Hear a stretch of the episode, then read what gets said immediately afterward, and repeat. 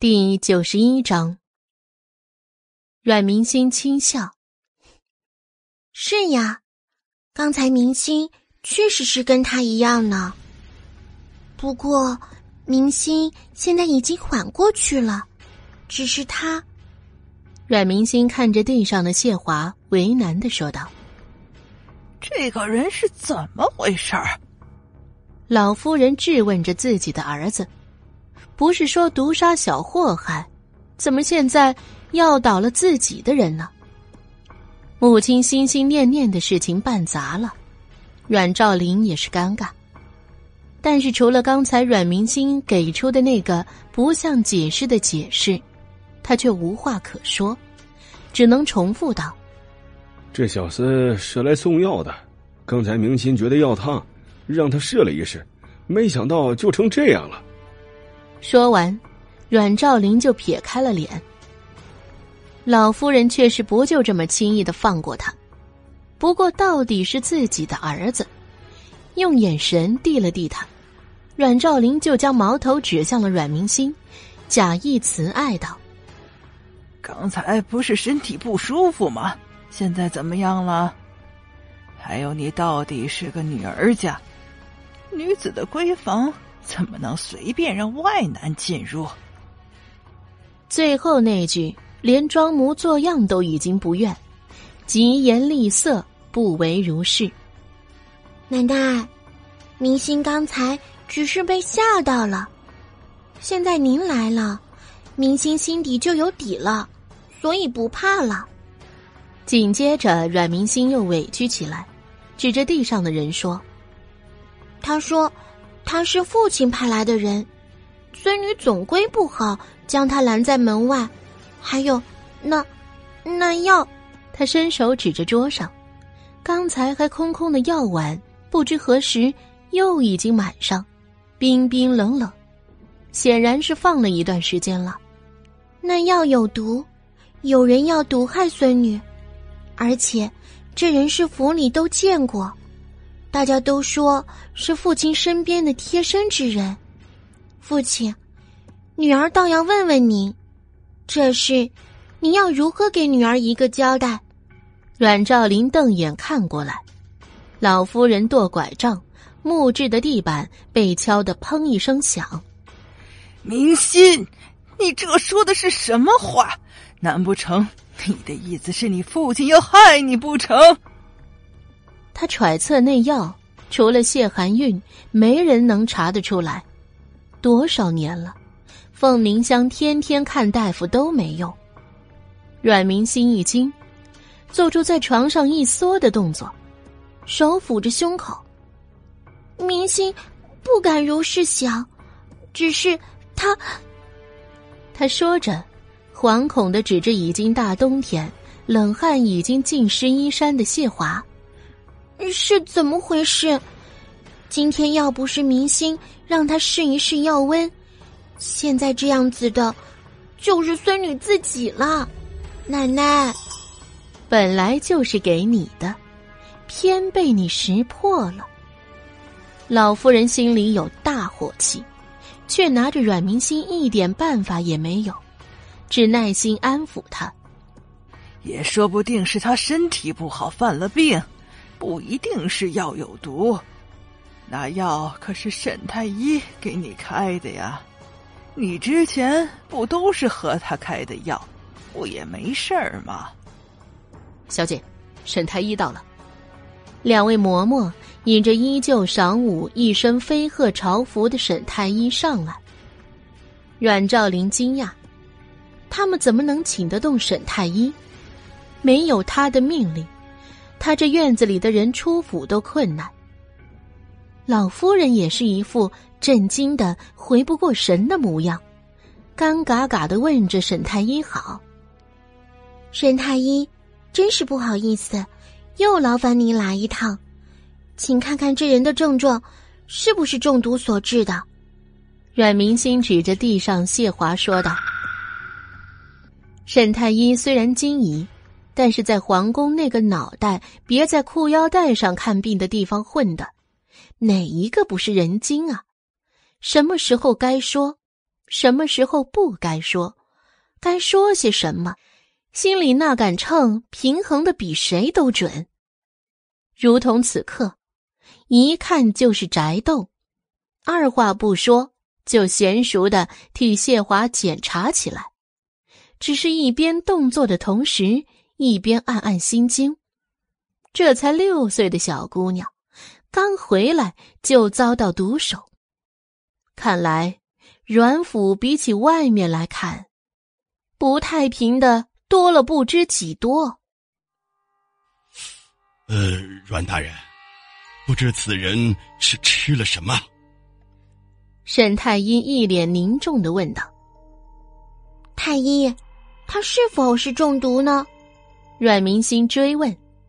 沈太医沉重点头：“此人确实是中毒啊，然这毒药是毒药，却也不是毒药。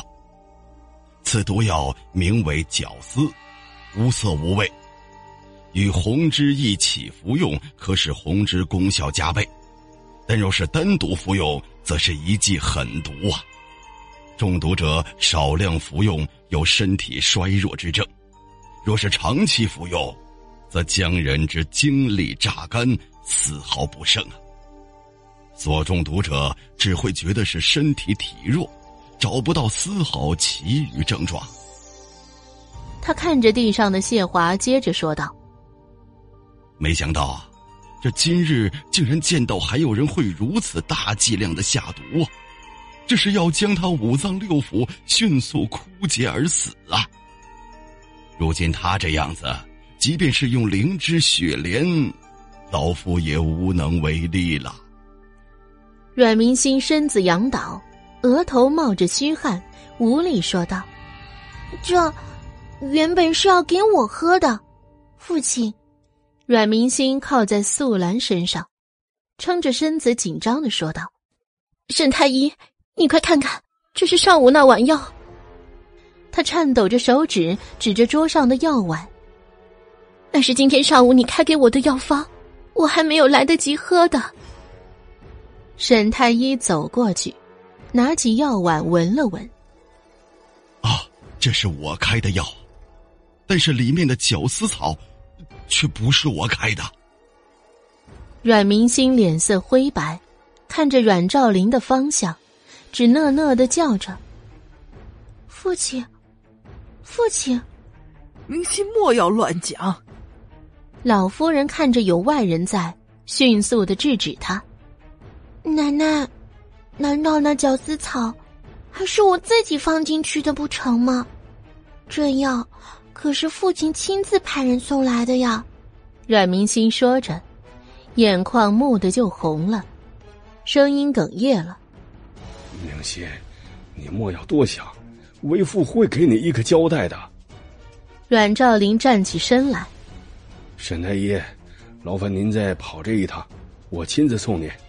啊，老爷，沈太医是奴婢请来的，就让奴婢去送吧。您开解开解小姐，莫要钻进死胡同了。两位嬷嬷其中的一个突然冲出来撞了阮兆林一下。抢着背起了沈太医桌上的药箱，阮兆林被撞得腰痛，伸手揉揉，摸到一个硬硬的东西，那是他的腰牌。到现在他都还没搞懂，这个老婆子是用怎样的能耐将沈太医请来的。瞥了眼两位嬷嬷狗腿的背影，只觉得五夫家出来的就是没教养，一点规矩都不懂。同时又觉得他说的不错，现在确实要解开阮明星的怀疑比较重要。还愣着做什么？快点把这个人带下去，碍着小姐的眼了，唯你们是问。阮兆林对着满屋子的丫鬟婆子吼道：“除了桂嬷嬷，阮明星的几个丫头都有些迟疑。不行，沈太医已经说了。”这个人已经活不了一会儿了，现在这件事他是唯一线索，父亲不能将他带走，必须立刻马上将他审问清楚，到底是何人指使他向女儿下毒的？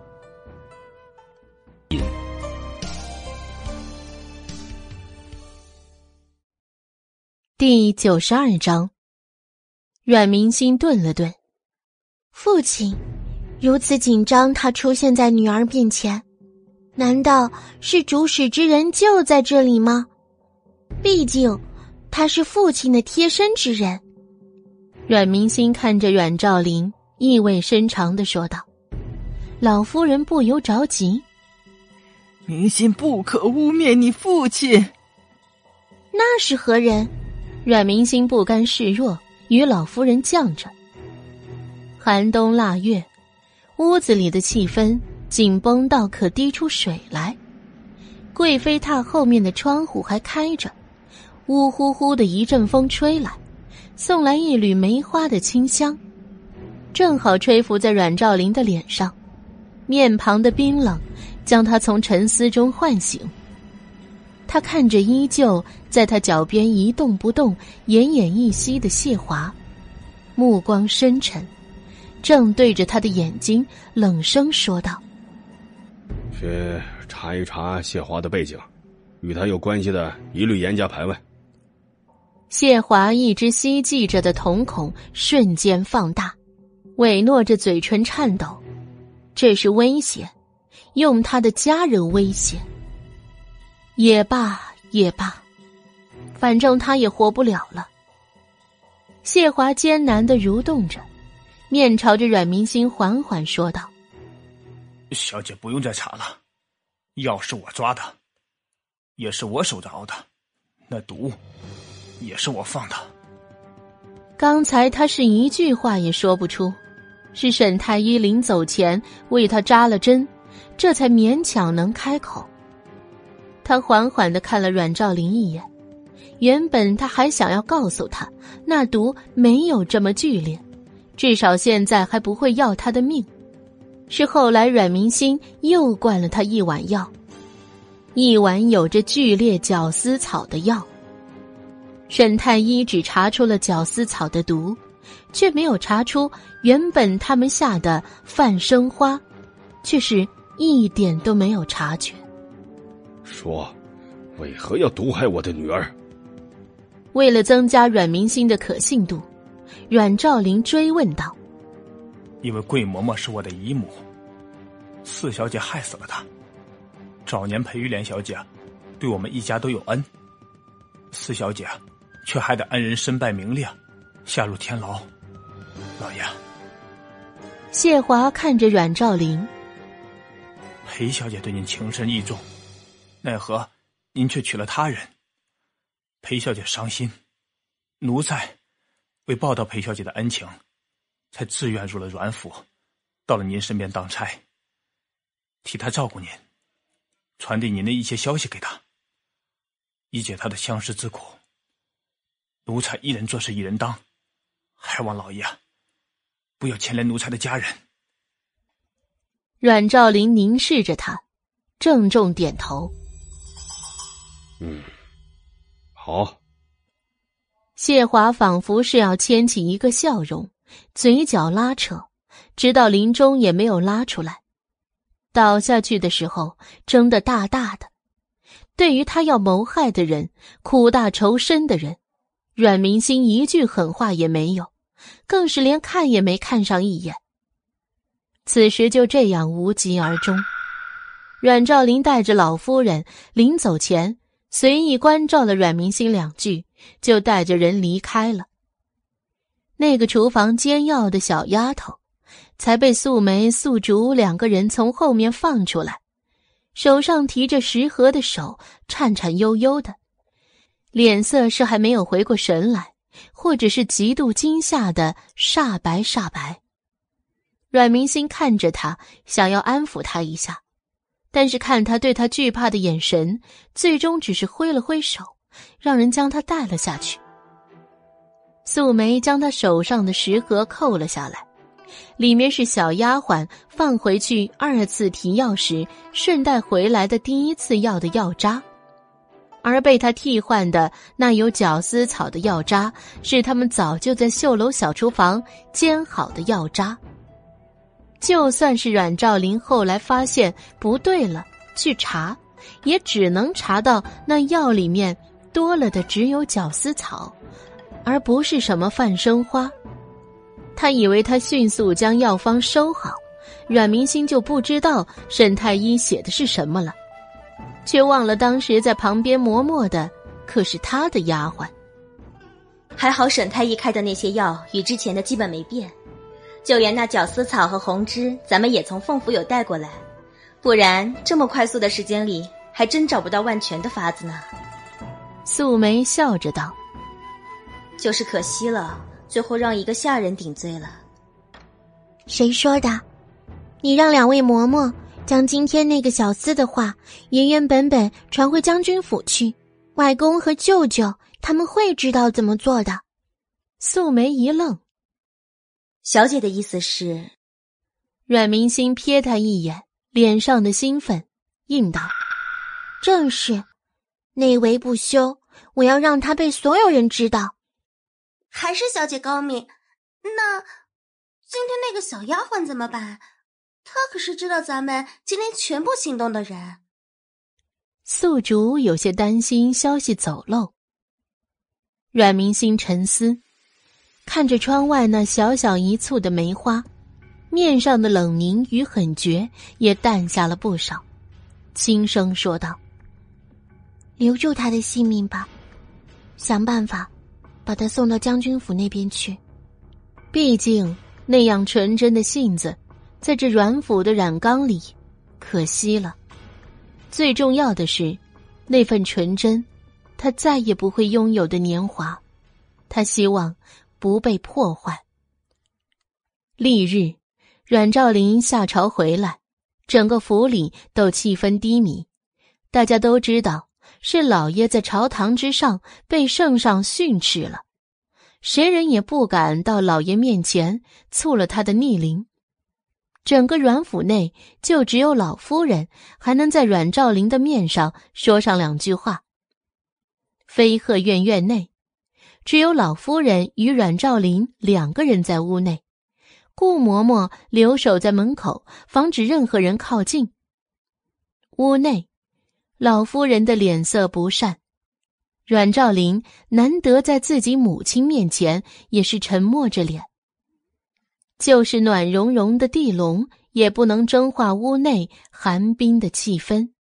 好一会儿之后，老夫人打破僵局。没想到最后还反被阮明心将了一军，看来这个祸害不除，咱们阮家是没有顺遂的日子了。你看他才回来几天呢，就连将白氏与你都弄得伤痕累累。阮兆林不由抬头，母亲，难道母亲还要执意动手吗？老夫人看着自己的儿子，正是，你们这些人还年轻，该狠的时候，到底还是不够果决。阮明心不能留，无论如何，老身也要将他替你除去。这个小祸害就是你的克星，一日不除，家宅永不安宁啊！阮兆林眉头已经快拧成了川字。那母亲有何打算呢？老夫人面色如常，但是眸光却阴狠起来。再过不久就是我六十岁的寿诞了，我准备带着府中的女眷去弘福寺祈福，到时候将阮明心也一并带去。阮兆林担心老夫人的身体，说道。可是看如今的情况，恐怕是她不肯随您出门呢。更何况广佛寺的香火比起弘福寺要高出许多，离咱们这里也更近，住宿、斋饭方方面面都好出许多。母亲何苦劳累自己去那么偏远的地方？莫非这一次老夫人准备亲自安排？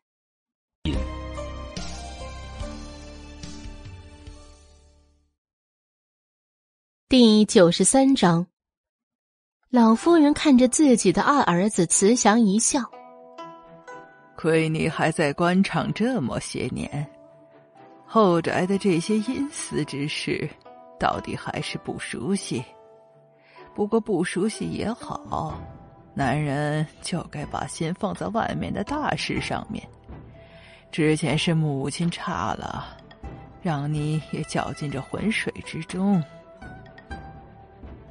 光佛寺虽好，但是阮明心到底是自己人，我要让他有去无回，还是去弘福寺偏远些更好，以免再碰见了谁，出了岔子。至于你说他不肯去，孝子头上一把刀，他是去也得去，不去也得去，到时候。我就说带他去化解灾厄，去去身上的怨气，先放出风声去，自然他也就去了。果然，在阮明星刚收到老夫人要带他祈福的消息时，后脚跟没超过一个时辰，英子就来禀说外面传开了，边说。还边唾沫横飞的形容老夫人存心折腾他们小姐，引起百灵出声附和。两位嬷嬷素兰几大婢女也是面露忧愁。可不就是存心折腾吗？以如今她这样的身体，一旦邪风入体，那就是进入骨子里，伴随她一辈子羸弱体衰。而且还有一件事，她不确定。老夫人是否已经知晓，还是另有打算？阮明心坐在床榻上，淡然的脸上有些凝重。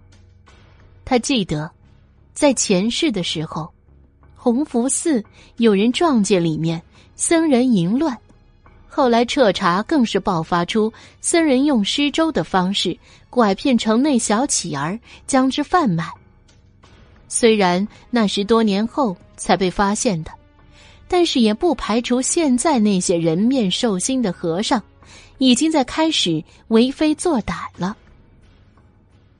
越想越是蹊跷，都是祈福，老夫人偏偏跑那么偏远的地方去，他实在是不能相信老夫人不是有意图之。素兰姐姐，你亲自去把这封书信。交到我师兄霍征手上。阮明心将书写完还饱满的毛笔放在玉质笔山上，信纸递给素兰，郑重的补充道：“记住，一定要亲自交给他。”阮明心将此事的来龙去脉在信纸中写清楚，结尾处特地嘱咐明日一定要跟他一起上山去，不要求他跟他一起。两人一明一暗，他身边还有两位嬷嬷，这个武力值强悍的存在，还不信解决不了那些什么妖魔鬼怪。他现在别说是武力值了，要真动起手来，那就是个累赘。这身体恢复再好，现在也是在卧床休养着。还是找找霍长燕跟他的跟班小牙比较可靠。至少那两人的飞渡剑法撂倒一群人是没什么问题的。翌日，阮明心被裹得严严实实的，拥上了马车，从绣楼到正门才几步路，就累得他头冒虚汗。素兰小心翼翼的帮他擦拭，阮明心压下他的握紧帕的手，宽慰道：“不要紧，动动。”反而更加活泛，精神头都好了些呢。马车从城东往城西徐徐而行，晃晃悠悠，一直除了西城门，才不见了众人喧嚣。城西地处贫瘠，从西城门出来就开始荒无人烟，车马颠簸。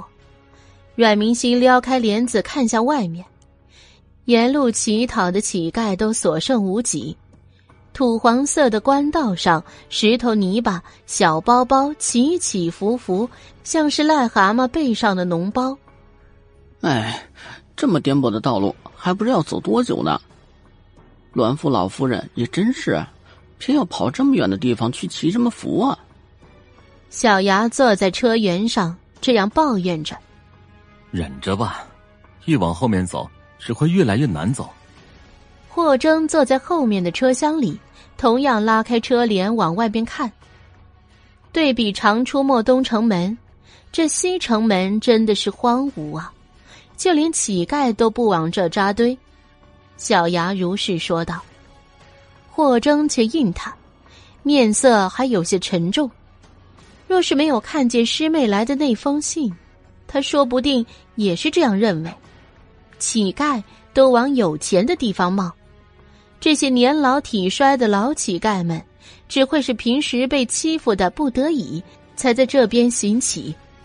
然而现在看来，那些乞丐们不仅贫困，有些面庞上还不乏悲伤，这让他更加坐实了阮明星信上所言。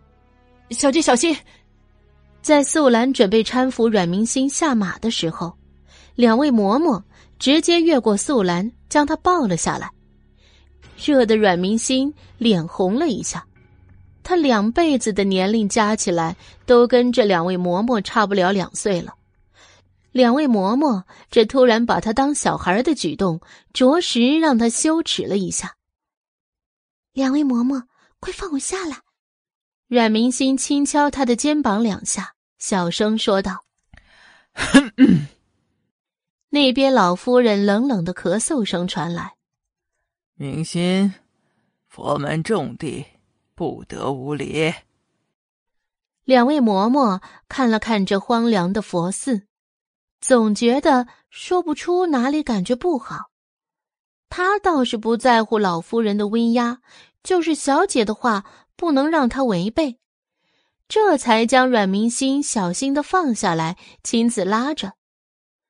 老夫人这才满意，笑盈盈的说道：“大师，劳烦您了，还请带路。”大师，啊，呃，哦，好好好。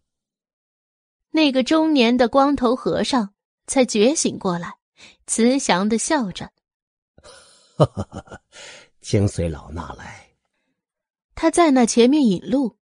转身的那一瞬间，阮明心清晰可见的，他舔了舔嘴唇，紧接着喉咙吞咽。阮明心目光紧了紧，一行人才跟在他们后面进入。那有些年头的石牌匾额上，写着“鸿福寺”三个字，苍劲有力，看着就令人觉得慈祥。然，那漆黑的青苔在字里行间爬行，无端增添了没落和诡谲。想来是许久没有人打扫过了。他们进入的时候，恰好有沙沙的小沙石往阮明星的头顶上落去，被一旁的两位嬷嬷眼疾手快的扶开。两人穿过正方形的大门，相视一眼，又淡淡移开。眼中的诡谲，都是对这个佛寺的深深的怀疑。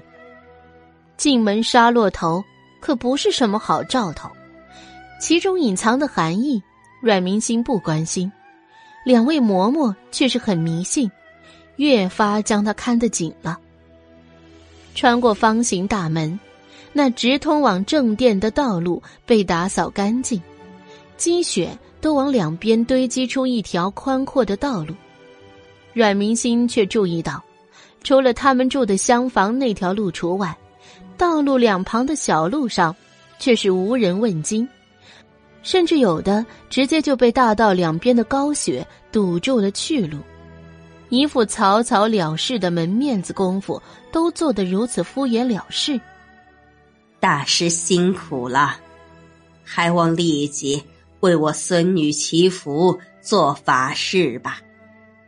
老夫人身后，顾嬷嬷立即递上了一个鼓鼓的荷包。这是我们老夫人的心意，全当给贵寺的香火钱，叨扰大师们清修，还望大师不要介意。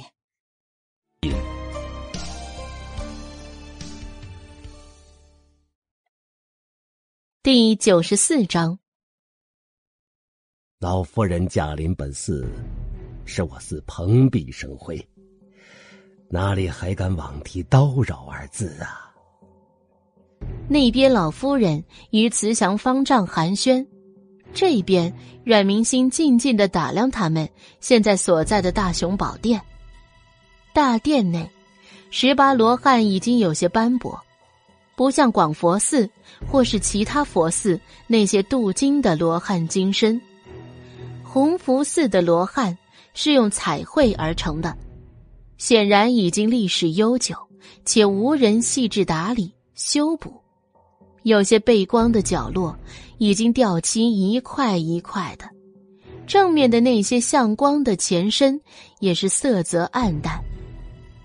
看到老夫人还要说个没完，到最后甚至在问祈福的话是不是需佛前跪求更显虔诚，这明显是借机磨着他本就病弱的身子。阮明星干脆双眼一闭，直直向后面倒去。小姐，小姐，两位嬷嬷立即接住忽然倒地的阮明星。老夫人还望恕罪，小姐如今身体有碍，不能在佛前侍候了。两位嬷嬷僵僵的说道，抱着阮明星小小的身体就往寺院安排的厢房走去。后面跟着一溜的丫鬟呼天喊地，表达他们小姐的身子体弱。百灵甚至哭了起来。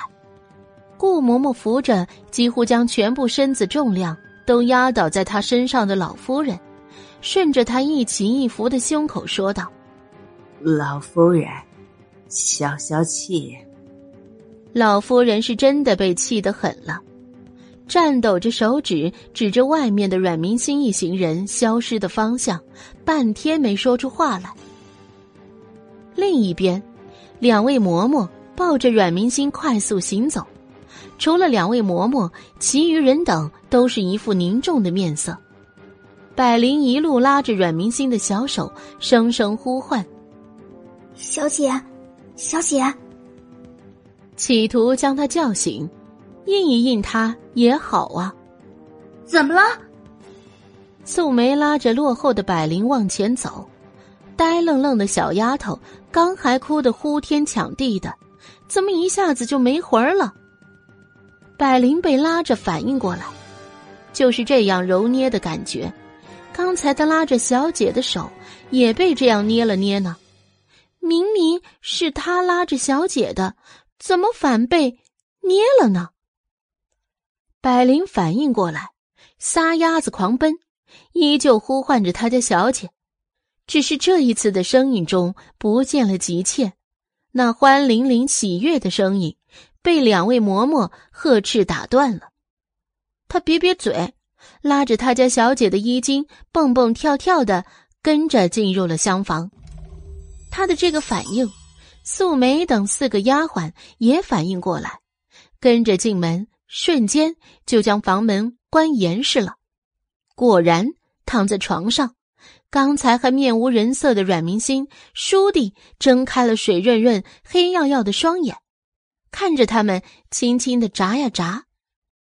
小姐，你刚才可吓死百灵了。百灵委屈的第一个冲上前表忠心，其余几个丫鬟也是大大的松了一口气。刚才听见老夫人的话，本就提着心，然后他们小姐站得好好的，就突然往后一倒。小姐，你也是吓死奴婢了。要是两位嬷嬷没能将您接住，这要是磕着了，可怎么得了？奴婢们可如何向去世的夫人交代？素竹心有余悸的说道。百灵虽然还小，但是不是那种无知的人。强嘴道：“要不是小姐刚才急中生智，那老妖婆可就真的让小姐跪佛祖了。小姐如今身子这么弱，哪能真的跪呀？活该气死她！现在要跪也是他自己跪，咱们小姐可不奉陪。百灵雀跃的说道：“现在咱们小姐走了，看她还如何脱身。最好是跪到天黑，不跪到明天才回来。”一想到他要这么折磨他的小姐，百灵又不解气的说道：“看他还有没有精力来折腾我的小姐。”哼！阮明星听着他的童言童语，真是拿他没有一点办法。一想到前世他的结局，就对他说不起一点重话。然，虽然他不说，可是有人却是要说的。两位嬷嬷是习武之人，以前作为暗卫的时候，都是混迹在男人堆里的，从来不拘这些小节。几个从小在凤凝香身边接受礼仪熏陶的四大丫鬟，可听不得这样的话，一人一句的开始训他。百灵委屈，我就在姐姐们面前说说，又不在外面说，老妖婆。看着素竹那瞪着比铜铃还大的眼睛，撇嘴。老夫人又不会听到，咱们谁呀？谁要是说出去？谁是小狗？你还有理了是不是？看我今天不收拾你！还敢污蔑我们对小姐不忠心！素竹挽起袖子就要收拾他。小姐，百灵往阮明星身边躲。好啦，阮明星制止宿竹。百灵还小，收手就可以了，他会改的。小姐。您继续这样纵容他，他这张嘴迟早会惹出祸事来。素兰这次也不偏帮阮明星了，我相信他，是不是呀，百灵？阮明星对着他眨眼，百灵接受他的眼电波，快速点头，竖起三根手指保证道：“姐姐们放心，以后百灵一定守口如瓶，坚决不乱说话。”素梅哭笑：“守口如瓶是这样用的吗？”百灵嘿嘿接过，阮明心又说起另外一件事来。首当其冲的便是素兰。问到之前在佛寺门口，为何突然叫住他？虽然他基本上已经知道答案，还是要给他一个警醒。素兰被发问，突然就变得脸色惨白。白中还带着那种羞耻的嫣红，她挪挪嘴唇，几次都没有开口，在姐妹们殷切的注视下，觉得这话还是要说出来才好。她总觉得这个寺庙太过安静和诡谲了，就是，就是，该怎么说？素兰有些着急，其实姐妹们。看她这表情也重视起来。一向淡定的素兰，她们姐妹的领头羊，会出现惶恐的神情，这不得不令她重视。还有，素竹说了出来：“素兰姐姐是不是觉得当时有人盯着你？”“对，就是。”仿佛有人打破了突口，素兰立即接道：“那目光有许多。”奴婢当时就觉得像是被人扒光了，赤裸裸的看着，背脊阴森森的发寒。哎，素子，你是怎么知道的？难道正是？素竹印证了他的猜测。当时奴婢也是这样的感觉。他疑惑道：“小姐是如何知道的？”阮明星神秘一笑。他当然知道，这和尚庙里的和尚，一个个都是老淫棍。他们一行人当中，就属他带的四个丫头长得突出，其中素竹和素兰是最漂亮的。他们会被盯上，实在太正常了。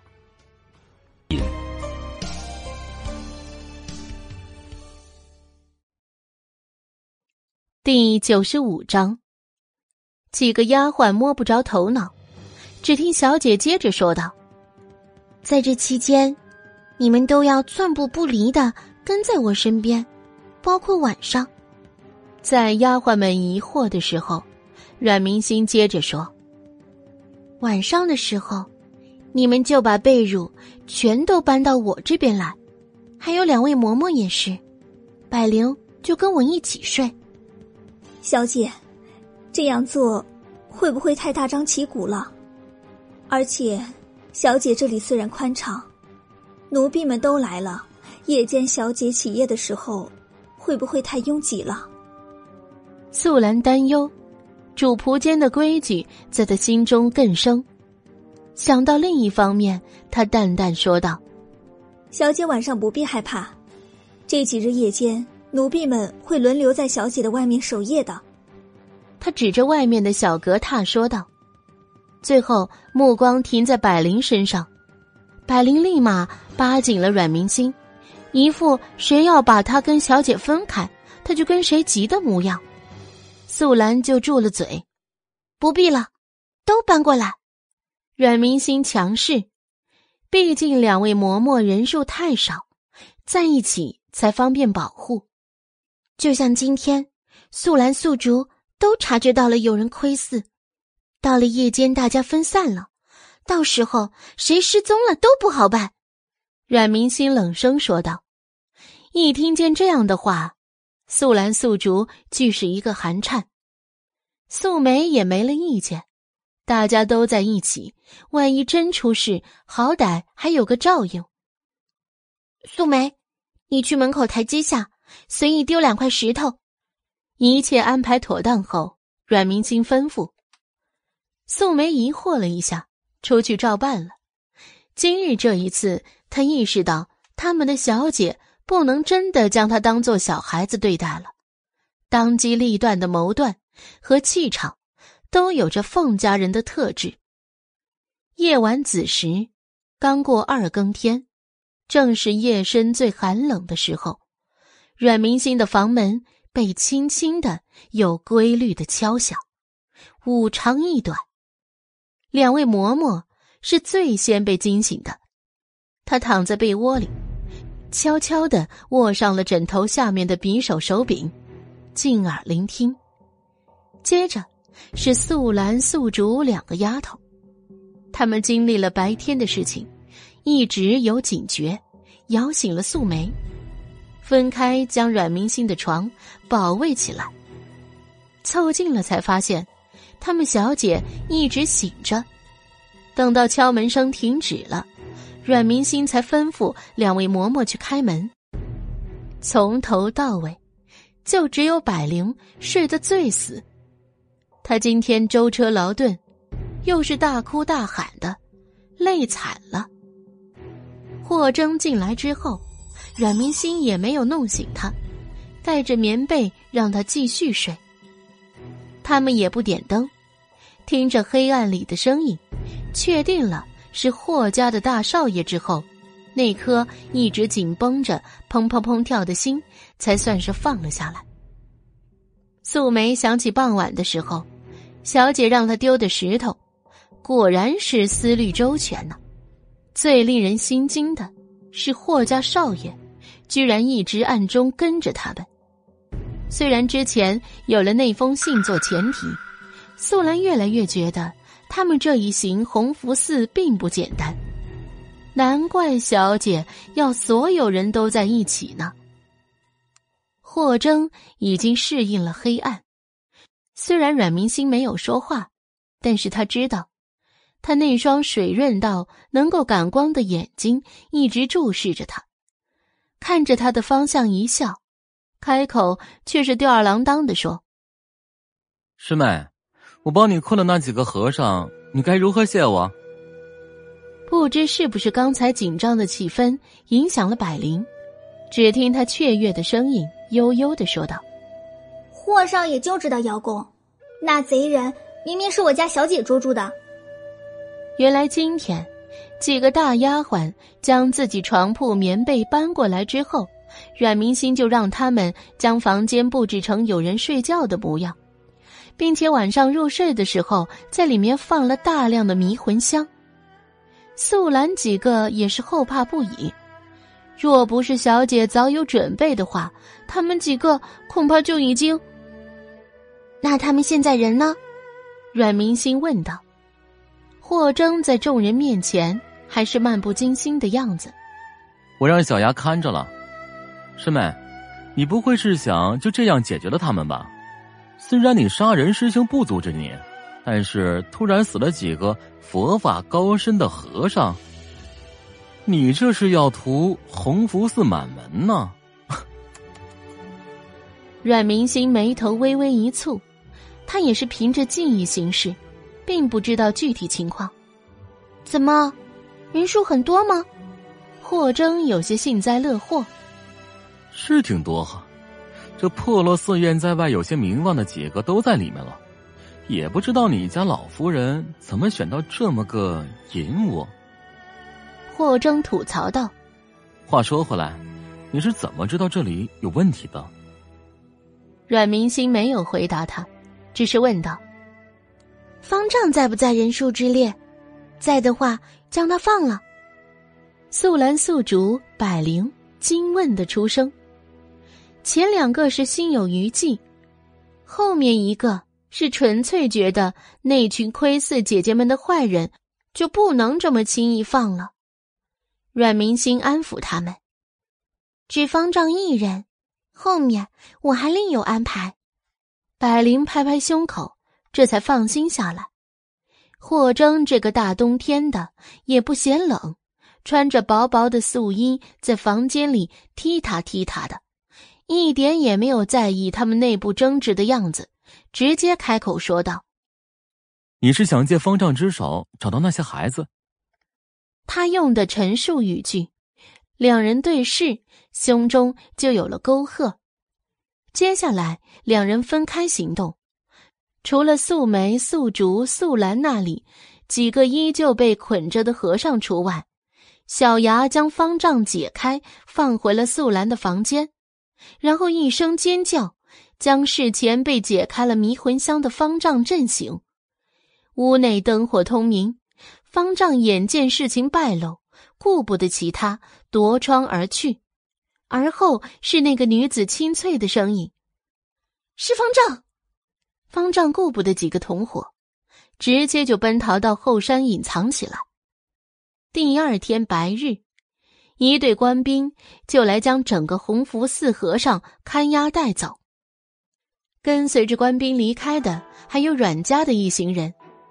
方丈在山上躲了两天，见搜查的人全部都离开了，才鬼鬼祟祟的回来。他身上没什么钱财，定然会回来打那些小孩子的主意。这是阮明星临走前留下的一句话。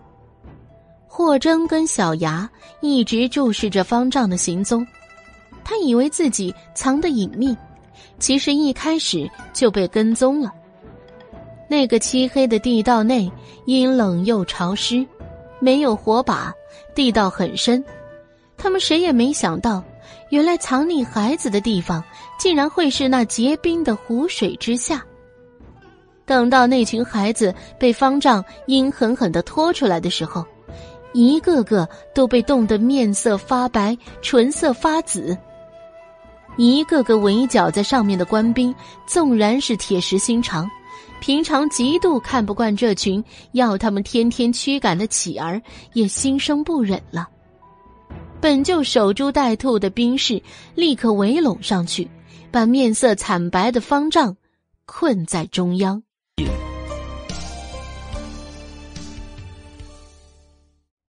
第七十六章，方丈被擒，那些兵士顾不得脏乱，快速将他们身上的绳子解下。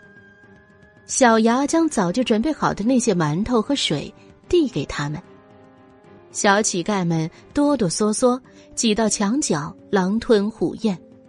他们只会吃东西，甚至忘记了现在或许哭一哭，才能更好的博得衙差们的同情。这些年幼的乞丐被用施粥的名义骗进寺内，被私下变卖，卖的都是那种阿扎地方，下场凄凉，而收益却都是寺内僧人的。小牙看得心里很不是滋味。走到那个一出来就被官兵的刀架在脖子上的方丈，狠狠吐了一口唾沫在他脸上。虽然他人小，奈何方丈是跪着被反绑着，无情的迎接他接二连三的拳脚，嘴里塞着麻布，啊啊的叫着，谁也没有阻止小牙虐待的动作。虽然只是乞丐被绑了。奈何作案的对象实在令人憎恨。从下山起到牢房，那方丈坐在囚车里，一路上都被百姓们扔石头。佛刹呀，那是多少人虔诚跪拜的地方，一个个的高僧，平常都是被人尊敬到天上的，没想到如此丧尽天良。今天是一切小乞丐被拐。那下一次，是不是就要沦落到自己的孩子了呢？这次案件影响严重，除了全京城的百姓们，都高度重视，朝廷上也时刻关注着案情的走势。金兆尹一结案，皇帝就表立功章。皇上，此次最大的功臣还是霍侯爷家的长子霍征也，微臣不敢贪功。金兆尹启奏，皇帝来了兴趣，不仅当场表扬了霍家教导有方，还亲赐了许多金银玉石给了霍征。霍征跪在家里领赏的时候，整个人都恹恹的，接的不情不愿。他直接被他爹博望侯府霍侯爷一阵好说，还是一向疼爱他的爷爷霍老侯爷。将他从魔脚之下解救出来。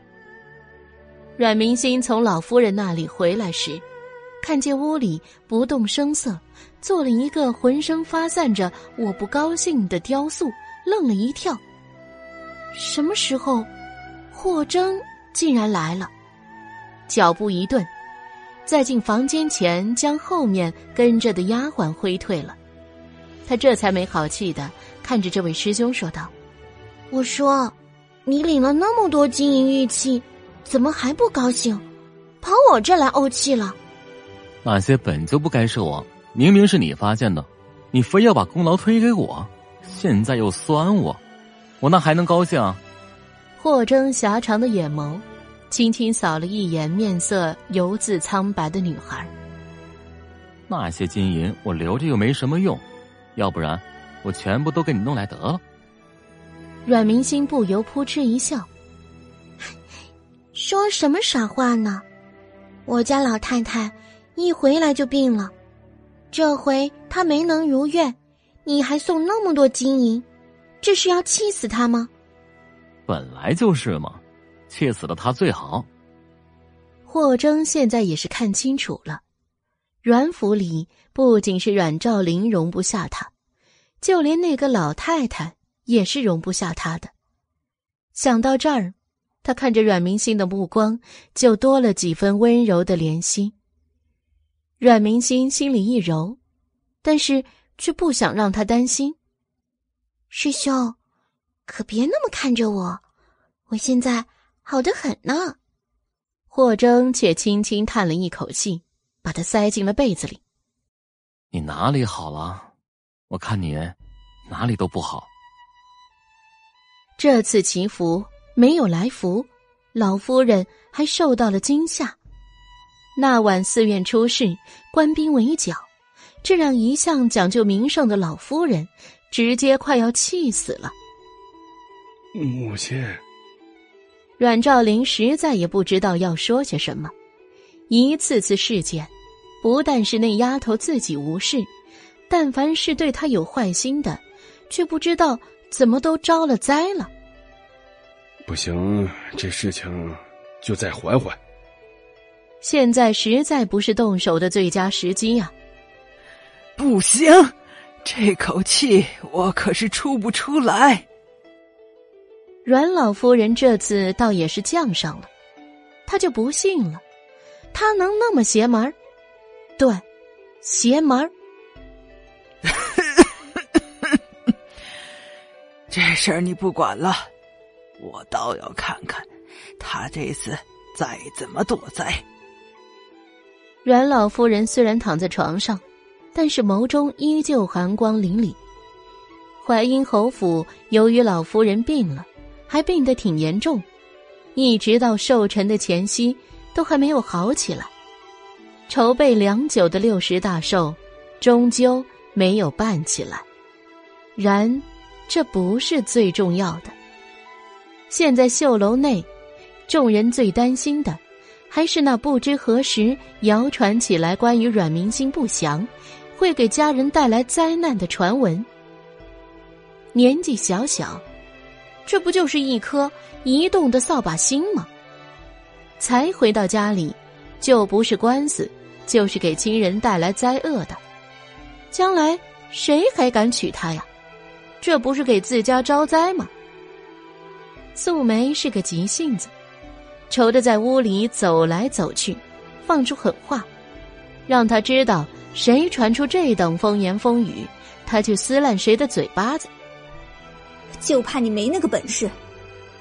素兰也算是看清楚了，也顾不得这是在阮府，一直端着的规矩都约束不住了，冷不丁的出口打击他。他就没见过这么狠心的亲人，平常人家再怎么过不下去了，卖孩子钱还要给孩子吃一顿好的呢。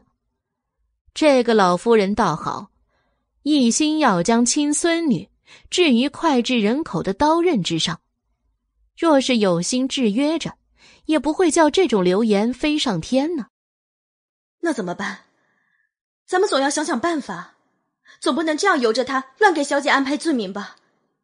小姐的一生才刚开始，名声坏了，后半辈子可怎么过？底下伺候的人急红了眼，上面的主人却像是完全不知道似的。该吃吃，该喝喝，该睡睡，一样不落的轻松养病，过着自己的小日子。阮明心经过这几日心宽体胖，吃麻麻香的休养生息，他的身子呢已经好了大半了。尤其是见到他们过得不好，他就放心了。现在走路心不慌了，气不喘了，腰不酸，腿也不疼了。原先担心出门一趟会受到风险，回来天天几副姜汤的灌下去，大冬天的排汗排得他通体舒畅，担忧的寒疾一点症状都没有。因为师兄的天蚕甲，他受的终究只是外伤。在见好之后，阮明心是彻底放下心去，接着就有了心情，开始给丫鬟们。敲打敲打了，看着眼前一个个心浮气躁的丫鬟婆子，一向端得住的两位嬷嬷眼中也是隐隐的担忧啊。阮明心轻松放下茶杯，觉得这样下去不是个事儿啊，让他们自己想通，不知道还要等到何年何月，说不准还会越想越想不通呢。到事后做出什么他顾及不了的事情，那就不行了。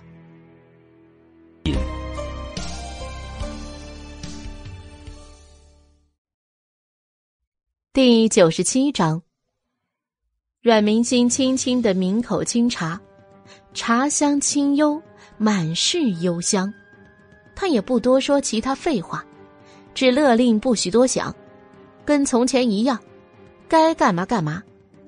越是在这紧张的时候，越是要看好他们的小楼，不许任何人出去多说，更不许被任何无关紧要的人钻了空子。他一副气定神闲的样子，就像是一颗定心丸，狠狠的将绣楼里的秀兰等人的浮躁压了压。虽然心里依旧有些恐慌。但是他们也切身体会了夫人忽然崩逝和洪福寺一事，深切的知道，小姐不是个外表看似柔弱的千金小姐。虽然流言蜚语这事情，他们一直瞒着小姐没有说，但是她每次的举动，都先是知道了什么一样。今日这一番话一说，就更加确认了，他们要一直跟着小姐的忠心，不以年龄小而有任何轻视。以后这样的事情，你们不必瞒我。万一真有什么事情，我才能及时反应。像这次洪福寺之事，先下手才能为强，出奇才能制胜。咱们胜就胜在早做了准备。阮明心如是说道：“是小姐，奴婢们知道了。”这一次真心实意的将他当做一个领头人一般的信服着。那小姐外面的传言，咱们怎么办？素梅开口问道。阮明心不可察觉的嘴唇勾了一下，眼神悠远的看着窗外外面的远方，漆黑的眸子里空洞又像万千沟壑，一切尽在掌握之中。今日雪花再度飘降，这几天，京城都是一片暗沉，不见日头。连日的风雪让京城内一片压抑，也因此，当阮明星的流言传出，才会越传越广。意思是把这个扫把星害得整个京城风水都坏了。这一招，不所谓不狠呐。流言一旦入宫，那不管是不是真的，最后上位者为了避讳，那肯定他之后也没什么好果子吃。真是难得的好天气呢，不如出去逛逛吧。百灵他们采回来梅花，都被风雪吹得只剩下个枯枝了。这寒冬腊月，每日都被这白色包裹着，都看不到一点颜色了。阮明星站起身往楼下走去。近日他已经开始有意识的自己多走走转转，恢复身体。素梅几个有些疑惑。这是什么答案？更疑惑的是，现在天空都是暗沉沉的一片，怎么就是个好天气了？终究也没有再问了。小姐那自信的样子，莫名的就让他们也跟着放松下来，收拾的东西，跟着阮明星一起出门去。阮明星吩咐他们可以走得张扬一些，因此不多时。整个阮府都知道，这还在养伤的狄小姐要出门游玩了。因为有伤，她是直接坐着软轿出了门。结果刚过二门，就被府内的庶长女阮琳琅给拦住了去路。阮明星，你现在要去哪里？阮琳琅因为母亲和哥哥的事情，对阮明星讨厌极了。听说他要出门玩耍。更是气愤的，直接带着丫鬟婆子就冲了过来。继续走。阮轿内传出这三个字，抬轿的是粗使婆子，一咬牙，径自大步生风的向前走去，竟是撞上大小姐也要不管不顾了。阮琳琅被迫狼狈的让开，见到阮明星，竟没有回答他的意思。立刻带着丫鬟婆子追了出去，直到阮轿在尚书府的大门停下，阮明星要改坐马车，阮琳琅这才追了上来。你给我站住！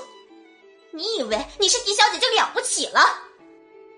阮琳琅此时也不过是一个九岁幼子，此时还没有像是之后那样成为一颗心藏坏水的毒瘤。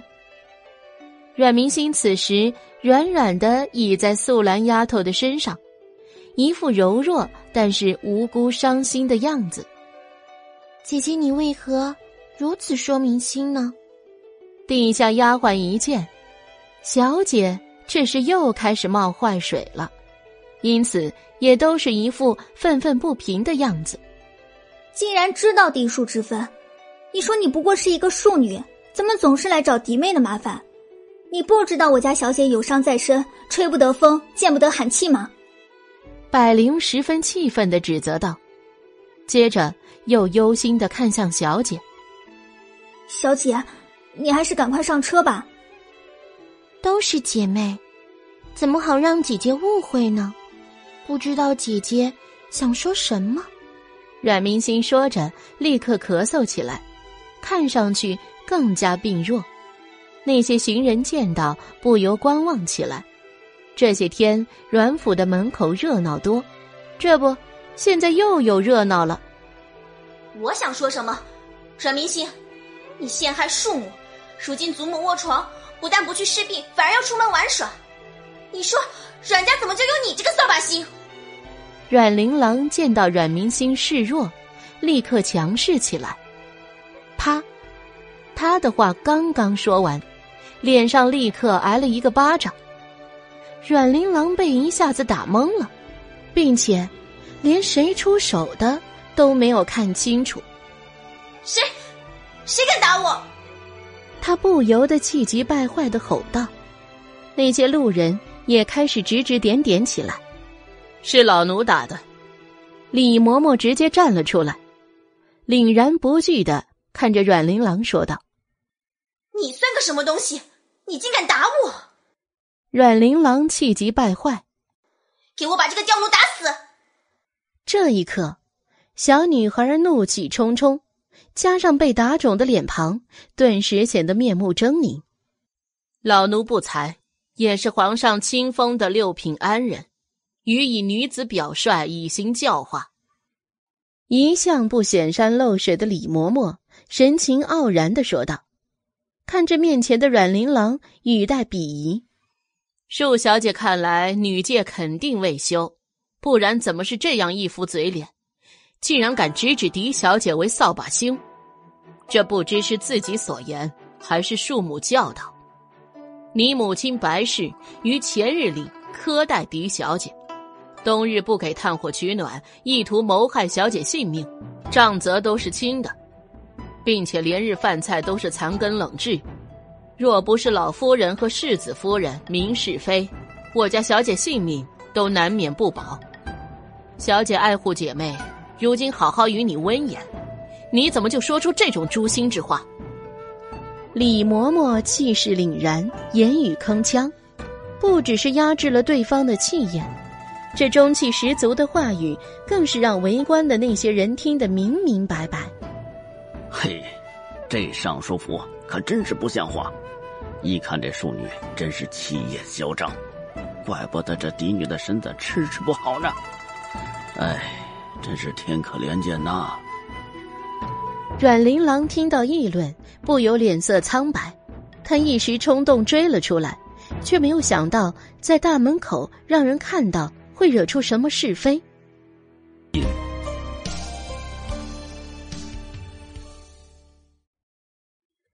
第九十八章。你故意的，你是故意的，是不是？阮玲琅恶狠狠的指着阮明星，他故意把他引出来羞辱。阮明星的脸色却更加苍白，他看着树姐，似乎有些手足无措，记着解释，却是一阵长咳。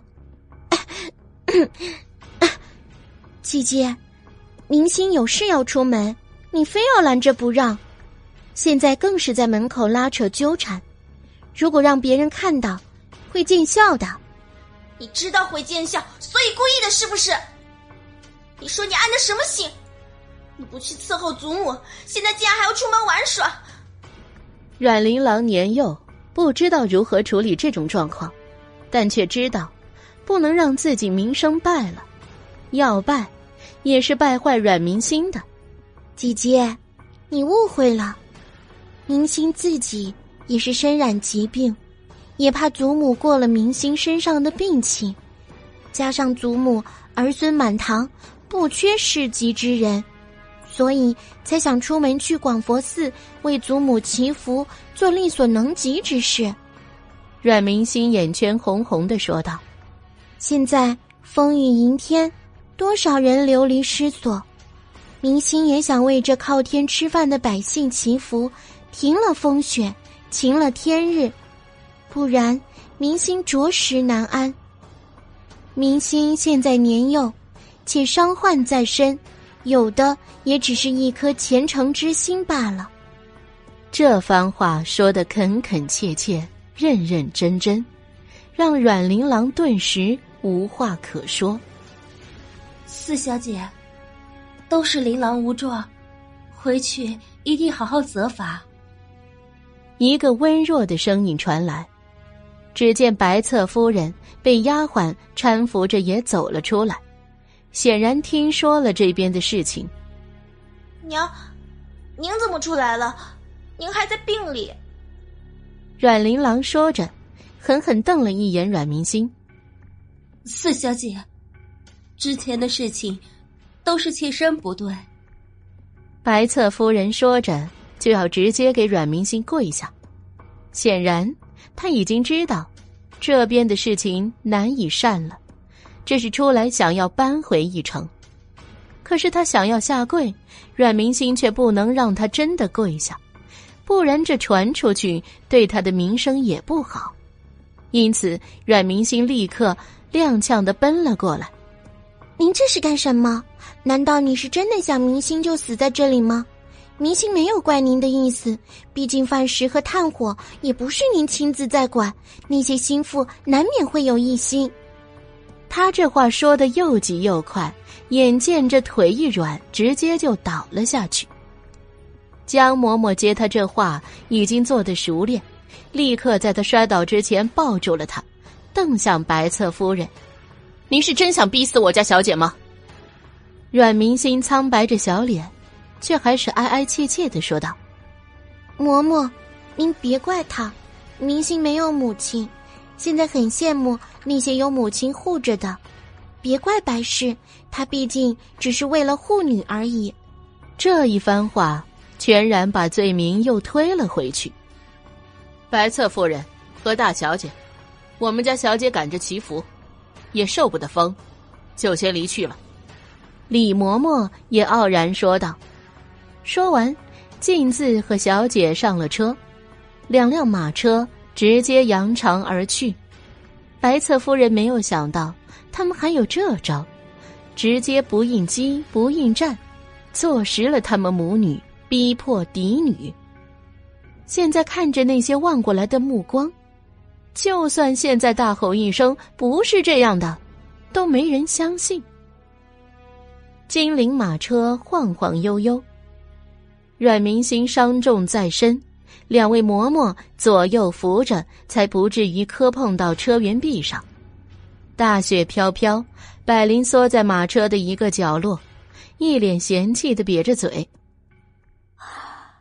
老爷真是抠门，外表这么华丽的马车，除了铺着半厚不厚的垫子，里面竟是什么都没有。如今这行至半路，寒风暴雪，没有暖炉，冻得人手脚僵硬。他哈着手，不停的搓着，一口一阵白气的冒。也怪，是老婆子没有考虑周到。江嬷嬷小心的圈着阮明心。尽量不压着他身上的伤。大将军府里的马车常年都是不备火炭，竟然忽略了小姐如今受不得寒冷。嬷嬷，素兰叫了他一声，给阮明心拢了拢兔毛的披风。嬷嬷不必在意，是我也忽略了，如今我这身子的虚弱程度。前世就算是千里冰封。他都在马背上顶着风暴策马扬鞭的，哪里想到这样的细节？虽然他才六岁，但是一身气度已经极具威压。两位嬷嬷跟了他几日，垂首的同时，也暗暗为自己就如此轻易的被震慑到感到惊讶。不管怎么说，以后他就是自己的主子了。有一个精明又强悍的主子，总好过那些天真拎不清的好过。主子强，他们做奴才的才会好过呀。何况他们也是为了报恩。小姐，您真要去祈福吗？百灵好奇的问道。这个小姐之前可不曾说过。天气这么好。不去祈福一下，岂不辜负了大好冬雪？阮明心唇角微勾，那些名声被损的事情，只要用一个大功德就可以补回来了。不过嬷嬷真是深藏不露，明星以前真是怠慢，都不知道二位嬷嬷是有官品的。阮明星说着，正视起自己面前的两位嬷嬷，看来外公还真是费心了。既然李嬷嬷有品级，看着这江嬷嬷也不像没有的。要知道，女子好风只能靠丈夫子女，一般品级为九品，一品是夫人，二品也是夫人，三品是淑人，四品是宫人。五品是宜人，六品是安人，七品是孺人，八品是八品孺人，九品是九品儒。一品至五品称告，六品至九品称敕。虽然李嬷嬷不是上五品，但是六品安人，她身份绝对不是那么简单。至少一个七品官的妻子或者母亲才能是儒人，六品安人，代表着他们丈夫或者子女，最起码是六品以上的官职，而且有大功，才能因及妻女。不过伤心之人，那不算什么。李嬷嬷却似乎不愿提起这些。今天显然说出来，只不过是为了打脸而已。不过是伤心人，哼！如今能有人收容我们老姐妹，就已经不错了。江嬷嬷也是一脸沧桑的说道。素来那些丫鬟却都鸦雀无声，他们看着两位嬷嬷的眼神已经肃然起来。如果两位嬷嬷不嫌弃。以后就一直陪在明星身边，可好？阮明星眼眸黑漉漉的看着两位嬷嬷，感觉到他们的伤心。那是老身的福气，只要小姐不嫌弃，老身自然是愿意的。两位嬷嬷齐声说道：“那以后我们就风雨同舟吧。”阮明心淡淡的说道：“这马车里的人都是他要护住的人。”到了广佛寺，风雪连天，几乎无人上山。寺庙在半山，因此上去都要迎着风雪。而阮明星下了马车，竟然要叩头而上。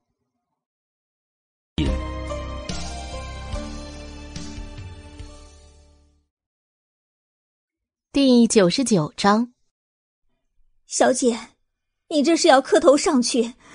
这身子，素兰眼圈都红了。滚钉板她没见，可是这九百九十九级台阶要是上去，小姐的身子也是毁了。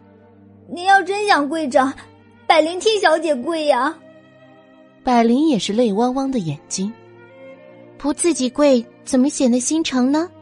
阮明心却笑一笑，其实他的身体自己知道。早已经好的七七八八了，剩下的病弱都是给外人看的。今天选择登寺，也是有缘由的。他六岁这年，其实大事不断，母亲死了，他病了，京城连月的大雪，金鸡难民成灾，而连天风雪，皇上私访广佛寺，在寺院穿单衣祈福，大雪骤停。不是别日，就是今天。而于龙逸轩成亲后，他才知道，龙逸轩曾跟着皇上一起祈福，最后心愿得偿。因此，虽然不喜欢他，但是从此也是惦记着这一份情谊。所以，这山是要上的，这头是要磕的，这愿。是要许的，这名声也是要拿的。最终，他们都拗不过小姐，只能陪着小姐从山脚拜山，一步一叩头，明心祈愿自己大仇能得报。全寺院僧人都在念经祈福，这个时候许愿，也是最灵的吧。这台阶上的很难。很疼，很累。可是，这是他要走的路，只能一路向前，披荆斩棘。不过是上了一半，四月内皇上就得到了消息，知道阮家女叩头上山，为了祖母和风雪求导，这心不由一提，怎么又是他？法事已经做了三天，皇上都有些顶不住了。但是漫天风雪未停，国师也说，未见到雪停风住的契机。小小女子竟有如此胸怀不成？她让人去探，阮家小姐似乎中途昏厥，但是醒来却继续上山，甚至连方丈僧人也知道了他这个举动。皇上，卦象有变。国师却突然占卜说道：“没人知道那一天到底发生了什么。”为什么阮家嫡女会被皇室仪仗送回，并且皇上下旨施恩赏赐？绣楼的一切照旧，仿佛与世隔绝般的生存着，静静的、悠悠的、安安静静的过着自己的小日子。而在外面那一波波新换的谣言中，阮明星就像是被竖立在岸边上的筏子。被谣言的大浪拍了一下又一下，一波比一波凶猛。就是这个风口浪尖的时候，出游的药王终于接收到了徒弟谢寒韵的来信，回往京城。与他一起的还有一位北国与他同行的国师于清韵。于清韵。拼命算卦，名震海内，闻名四方。手相面相，上坎下坤，乾坤八卦，梅花算，无一不精通。从他出世开始，就从未断错一例。有道是：“闻得于国师一卦，此生足矣。”药王回到京城去的第一个地方，不是徒弟信中所说的凤大将军府。而是听闻好友于清韵之言，去了阮兆林的府上，问他为何偏偏要往阮府上走呢？这可就要从于清韵从一进城就不绝于耳的“阮明星”三个字说起了。于清韵不是一个八卦之人，平常他也不会乌云不顾的给人算卦，但就是这样一个。他刚进入京城，听见的第一个名字，且一路上还被三番两次的被人在耳边提及。于清韵就心血来潮的用梅花算起了一卦。梅花算，无需生辰八字，借由起卦当时周边事物，随时随地皆可起卦。这一算就不得了了，此人命格。竟然极其贵重，当真乃是天定贵命之人。就问起好友药王是否知道这个阮明星乃是何人。这一问，药王也想不起来，只是觉得怎么有些熟悉。嘿，一听，这不周边处处不都是在谈论着阮明星这名字吗？药王问起为何忽然关心起他来。于清韵将他刚才为阮明星算的卦象一说，顿时从他们身边经过的那人就不满了。什么天命之人？那就是人人憎恶的扫把星，才刚回来就把阮家老太太给克病了。那人不认得药王，看他身边的刚才说话的人，穿着也不像是南庆服饰，只当他们外地而来。不了解阮明星是如何的险恶邪门将这些天疯传的那些凡是阮明星不孝、克母、克夫、克亲祖母的事情，添油加醋的一通说。于清韵却是听得皱眉，这样一个人，他倒是更加想要见见了。恰逢有关老爷的轿子通行，有侍卫民兵开道。那小风一吹，就吹开了阮兆林的轿窗帘子。那不就是闻名九鼎的药王吗？药王是有头衔的，正品的亲王头衔，官职自是在他之上。遇见了，自是要下来拜见的。轿子停下，阮兆林与药王寒暄的时候，就说道：“呃，家中母亲病重，还望药王可否移步寒舍呀？”药王本不想摊这个麻烦，然对上好友目光，他也想要看看那个好友口中有天命之人的到底是何方神圣。于是点点头，阮兆林亲自让下轿子，让他坐上。等到那一行人完全走开之后，刚才讽刺于清韵的那个人才缓慢的吁出一口气。天哪，药王啊，皇帝老爷亲封的异姓亲王啊，尚书老爷都要下轿让步的人呢，他竟然刚才还跟药王与药王的朋友呛声，还嘲讽人家。药王要是回过神了，会不会找他算账啊？那个男子真是觉得光荣又忐忑，心绪一直激动的不行。哎，刚才你跟药王说什么呀？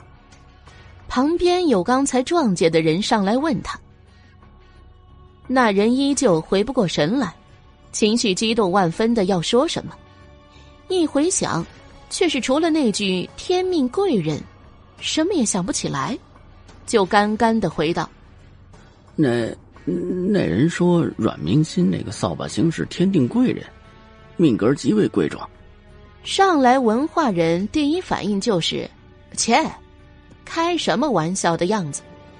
然后看着男子忐忑又忐忑的样子，你说的不会是真的吧？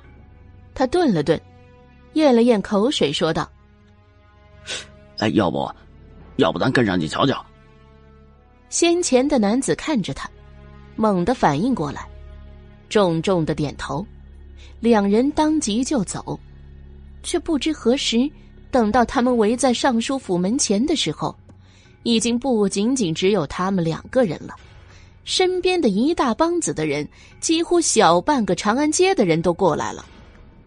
明显，这阮家又成了大家关注的焦点。京城风云，这些天都被阮家占尽了风头。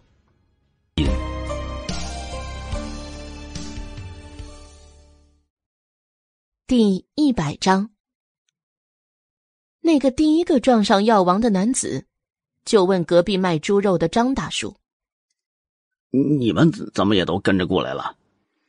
张大叔还没来得及说话，旁边卖鸡蛋的李婶子抢先回答道：“啊，我就说，阮家四小姐那么为母亲告御状的姑娘，不会是个不孝顺的娃子，这里面肯定是有什么误会。”哎，我听人说呀，那个同药王站在一起的是个天下大名鼎鼎、那个最会算命的，我就来听听他是怎么算的。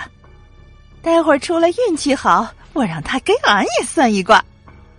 旁边的大汉就嗤笑他：“哎，就你这样，得了吧，人家那都是给有钱人家算的。”李婶子不依：“哎，人家刚才不也给那阮家的女娃子算了吗？”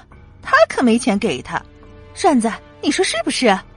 栓子就是那个撞上药王和于清韵，还将人家嘲讽了一顿的男子。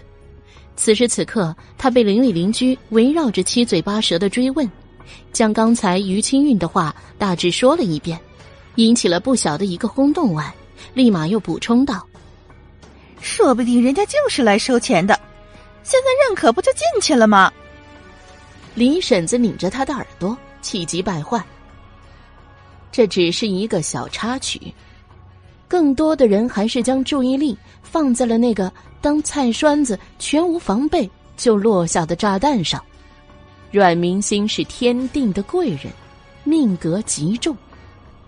既然命格极重，那之前传出扫把星的传言，众人等了又等，一直没有等到药王。和于清运出来，府里的丫鬟小厮更是一个没有。眼见天色擦黑，人人都有自己的生活，看八卦无望，俱都三三两两的走了。就连坚持要大国师给他算命的李婶子，都在虚实的时候提着自己半筐子鸡蛋走了。阮府门前又渐渐的恢复了深夜的寂静。这方寂静，一直持续到了第二天冷晨的五更天的时候。不知道是从哪里传出来的风声，药王抵不过尚书大人的盛情相邀，亲自给阮家的老夫人看了病。但是，你猜结果怎么着？哪里是被克病的？人家药王亲口说了，阮家的老太太是忧思过重，才得了重病，这就是心病，自己开不开，自己。把自己给折腾病了，不知道怎么这恶名就赖在了自己孙女的名上。恰好此时，从宫中传出消息，说阮氏嫡女诚心动天，求风停雪止，黎民安康。最后，京城大雪在他回府之后，竟然真的停了。这阮氏嫡女再度被街头巷议起来。暖融融的阳光洒在雪粒子上，熠熠生辉。京城终于迎来了晴天白日，而广佛寺也传出皇上祈福、阮小姐叩头等接的诚心之举。顿时，前面那些议论暗淡了许多。扫把星能让这连日大雪风停雪止吗？笑话！天命贵人。贵不可言，阮家老夫人有病，那可能是福气弱，压不住那贵气。一时间，各种说法都传了出来，但唯一一点，阮明心成了天命贵女。自此，老太太就一下子成了京中的笑柄了。就算是如此，那说书的茶楼里，说书先生说的最多的。还是他的亲孙女，那个被大国师称为“天定贵女”的女子。阮明心就此在京城的圈子里，就像是砸下一颗重雷，将那些还在看笑话的人着实的惊了一跳。自此，对他这个小小女童也不敢轻视起来。几乎是一瞬间，他就这么无形的。成了那些上层圈子里贵女们无形的敌人。命定的贵女，皇室传出的消息，那隐含的意义是什么？他们不用想也知道那是什么。绣楼内，素竹赞道：“小姐的计策真是高明，这下子老夫人就算病好了，也忧得她头疼了。”药王回来的真是时候呀！还有那个算命的小姐，你说他算的准吗？当然是准的。前世，她可不就是当了皇后吗？只是这一世，恐怕那位号称神算子的大国师可能要砸招了。他选定的那人已经不再是前世的那一个人了。更甚至是与皇家一点关系也没有，无论如何都是扯不上什么天定贵女的名号的。阮明心淡漠，唇角不语，看着楼下雪地里，百灵与英子两人正在堆雪人，白白的雪人被他们堆得有一丈人高了，用弯树枝做的嘴唇活灵活现的，看的人的心情也变得愉悦了。阮明心看着看着，也跟着弯起了嘴角。素兰、素竹也看着，两人相视一笑，感叹无忧无虑的童年真好啊，可以尽情的开心，尽情的欢笑。只是目光落在那个一直静坐的女童身上，又带出了浓浓的怜惜。小姐若是喜欢，也可以下去与百灵他们一并玩耍的。”素兰说道。“不用了。”阮明星撇开目光，整个人从窗户边走开，又恢复了一贯的清冷沉默。“你们先下去吧，我想一个人清静清静。”他如是说道。纵有千般话要说，素兰、素竹也只能无奈的离开了。此时阁楼上的阮明星，却陷入了重生以来少有的重大决断的沉思。这世上，能保人性命的，除了武力值之外，还有的不二选择，就是医术。药王当前，他没有不下手的道理。所以，当素兰出现在二楼。叫阮明星准备晚膳的时候，闺房内早已经没了人影。此时的阮明星独自带着两位嬷嬷一行人走在冰天的雪地里，那道路上的积雪被人泼了水，凝结成了冰。然后中间镂空，点上一盏盏黄豆大小的煤油灯，一个个冰灯笼就做成了。冬日的天色黑得很快，还未到酉时。天色就已经擦黑，冰雕中的煤油灯被点燃了，透过不厚不薄的冰层，发出莹莹的黄光，将道路的中央照得明明晃晃的。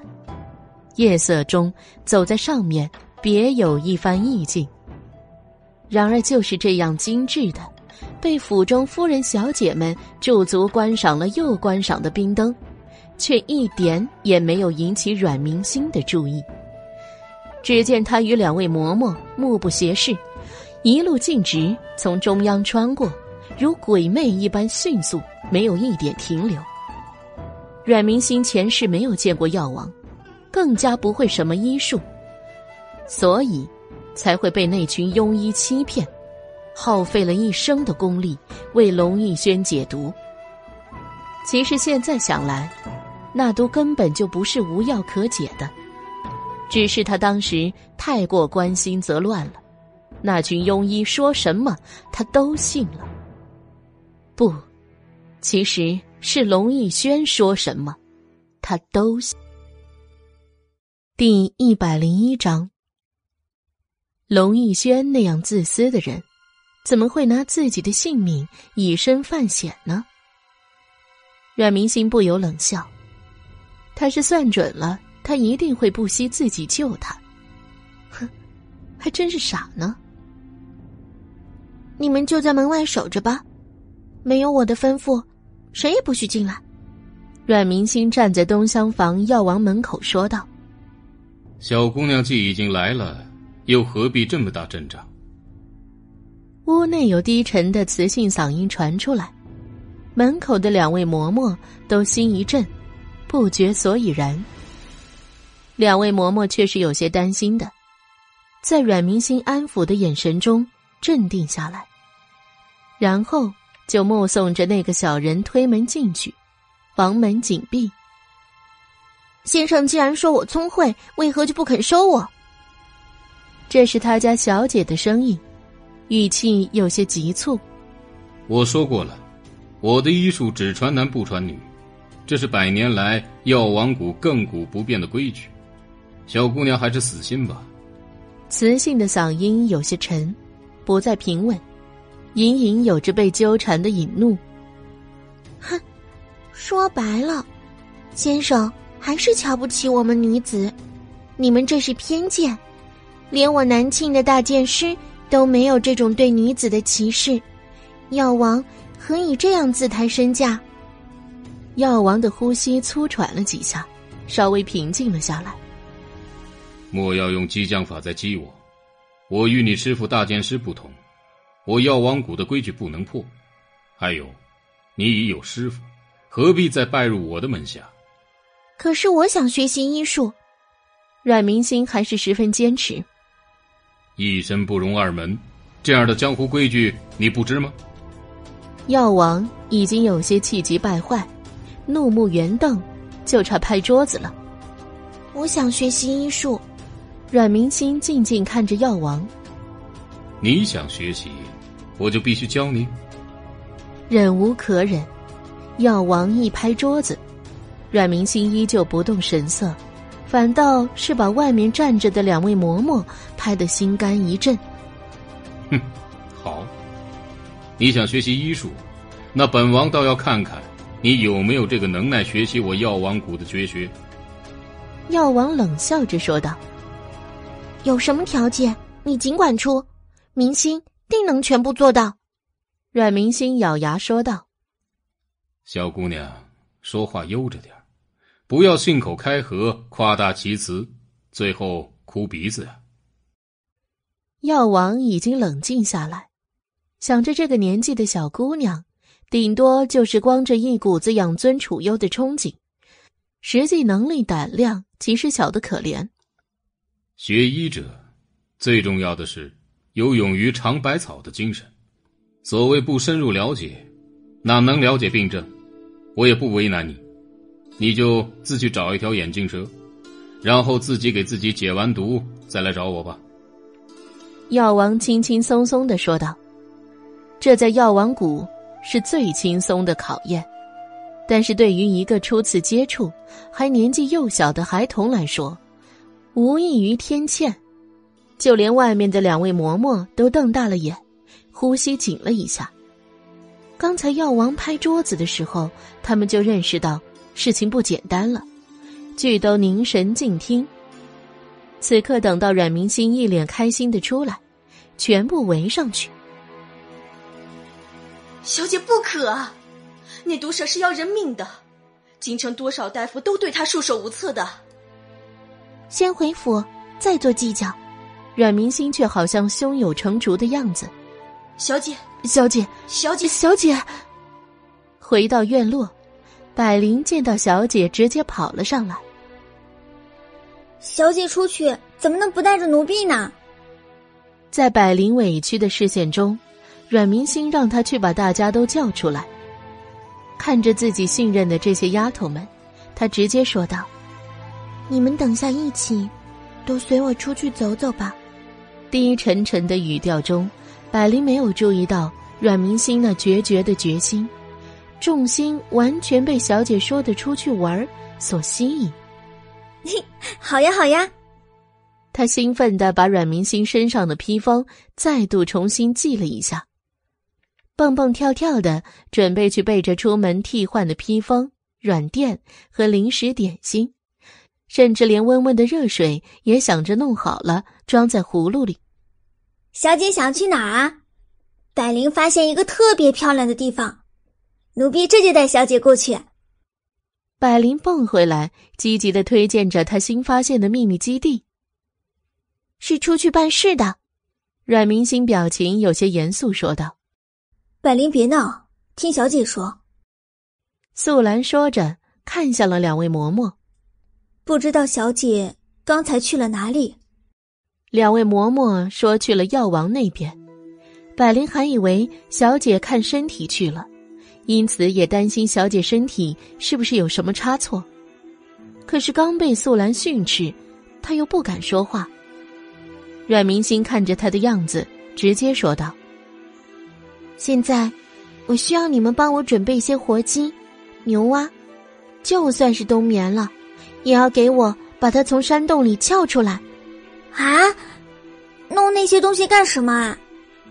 提到这些，百灵忍不住惊叫。不知道小姐这是怎么了？我有大用。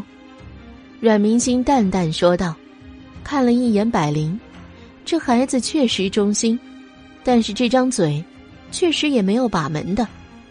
百灵，听小姐的就好。素兰稳重的说道。于是，整个绣楼的丫头们都开始忙了起来，等备好东西。阮明星亲自带着两位嬷嬷和胆大的丫鬟再度出门，药王居所。不到傍晚的时候，才离开的阮明星又折身回来，身后还跟着一群人，呼啦啦的声势浩大。但是后面跟着的丫鬟婆子们，一个个脸色刷白刷白。仔细看，还与阮明星两位嬷嬷中间有点距离感。怎么，这么快就认输了？药王亲自开门出来，站在门口。他身子魁梧，站在门口就一下子堵住了全部进门去路。阮明星睁着黑俊俊的眸子，不做回应。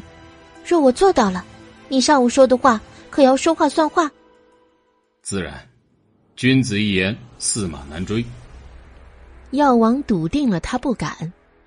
看他这面色红润的模样，就什么也没做。小小的人儿不动神色，走到两位嬷嬷身边，细腻的手指搭上两位嬷嬷手上提着的笼子上的黑布。有胆小的，如素心，已经啊的尖叫了一声，捂住了眼睛。素兰也捏紧了手上的石盒提手。阮明星看也不看那黑布之下，只一双黑目盯紧了药王，看着他的表情一点一点从幸灾乐祸变成了惊讶至极。那临时找来装金丝雀的鸟笼子里，一条黑俊俊的东西在蠕动着，仿佛是摘了黑布的原因，受到周围寒流的侵袭，满满的从散乱的一条蠕动，成为一坨屎一样的形状，扁扁的三角形，脑袋堆积在最上面，猩红的蛇信子一丝一丝的，甚至还能看清那小小的黑漆漆的小眼睛。镶嵌在倒三角的两个中央偏上位置，呈对称模样，睁得圆圆。第一百零二章，几个丫鬟啊啊的尖叫，百灵被素心护在怀里，饶是淡定的素兰也浑身颤抖，往后退了两步，更加捏紧了石盒的提手，眼神往后闪躲，不敢看向前方。竟是条活蛇。药王没想到，这小女娃子竟然真的弄了条活蛇过来。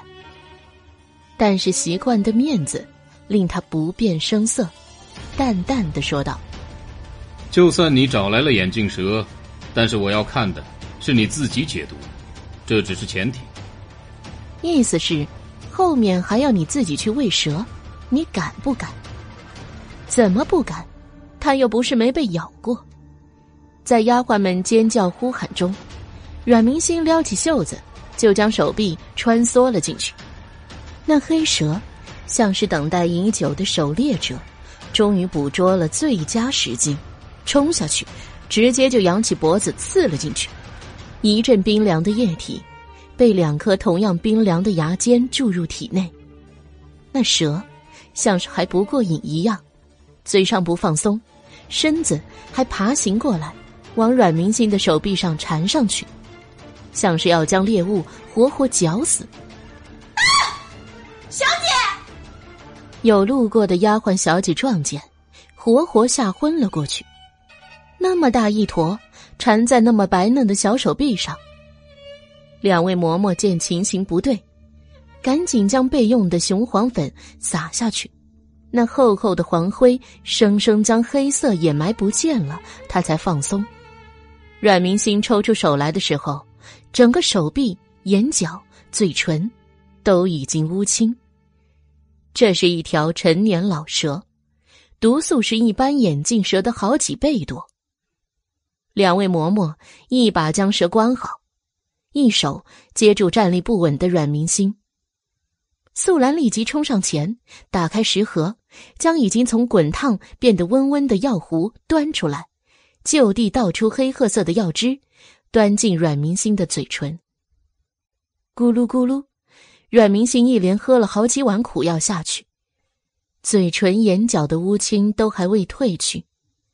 素兰见此药还不见效，放下药碗就蹲下身去，拉着阮明星的手臂要给他吸毒。阮明星昏昏沉沉的意识，却还是清醒的，要抽回手臂。你干什么？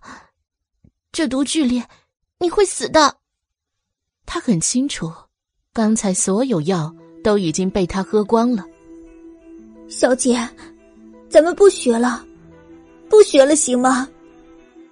素兰泪眼汪汪的看着小姐，他们已经知道了，小姐是为了学医。阮明星笑笑，没有说话。药王看着阮明星，淡淡说道：“没有想到，他还真有那股狠劲。”阮明星还有精神笑，说道：“ 那，你救我。”轻轻的语音，比起呢喃大不了多少，还是就那么气定神闲的样子。其实他也想要大声一点的，至少他听到了，同情一下就真的救他了呢。只是他已经没有力气了，就连脸上的那一点点微笑都要维持不住。他怎么就那么犟呢？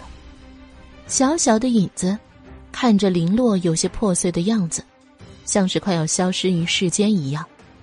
药王看着，忽然就心软了下来。几步下来，不知道从哪儿摸出来的银针，在他手臂、脑、胸口上一顿的乱扎。活脱脱，瞬间将他变成一个真人，就跟那巫蛊之术诅咒的小人儿一样。胸口的难受缓解了，头也舒服了一点的时候，他还有心情这样开着玩笑。两位嬷嬷心疼的摸着他的额头，这个孩子真是太苦了。当阮明星醒来的时候，他躺在药王的床上，统一的青纱帐。是前院统一的客房规格布置，真是一点也不好看。可现在呢，阮明星此时却觉得这是最最让人心暖的床帐了。他缓慢的偏着头，搜索房间里的活人，心中还不住的感叹一下：好不容易可以自由行动了，又要卧床养病了。这就是传说中的跑得了和尚跑不了庙吗？没想到，困住他的庙，竟然就是这四四方方的一张床而已。小姐醒啦！百灵捧着药碗进来，惊喜说道，脸上那红肿肿的眼睛跟大大的笑容，滑稽的不成样子。屋内守着他的是两位嬷嬷，只是两位嬷嬷此时不知道到哪儿去了。可能是看望素兰姐姐他们去了吧。小姐喝药。他走近了，就突然止住前面的话题，把药丸捧过来，一口一口小心喂他，仿佛这是他要专注一生的事业一样认真对待，其余什么都要靠边站。等喂完了，才接着说道：“素兰姐姐他们都吓惨了，本来也是要留在这里照顾小姐的，但是两位嬷嬷说，这里是前院外男住的地方。”他们年轻女孩不合适住在这里。看见阮明星打量着这里，像是在搜寻着什么，百灵机灵的说道：“小姐不用找了，这里不是药王爷的房间，只是药王说小姐中了毒，不宜移动，就在药王的这边客房将小姐安置了。药王爷在隔壁呢，奴婢这就去禀报他，小姐醒了。”百灵将碗。放在桌上，也不去收拾，就跑了出去。静静的青纱帐下，阮明心抿起了嘴角，眼眸中有星辰闪耀。小丫头醒了。沉稳磁性的声音，有着前所未有的温和，是药王的声音。阮明心闭着眼，复又睁开，心情是无法抵挡的愉悦。就连一贯习惯了的清冷声音中，都不可抑制的融入了浓浓的雀跃。药王，他微笑着叫他。哼，小丫头倒还是挺机灵啊。药王看开了，对着这个勇敢的小女孩也是由衷的欣赏。还有几分小算盘，知道在老夫面前来试毒，就你配的那解毒草药，解那陈年老蛇的毒害。早着呢。其实，明星也没有配错，不是？只是运气实在太好了，找了一条多年的老蛇了。阮明星戳破他那撇开眼的别扭，直淋淋的指出来，他破了药王出的考题。药王哼哼，不想他太得意，说道：“虽然你的解药是没错，老夫也不追究你到底是怎么知道那解药配方的。”终究，最后还是老夫救了你性命。医术是不能传授给你了。这药王不知道从哪儿摸出一包隔布包好的银针，显然是相当的爱惜。他眼神说不出的温暖，在那隔布包上流连了一瞬之后，说道：“就将这针灸传授给你吧，先带你熟悉穴道试针。”阮明星看着药王，倒是一惊，没想到药王竟然连针灸之术都是那么精通。要知道，针灸比起来其他，其实是最难学的一门东西。拈针刺穴，一有差池。第一百零三章，药王抽出一针长长的、闪着粼粼寒光的银针，就往阮明星手上扎，接二连三，一根又一根。看着百灵在后面抱着手臂，咬着牙齿打颤，他那丝丝的倒抽气呻吟，配合着眼前扎小人一样插着的银针，阮明星也不自觉的头皮发麻。之前疗伤的时候昏昏沉沉的不知道，现在清醒着再经历一次，丝丝麻麻、冰冰凉凉的疼，一条手臂都麻木了，看上去他就像是一只人形刺猬。药王还不尽兴似的，抽着针，又往他脑袋上扎，还冷喝一声命令：“别动！”阮明心就真的不敢再动了。像个僵硬木偶似的，保持了半炷香的时间，药王好像终于舒坦了，丢下手上的书本，过来给他一针针取下。阮明心才终于敢松掉一口气，整个身子都瘫软了下来，仿佛经历一场打仗。百灵嗖的一下冲过去，把他扶住。药王取下银针之后，看也不看他，一心一意的。将自己的宝贝银针收好，同时凉凉的说道：“手法看清楚了吧？力道你自己拿捏，以后就由你自己给自己施针。”收拾好自己的格布包，就要出去。师师傅，阮明星不由喊道：“谁是你师傅？”药王怒转身，那隐忍的眉头褶子都能夹死蚊子了。放心。你剩下那点余毒，就算湿疹，喝两日你自己配的药也就好了。他顿了顿，笑了一下，说道：“呵呵呵，要是你自己把自己扎死了，那我也没办法。”说完，就真的干脆利落的出门走了。小姐，百灵叫道：“他虽然还小，基本道理还是懂的。药王这就是故意刁难。”存心不想教小姐医术。阮明星拍拍他小手：“你去让素兰给他找一套银针回来。”小姐，你不会真的要扎自己吧？百灵大惊，阮明星还要更加给他确认似的，顺便再给我找一副人体器官穴位图解回来，越详细越好。他前世学武的时候是有了解学到的。只是那些都是和粗粗的武学有关，跟扎针没有半点关系，也不知道能不能下针。贸然出手，万一真的把自己给扎死了，他上哪哭去啊？百灵就一步三回头，能拖一时是一时的归宿往门口移去，随时等待自家小姐放话，他就立马嗖的回来。可惜返回没等到。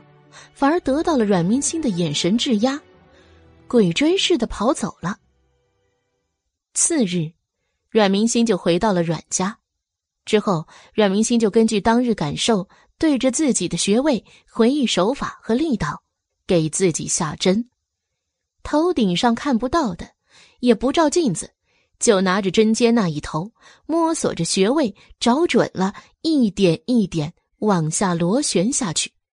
感觉到差不多了，就停下，吓得百灵、素兰等人呼吸都停止了，一目不错的盯着他的反应，誓死在观察到一丝不对应的时候拔针找药王。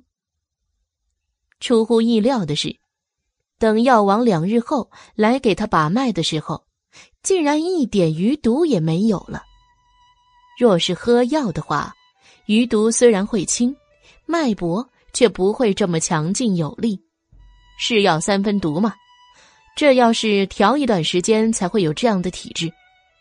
眼光惊疑的从他身上移开，阮明心也不催促，但他那淡淡的表情上，药王总觉得是胸有成竹，心气儿有些不顺。起身的一瞬间，就在他远处的案几上看见了绸缎裹着的银针包和摊开的穴位图解，顿了顿，他就转回身来。小丫头悟性不错嘛。声音是轻盈的，阮明心就笑了出来。那您现在愿意收我为徒弟了吗？阮明心问道。不能。在他变脸要质问出声的时候，药王又说道：“不过，老夫这套针术倒是可以传授于你。”阮明心大喜，虽然不能系统的学习医术，但是药王针术一绝，许多疑难杂症用针灸比起那些药石更加快速有效。至于小病小灾的，找外面的大夫就好了。药王。从怀里掏出了一本黄皮卷的书籍，丢给他。阮明星看着有些眼熟，这不就是那天药王给他施针的时候空闲时间看的书吗？移开题目，《檀香子针术》。阮明星看着那黄皮上墨迹都已经泛花，却依旧苍穹有力的四个字，眼睛就完全的粘在上面了。颤抖着都不敢翻了。听闻这檀香子针术，乃是失传已久的古籍，具体是从何处来，已经无从考究。但是那些大医们对他的推崇，阮明星却是亲眼所见。在前世的时候，龙逸轩就是找来了这本书的半卷，仅仅就是半卷。就获得了太医院那个宁死不屈、眼高于顶的顾太医顾南之的誓死追随。从来明哲保身的顾南之，可谓是他在夺位的后期帮助他良多。阮明心紧紧的握着这本书，他喜不自胜的表情在脸上绽开了大大的迎春花。素兰等人都惊讶了。这还是小姐从夫人去世之后第一个这样由衷的喜悦。想起前两天扎针的时候的提心吊胆，总算是有了回报了。一屋子的人都高兴了起来。阮明心压抑了又压抑的激动心情，发现一直平复不下来。就这样，面热心跳的激动情绪从床上下来。担着身体的不适，也执意要给药王磕头致谢。药王无所谓的受了。这一次，把阮明星身体看得比自己命还重要的几个丫鬟们都没有阻止，只是在阮明星起身的时候上前将他搀扶。他们虽然不了解江湖事，但是两位嬷嬷清楚啊。其余人从阮明星的珍重中也能够感知得到，他们一群人可都是受过良好教导的大丫鬟。阮明星这一边的喜悦自是不说了，另一头从绣楼出来的一直绷着脸的药王，也终于露出了含笑的表情。韩韵这小子，你以为你不学我的针灸术？我就找不到传人了，老子今天找了一个比你还有天赋的人。等走远了绣楼之后，他就一路哈哈哈的哈回了他的东厢房。一路上见着的下人们都远远的躲远了。这药王突然这样，莫不是自己试药把自己给弄疯了吧？万一是羊癫疯怎么办？还是把自己藏远一点好。嗖嗖嗖的，刚才还稀稀拉拉的几个人，迅速就没影儿了。隔天，药王出发去凤府为凤准看诊。临到出门的时候，被阮明星追着。第一百零四章，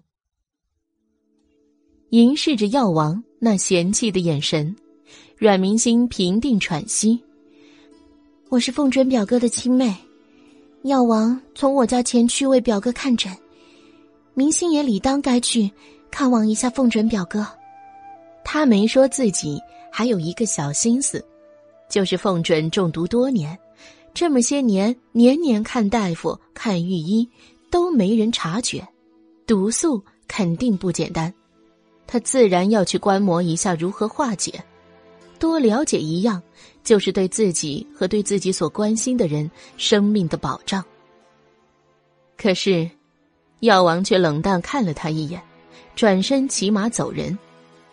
百灵气愤。对着那个看他们两眼就骑着高头大马头也不回就走了的药王，跳着脚指指点点。什么人啊，这是！才对他升起的好感就被那一幅一幅的马尾巴扫得一丁点都不剩。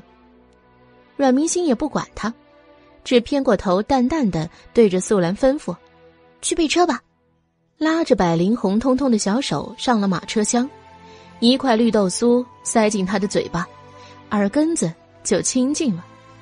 药王的马骑得不快，等阮明星到凤府的时候，跟他就是前后脚的时间。百灵还在碎碎念：“要你跑那么快不等我们，还不是跟我们一起的？”阮明星无奈的轻笑：“这么冷的天，除非是真的敢死的事情，才会大雪天的跑马。那逆袭的风刀子。”可不是说着笑的。听说从前天气寒冷，就真的有人被那迎风的风雪吹在耳朵上结了冰的，把冰弄掉了，耳朵也一并跟着掉了。那跑马的人耳朵也就没了。更可怕的是，那人还无知无觉，没冰了的时候还开心的去摸自己的耳朵。小姐笑什么？百灵问道。阮明星摇摇头，无事，我们快去看表哥吧。阮明星到了的时候，除了外公，其余人等连同二舅舅、二舅母都被关在门外。药王说人多了打扰到他，你说他毛病怎么这么多呀？凤泽天急得在门外搓着手走来走去。阮明星看他，联想到药王给自己看病，就明了了。虽然这很不孝，但是换他，他也不想看病的时候有个什么毛毛糙糙的在一旁打扰。二舅母君淑云见着阮明星过来，对着他和蔼一笑，到底是在小辈面前拉了拉焦急没一点风度的丈夫一下，惹得凤泽天小声嘀咕：“哎，拉我做什么？”让我进去吧。”阮明心如是说道。不行，老王说了，不准人打扰。刚还嘀咕不满的二舅，这一下子又成了第一个反对别人进去的人了。不是，二舅舅，在凤泽天惊讶的目光中，阮明星敲了敲门，他爹竟然真的亲自来给他开门了。凤泽天赶紧拉着凤追追问：“爹，爹，准备怎么样了？”尹淑云虽然没说话，可是看那与凤泽天神一样的眼神，也知道了他想要说的内容是什么。凤追看了他们一眼，像是想到了什么，沉默了一下，最后肯定的说道：“药王说还有救。”然后就关上了房门，留下外面一群人，像是吃了定心丸一样。凤泽天也不乱晃悠了。两手握拳头，轻敲，脸上是大大的笑容。阮明星却是注意到了他外公刚才那不合时宜的沉默。按道理说，孙子有救了，他该是很兴奋，第一时间说出来才对。那只沉默，铁定是有什么内情在其中。外公，药王已经确定了，凤准表哥是何时中毒了，对吗？他一针见血的问道：“凤追那张从前精神奕奕的脸，就像突然被一场暴风雪打了一样，蔫了吧唧的，像是一朵即将枯萎的菊花。是从娘胎里带出来的。凤追感叹，那轻轻的声音是无力的。就这两句话，两人已经走到了凤准床前。药王也瞥了一眼那个小丫头。继续给床上给扒光衣服的男孩施针。凤准就关键部位盖着布巾，阮明星就这么大大方方的看着。凤追也没有感觉到有什么不对，唯一感觉不自在的就是凤准了。虽然表妹还小，到底男女有别，他就这么赤裸裸的看着她，他还不如刚才就喝一碗昏睡的药好过呢。还免了这一身的疼痛。等待全部的针都扎完了，凤准也变成了一个标准的不能再标准的巫蛊小人了，还是那种密密麻麻型的。药王洗了洗手，擦干之后说道：“他这身毒啊，沉积多年，如今毒性已经沉入五脏六腑，要是再晚上两个月，估计也就没救了。”且多年来基本上都喝些没用的药，早就把吸收的肠胃喝出了抗性。药石已经对他没有什么作用了，所以老夫采取用银针给他排毒，每日一次。以后施针的时候，你都过来。凤追还没有反应过来，在他左下方就有一个脆脆的声音传来：“是。”应声的人是阮明星。凤追不由一愣。药王走后，外面凤泽天、君书云等人先后蜂拥而来。阮明心与凤追坐在桌边给他解释，自己已经成了药王针灸的传人。凤追大喜，这是好事啊！大舅舅、二舅舅和另外两个舅母就围着他，夸咱们星儿真能干，夸的阮明心清冷的脸上也有了淡淡的红晕。被亲人疼爱呵护的感觉，令他的心柔柔软软的。从此之后，连续一个月都是如此。药王来给凤准施针，阮明星跟在屁股后面，其余什么人也不带。他在凤府就是这样子的放心，以至于到了最后，凤准都已经被他看得一点羞涩感都没有了。换了谁，天天被看，还天天被摸的，早就免疫了吧。更何况男女之别，七岁才不同席，表妹现在才六岁呢。就这样，药王一边给凤准施针，一边给阮明星讲解医理。短短的一个月时间，可谓是倾囊相授，三人都很高兴。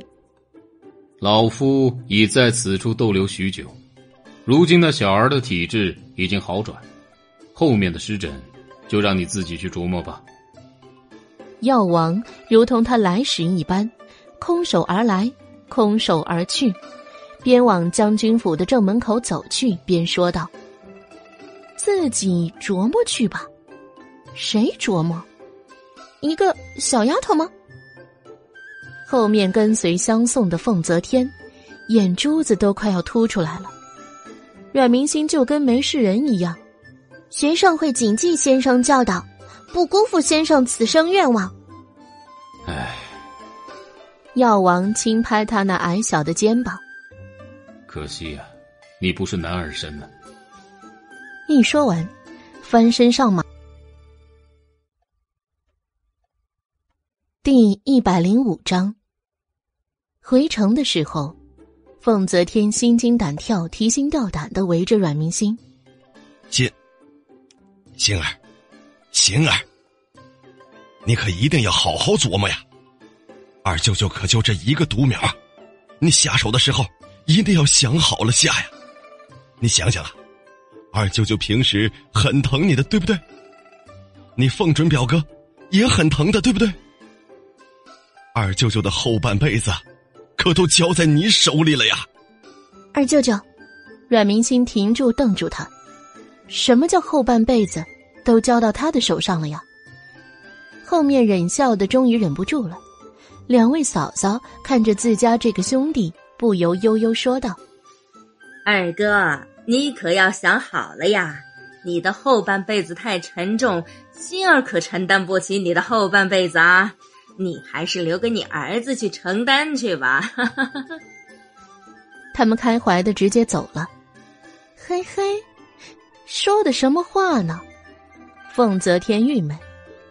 二舅妈笑了好一会儿，才控制住声线说道：“嗯，药王不是那么没有分寸的人，相处这么久，夫君怎么还摸不清楚他的性子？”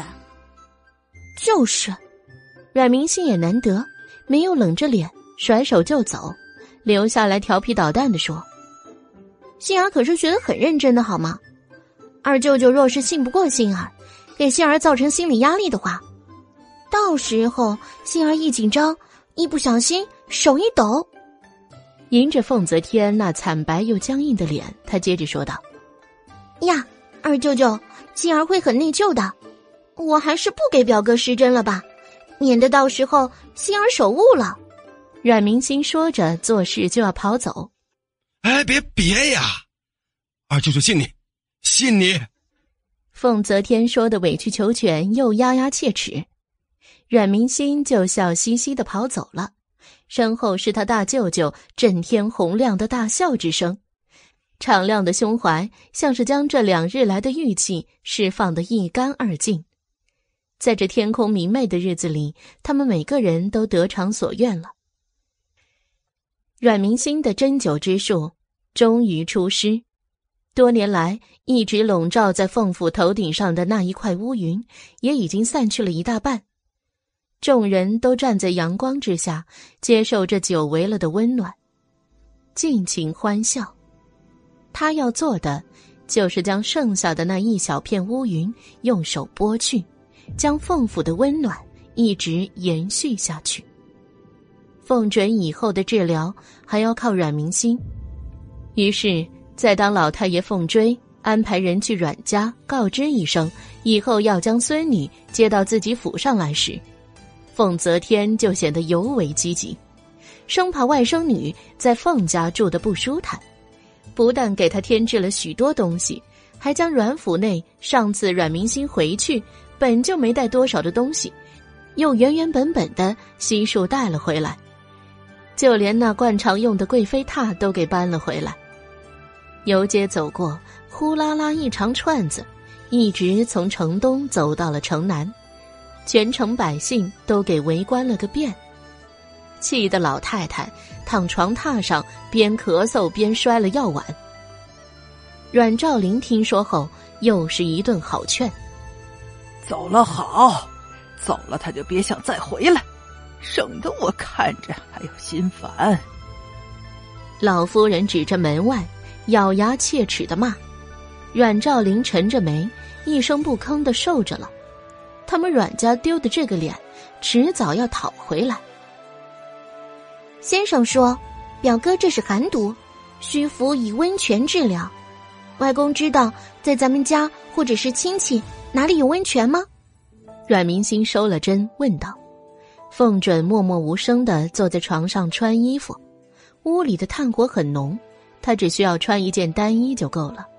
不然，那两个时辰的针灸没把他病死，就会给他冻死了。屋里的几个人都穿得甚是单薄，全家老少都围了过来，主要因为今天是阮明星的第一次施针。凤泽天在边上，是阮明星下一针，他就要问一下凤准感觉怎么样的人，害得阮明星也想要把他给关到门外去了，还是凤老爷子凤追强制的制止了他。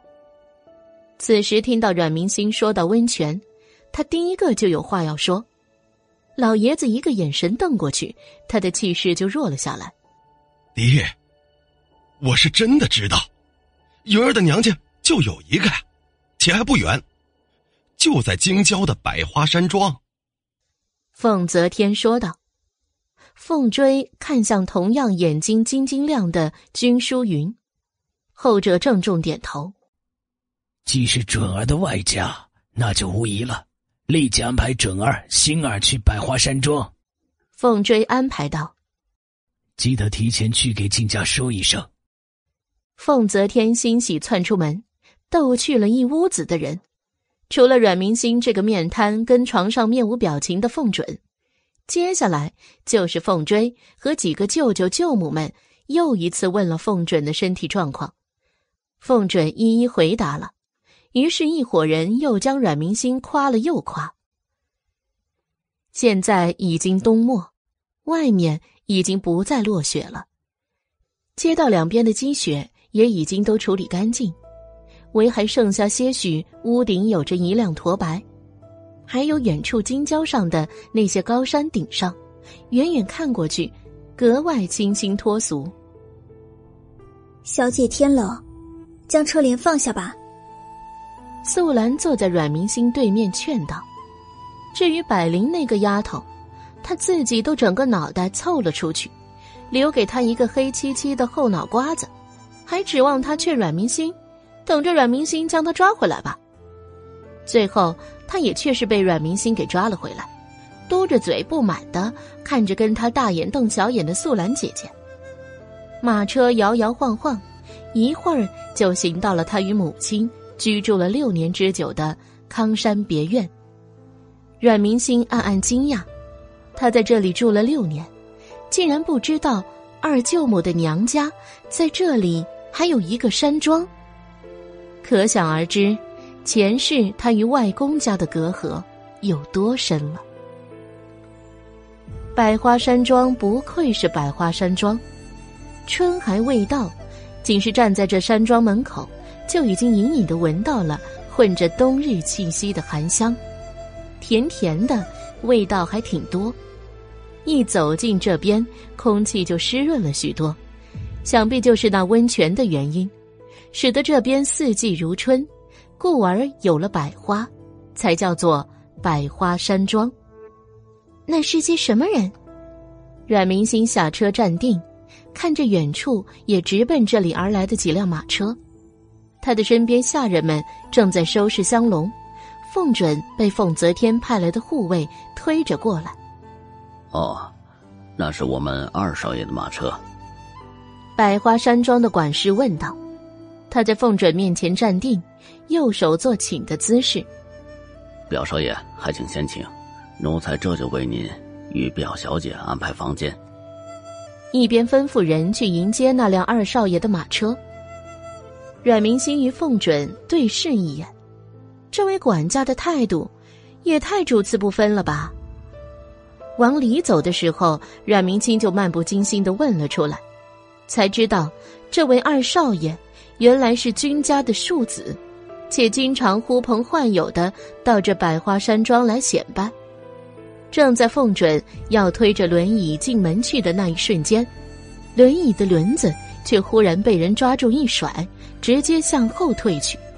吓得凤府的丫鬟惊呼，阮明星眼疾手快，一把拉住了轮椅的扶手，才将凤准的轮椅稳住。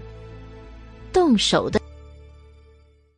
第一百零六章，这就是那个所谓的二少爷，穿着浓绿色的锦袍，腰束红色的腰带，腰带下面缀着好几个玉坠，叮叮当当作响。这种搭配，把他的俊秀面孔生生给衬出几分俗气。这是君家二房的庶子，君子堂。阮明星眸光骤寒，刚才表哥如果摔倒，先不说会摔疼的事情，光是这么多双眼睛看着，这终将会成为将来的一个笑柄。凤准的脸色有些清白。一瞬间，两方人马就对峙了起来。这里是二爷我的地盘，谁准你让这个外人住的？这位二少爷明泽对管家发火，实为嘲讽奉准为外人。管家也是虽然低调，但是却是不卑不亢。二少爷，这是老夫人吩咐下来的，奴才也是奉命行事，还请您与众位公子。暂居东西厢房。今日里是两位公子同时要入住山庄。老东西，没看见我们这么多人吗？两个厢房哪够住？让这废物将主院腾出来，把他们两个塞到西厢房去。那位二少爷喝道：“啪！”一个巴掌狠狠扇了上来。那位二少爷捂着左脸，不敢置信，那一巴掌落得太快，谁也没有看清楚就被打了。周围都是吸气声，都是那位二爷带的狐朋狗友发出的，赶忙上前叫唤。那明宝暗贬的声音中不乏幸灾乐祸，君子堂就更加气愤了。他两肩膀一扭，甩开左右拉他的朋友，狠狠的看着阮明星。我就说他是废物。有险不够，还跑到凤准的面前大叫：“废物！废物！废物！废物！”凤准的脸色有些苍白，他自然知道这是谁的。他二舅家的庶子，行二，一向为长辈不喜，不准再骂。阮明星眉头微拧。眸光一寒，把他推开。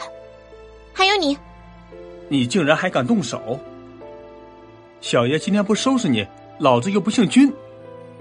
君子堂大吼道，反手就要去甩阮明星巴掌，但是凤准的轮椅却突然挡在了阮明星前面。你起来，再不松开，小爷连你一块打。君子堂挣扎，心儿表妹年幼，二表哥。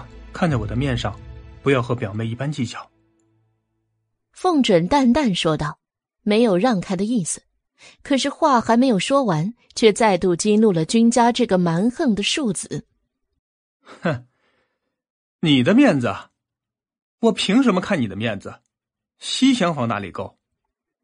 君子堂眉头一横，“除非你现在就给我下跪，磕头认错，否则。”哼他凝视着阮明心的方向，放着狠话：“休想我放过他！”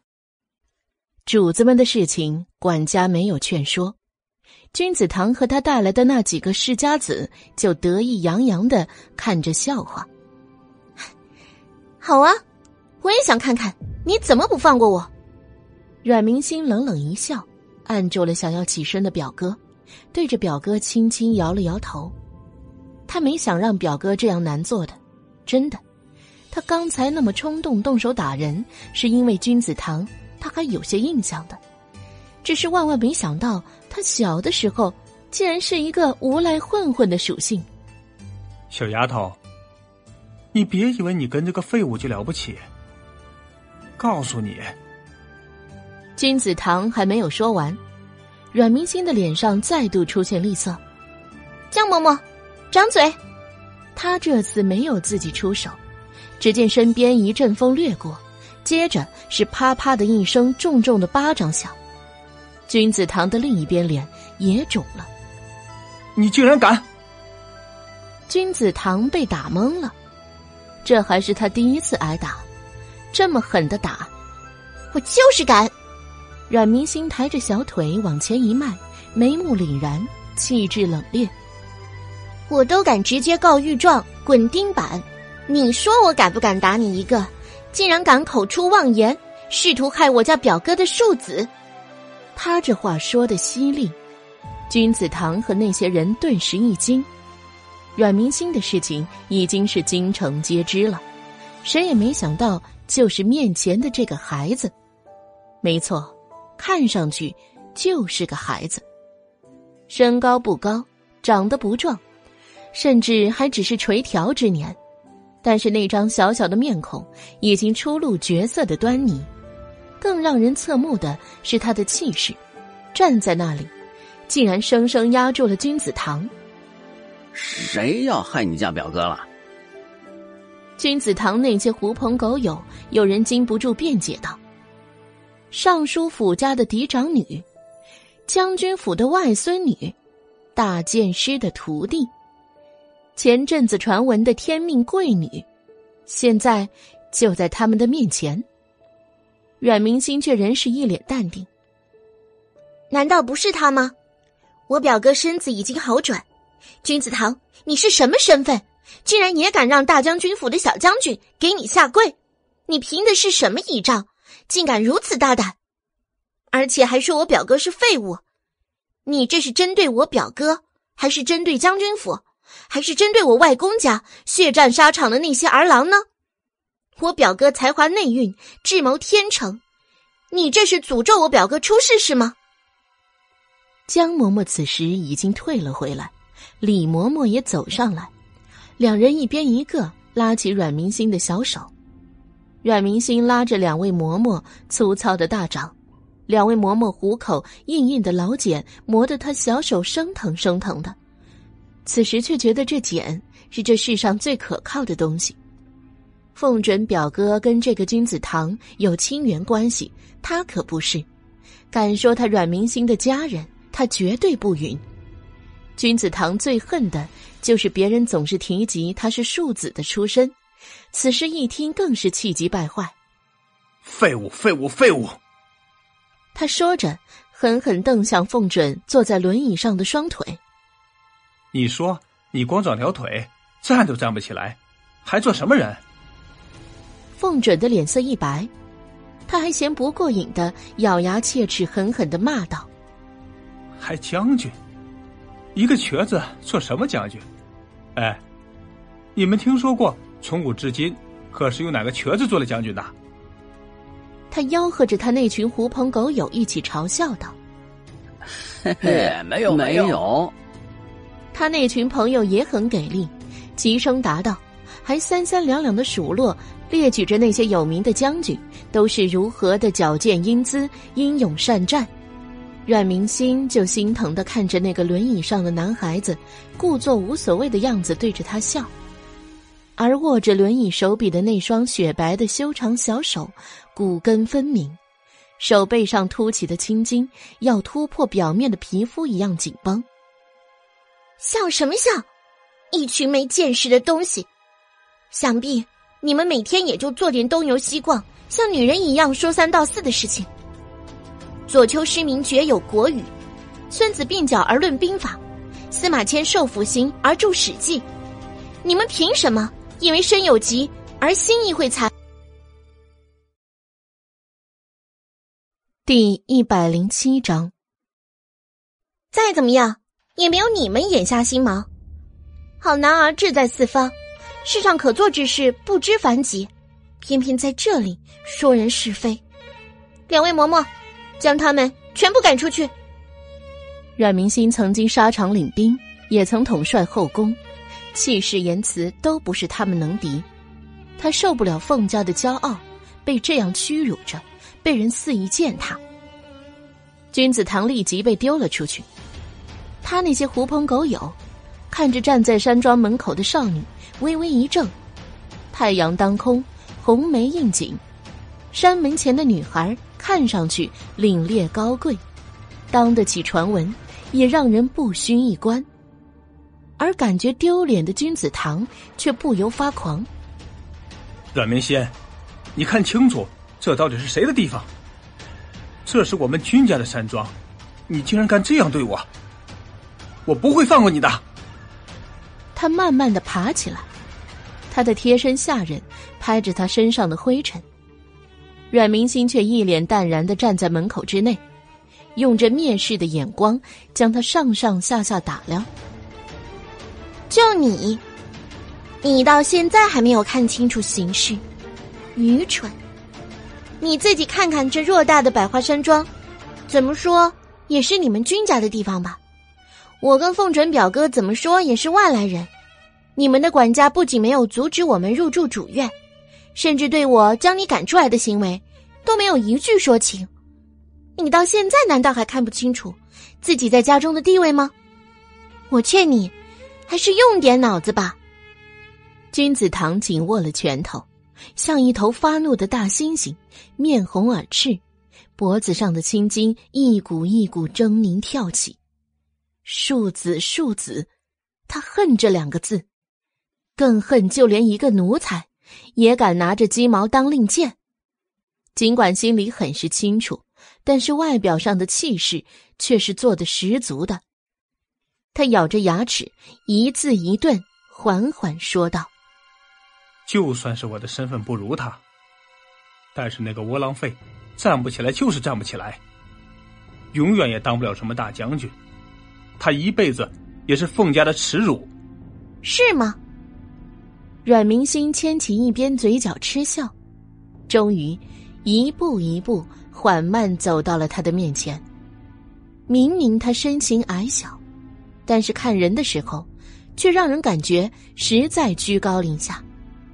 我们就以一月为期，若是凤准表哥站了起来，那你就跪着，来给他对今天的话赔罪。那要是他站不起来呢？君子堂毫不放过。那我向你赔罪。我要你跪着。好，跪着就跪着。我就怕到时候有些人不肯承认。老子说话算话，李兄、陈兄，给我作证。那就如此说定了啊！今日我俩就此做一个见证。被君子堂叫到的几个人说道：“哼！”阮明星冷哼一声，就命人关了大门。凤准看着那个小小的身影，从一开始，就是这个小小的玉人把他从绝望的泥沼拉出，他以为自己必死无疑了，却没想到不但不用死，还有机会像正常人一样起身。凤家男儿笑傲沙场，俯仰无愧天地，只有他被困在四方院内，只要好好活着。就是家人心安。看兵书，识权谋，不想做无用之人，可是中年缠绵病榻。凤家的爷们儿不会注意到他的惆怅，他也不忍心让亲人惦记着，所以一直在微笑，在说他很好。可其实他并不好，他也想雄鹰般搏击长空，游龙般纵横四海。可是这个女孩说的话，却一点点砸在他的心头。身残，并不意味着心残。他说他会好，一定会好，还说他将来一定是将军。真是孩子气，可以真是让人忍不住心生期望。走吧，表哥，苍蝇被赶跑了。阮明星唇角勾起，显然十分愉悦。将这别庄的君家主人关在门外，他们一行等回去的路上遇见那个管事的，嬷嬷随意说道：“他们已经和平解决，管事的就没有再问了。”阮明心就彻彻底底的放下心来。看来这君家的斗争，不比他们阮家的干净多少。这管事的倒还聪明，知道中立派，忠于权力的中心。既然狠话已经放了出去，那么接下来阮明星就要狠抓凤准的身体治疗了。具体的体现就是凤准泡温泉的时候，阮明星在旁边守着，一分一秒的掐算着时辰，什么时候进去，什么时候出来，一天泡几次。凤准吃药的时候，阮明星在旁边守着，一点一毫都要喝干净了。扎针的时候，阮明星也在。这事儿他亲自动手，而且是第一次在没有凤泽天的情况下。凤准到底是个男孩子，阮明星的那几个丫鬟婆子全都没允许进来，照顾凤准的护卫也没能进得来，理由是，凤准不想被人看到他被人看光光，于是。屋里就凤准和阮明星两个人。凤准迟缓的脱了衣裳，露出刚泡完温泉还红彤彤、软绵绵的身子，棉被搭在腹部，其余的区域都是光溜溜的。气氛不知怎么的，就变得那么紧凝了，像紧的弦，一触就要紧张的让人跳起来。凤准蠕动的嘴唇，想要说话，缓解缓解一下尴尬，还没开口就被打断了。别动。阮明星小脸肃然，话语冷冰冰的，一点也没有爱。哪里是他想象的尴尬的不知从何下手？凤准呼出了一口气，有一点气馁，至少也要紧张一下呀。显得他堂堂一个男子汉，跟个小娘子似的，像是长了一双透视眼一样。阮明心在他的背后扎针，也能将他的表情变化尽收眼底，鼓舞道：“表哥，可要快些好起来才是。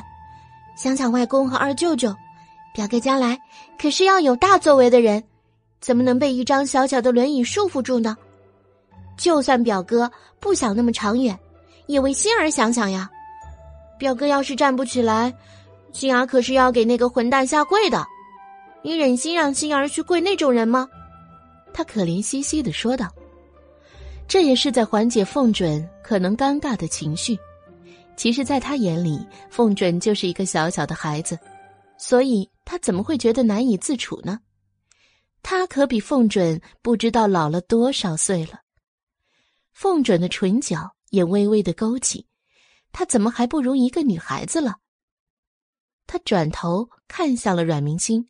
淡淡的说了一个“好”字，这一动，一支本该扎进他肩头的针立刻走偏，吓得阮明星顿时收手。但是看到他坐正了身子，目视着前方，显然做好了准备，他不由得就笑了。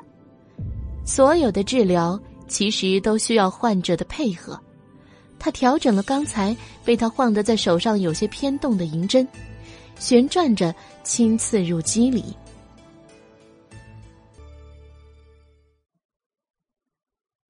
第一百零八章，流光易逝，弹指间，大半个月就过去了。凤准的余毒已经全部排出来了，但是阮明星没有立刻急着就回凤府去。温泉可强身健体，活血化瘀。在这大寒天，是一个舒服的所在。最近凤准练习站立，又总是摔得浑身是伤，泡温泉是最好的解乏方式了。说好了住一个月，他干嘛还要提前离开呢？回去还要面对阮家一院子的牛鬼蛇神，而他正好也趁机开始修习起自己的内功心法。于是，这几个人就这么光明正大的又蜗居到了二月份初，才动身回去。俗话说：“春捂秋冻，倒春寒。”倒春寒冷到骨子要人命。凤准在这练习期间多么辛苦，阮明星全看在眼里。他哪里还舍得让才刚刚适应站起来的表哥就骑马在被冻着呢？于是来的时候几辆马车，回去的时候还是几辆马车，踢踢踏踏的就往城里去了。京城里永远没有秘密，凤家那个常年病弱的小公子去君家温泉山庄疗伤去了。现在看见这么大张旗鼓标志着凤家的马车从城门进来，这还没多久，君子堂就知道了。他在阮明星这里受了罪，回去告到君家老太君那里去了。老太君却把他给数落了一顿。云儿那孩子伤了身体之后，可就这一个孩子准儿了。好不容易亲近他君家一回，那凤准要用百花山庄，可是他亲自准许了的。一个庶子去为难他盼望了许多年的外孙，还是他女儿的唯一命根子。他不生气才怪呢。告状不成，君子堂就又回去纠缠他姨娘。他姨娘是如夫人，是个有些头脸的人物，手上要么是有人，要么就是有钱。恰好，他还有点官太太的威风，又是有钱的那一类人。他看得跟眼珠子似的，儿子受了委屈，这口气无论如何也咽不下去。早早的派人盯好了百花山庄那边的动静。山庄内有老太君的人，他就不信，离得远了，老太君还有千里眼不成？儿子的赌约他也知道了，于是凤府马车一出动，他那些用钱撒出去的混混们也早就准备好了前去围堵。前脚他儿子才出门，后脚。就派人暗暗尾随去保护好公子，今儿啊，街上拥挤的慌，别绊着他的眼珠子了。他就算准了，凤准那个病了十多年的病秧子，哪真能一个月就站起来了呢？说到这里，也真要感谢君家的老太君，有他把持着百花山庄，愣是一点风声也没有走漏。要不然，这位姨娘也没有那么大的自信。这话又说回来，也不知是算好了，还是就真的那么恰巧。阮明心与凤准马车刚刚到凤府门口，就被人围住了。凤府大门大敞开，就是入不得里面去。哟，这是堂弟回来了，不知道孙子可养好了。君子堂得意洋洋又阴阳怪气的问道：“他的那些狐朋狗友就来了两个，其他人也没那个胆子在凤家门口作对呀。”“是啊，听说阮小姐和君家少爷打了个赌呢，也该兑现了吧？”那些围着的百姓们凑热闹的起哄着。君子堂看着自己这边声势浩大，立刻心里很得意。这下看那个残废怎么办了？他要让他丢脸死。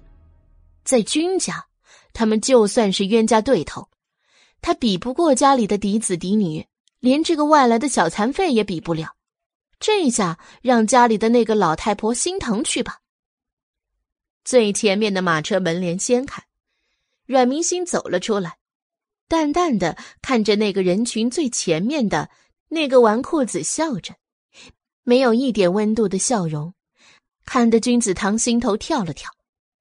输人不输阵，他喊得更加大声了。反正所有人都是站在他这一边的，他很有信心。而阮明心的出来，让围观的人就越来越多了。现在京城里，他就像是一个传奇人物。现在又能看到阮家小姐的热闹。恐怕又够茶余饭后说道说道了。凤家的人站在门口，很是着急。这，这，少姨小姐回来了，却还入不得门，赶紧去禀报老爷夫人吧。阮明心在京城本就是一个移动的化缘体，凤家与君家又是大家族，这还是亲家呢。如今在大门口闹掰了，可有的热闹好看了。阵仗越来越大，等到凤老爷子和二儿子出来的时候，场面已经控制不住了。他们到底也是偏于保守派的。这个赌约倒是也听说了，那个君子堂回京之后就在散播这件事情。现在凤准都还没露面呢，也不敢轻易的让他出来。这要是万一，岂不是？阮小姐当日可是请了我与李兄做了见证，怎么今日就要信口食言了吗？那日的陈公子与李公子一人站在君子堂的一边。就是，凤准要是不出来走两步，那你就得给我当众下跪赔罪。君子堂趾高气扬，出来走，出来走。那陈李二公子带头说道。渐渐的，声音越来越大，从包围的最里圈，一直蔓延到整条街。不管是能看见的，还是不能看见的，都跟着瞎起哄的，齐声声叫道：“出来走，出来走，出来走，出来走！”阮明心气急了，这分明就是煽动人心嘛！我凤家儿郎都是骑马杀敌的，哪能就这样？给你们当表演猴戏的，君子堂，我警告你，不要太过分。我现在是给你留两分颜面，你不要给脸不要脸。君子堂说道：“呵呵，输了就明说，藏着掖着算什么好汉？快点跪着过来，给本大爷赔罪道歉。”住嘴！你这个孽子！君家的老太君老大远的赶过来，两边的侍卫硬性的将人群给他分出一条道来。奶奶，是他们打赌输了，现在不承认，你老怎么老是偏帮外人？君子堂不服气的说道。阮明心凉凉说道：“君二爷，你可要想清楚了，我表哥可不是那等可随意别人轻视的人。”哼，有什么不敢？你倒是快点放他出来呀！君子堂说，那语气可叫一个不客气，就跟看大戏的砸钱再唱一个一样，且这还是不要钱的大戏。既然有人要作死，死拦着岂不是太没风度？阮明心轻轻的让开了，离开前还笑语艳艳的叫了一声：“表哥。”所有人的目光顿时都望向了马车，看看接下来会是怎样的场景。君子堂心里一突，看着阮明心脸上的笑容，有种不祥的预感。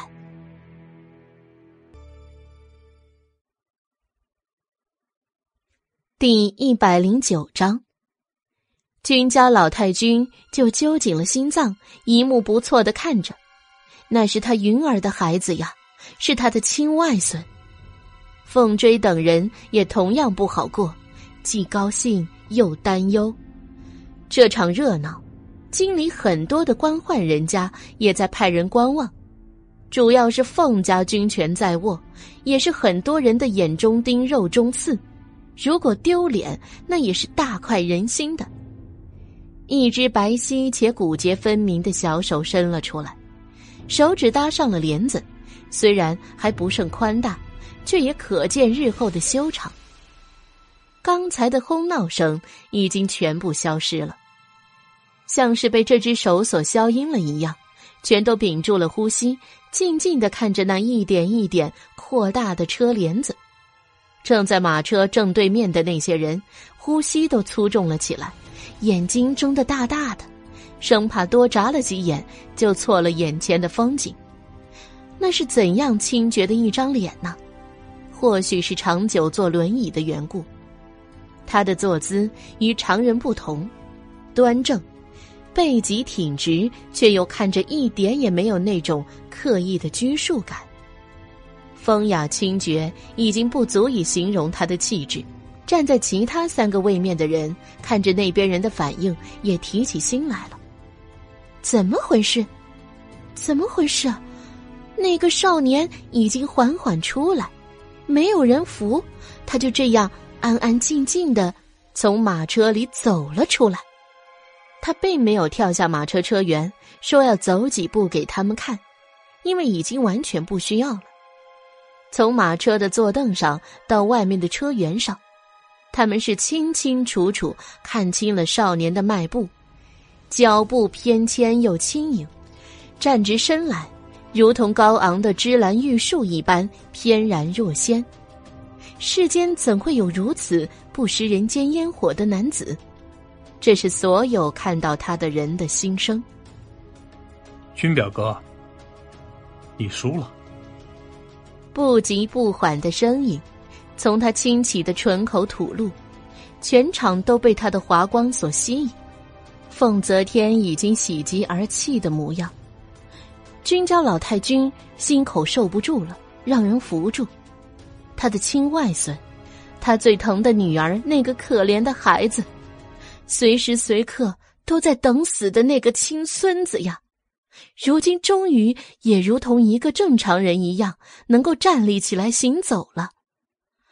佛祖啊，就算你再让老身折十年寿命，老身也愿意呀！只愿您永远保佑，保佑他的孙儿从此平安康泰，此生都无病无灾。凤准先是对着凤府门口的凤家人笑了笑。那一笑风华绝代，迷了多少青春女子的眼。然后在乱花迷眼中看着那位向他走来的君家老太君。他从车辕上走下来，一步，两步，三步。三步的脚步被他走出了无与伦比的风华。老太君，他叫着，声音是如此的清润，令人沉醉。老太君拉着他的手摸了又摸，捏捏脸，捏捏身子的说道：“说了多少次了，要叫外婆，没得叫的身份了。”凤准笑笑，示意知道了。接着，他看着那呆若木鸡的君子堂，重复道：“君表哥，你输了。”不，不。君子堂后退，打定了主意不认账，而凤准却唇角轻勾，突然伸手拿出了仆人递过来的一张小弓，搭箭在手，微微一笑：“表哥不是一直想知道准能不能征战沙场，不如亲自来瞧瞧。”说完，弓满箭直，一个松手，手中箭矢像是流星一样冲向君子堂。子堂！人群中一声尖叫，躲在一旁偷看的君子堂姨娘吓得尖叫了起来。君子堂也惊恐的睁大了眼眸，眼睁睁看着那支箭迎面而来，啪！头顶上束发的玉扣应声而碎，他的头发散落下来，脚步僵硬在原地。子堂，君子堂的姨娘冲上去，两手抱着他的头顶一顿乱摸，确认真的没事时候，对着那边凤准就一通狠话：“这要是射偏了怎么办？要是射伤我的子堂，我要你偿命！”徐姨娘。君家老太君喝住他，徐姨娘哭诉：“老太君，子堂可是您的亲孙子呀，难道还抵不上一个外姓人吗？”老太君说：“住口！来人，将他拖下去。”那些庶出的孙子他不看重，可是云儿的孩子却只有一个，那些真正的为官百姓却是大惊。没想到，这凤家的病秧子在君家有这样的地位。哦，不对，已经不是病秧子了。如此玉树临风的公子，瞬间就开始向周围人打听，他有没有说亲。徐姨娘不甘心，老太君，就算凤准是您疼爱的外孙，难道您就这样由着他胡作非为吗？不得不说，徐姨娘说话的艺术。那些最外层看不清情况的，凭声音还真就容易被他带偏。可是，往往消息传播最快的，也是那些不明就里、听风是雨的人传播最为积极。凤准被人议论了十几年，关在府里了十几年，可并不意味着他就是什么也不懂的软柿子。徐姨娘这话就错了。凤家武学以武传世。就算是我这双腿不行，可我的手还没废。残废这个词，准儿当不得。好，人群中不知是谁喝了一声，紧接此起彼伏，一浪高过一浪，整个新桥胡同都是为凤准少年身残志坚的喝彩声。真不愧是凤家男儿。君淑云不知道。原来在他看不见的地方，他的孩子是如此的努力。他快步从台阶上冲了下来，拥着凤准又哭又笑。凤府的其他人也是惊讶又高兴的模样。阮明星和凤准连并着君家老太君一并被簇拥进了府。进了大厅，还没说话，凤泽天和君淑云竟然直接就要跪下拜谢。二舅舅、二舅母，你们这是做什么？阮明星一把拦住要下跪的两个人。表哥，你还愣着干什么？快让二舅、二舅母起来呀！他对着一边的凤准吼道。凤准左右为难，竟然也要跪下去。还是老爷子发话，凤泽天、君书云两个才不再坚持。凤准却是没有再拦着。表哥，快请起！男儿膝下有黄金，跪天跪地跪父母，没听见你家还有贵妹妹的。你再如此见外，岂不是把我当外人了？他如是说道，凤准才打消了念头。君淑云上前亲亲热热的拉住阮明星的小手，杏儿，真是辛苦你了。舅母与你二舅舅都不知道该如何谢你才好。阮明心也面色舒缓，调皮道：“嘿，二舅母要真是感谢我，那您就长长久久的收留我好不好？以后都对我好，比对凤准表哥还要好。”长长久久这个词一出来，让站在一旁的凤准眸光不由一动。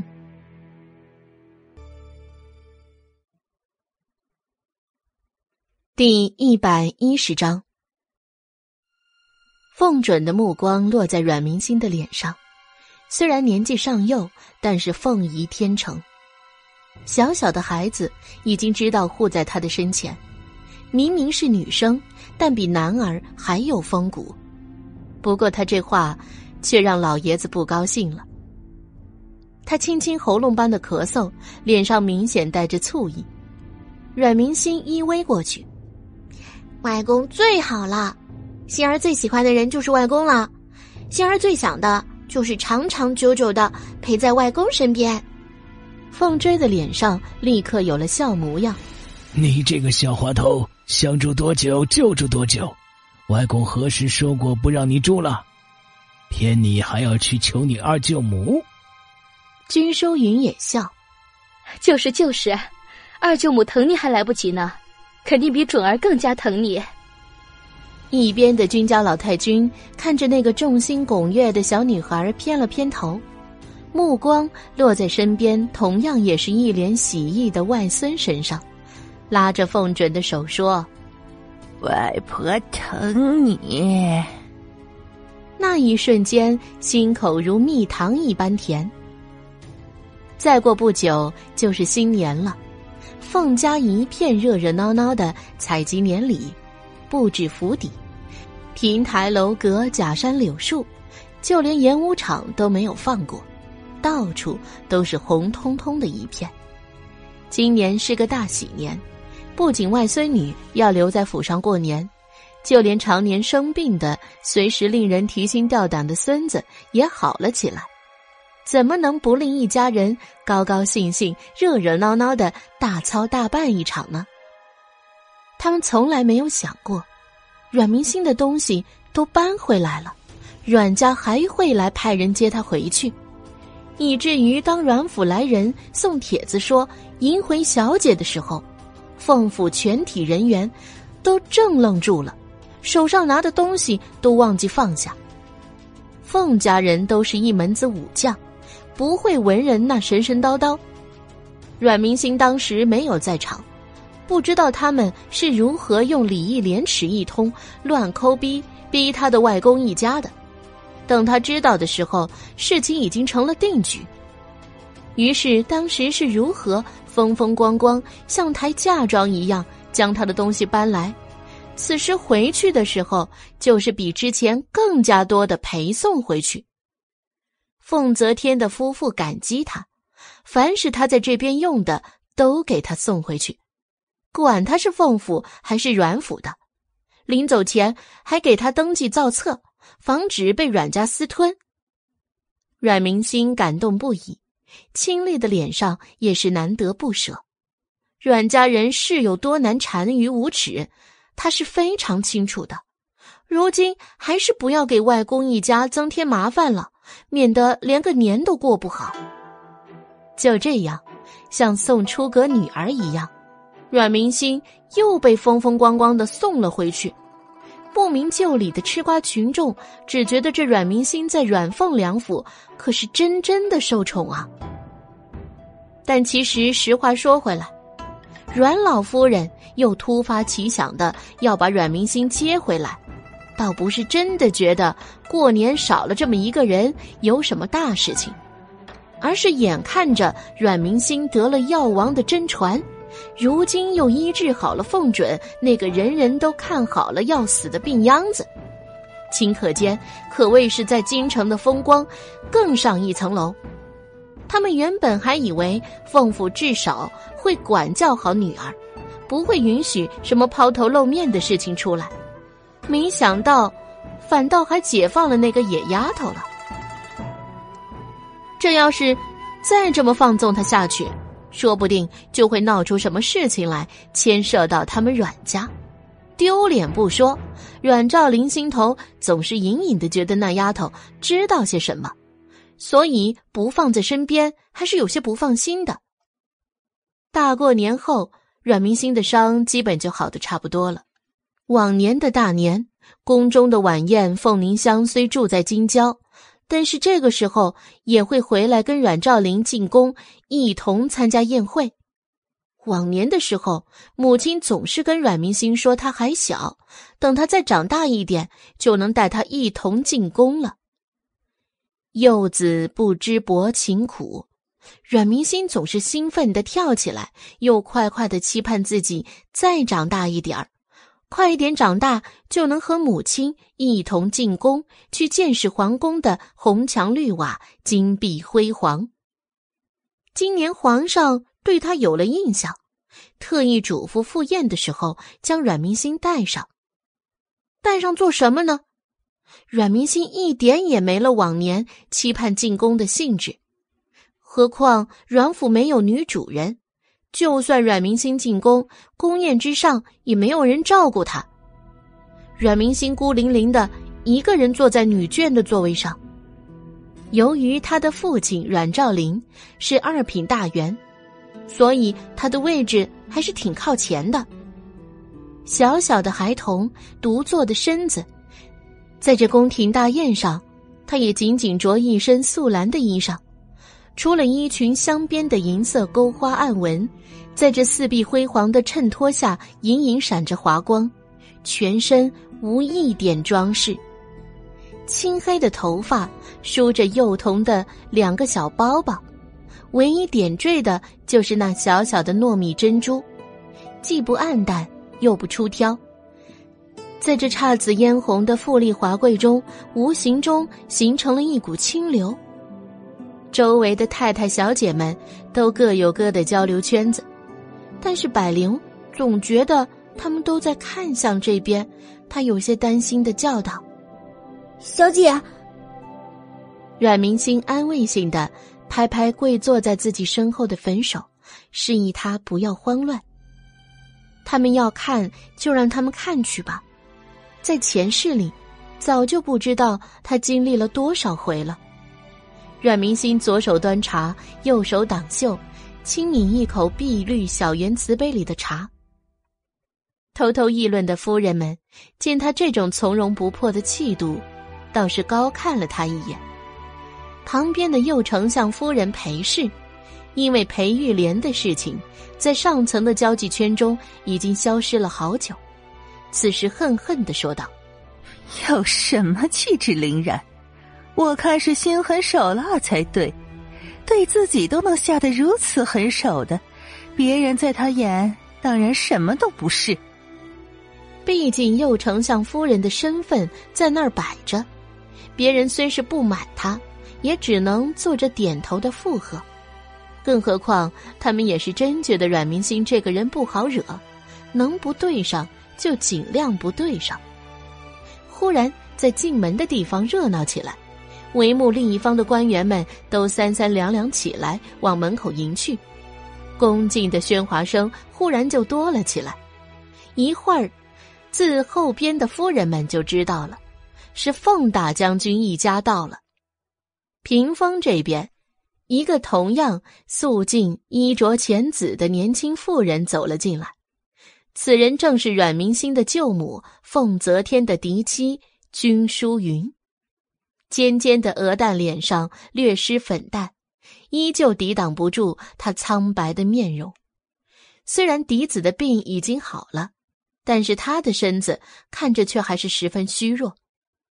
当年阮明星丧母伤病的时候，他的舅母已经病了好些时候，卧病在床，所以在阮明星同样生病的时候，凤家就只有凤老爷子和舅舅来看过他，反而身为内宅妇人，最应该过来探望自己的舅母没有过来。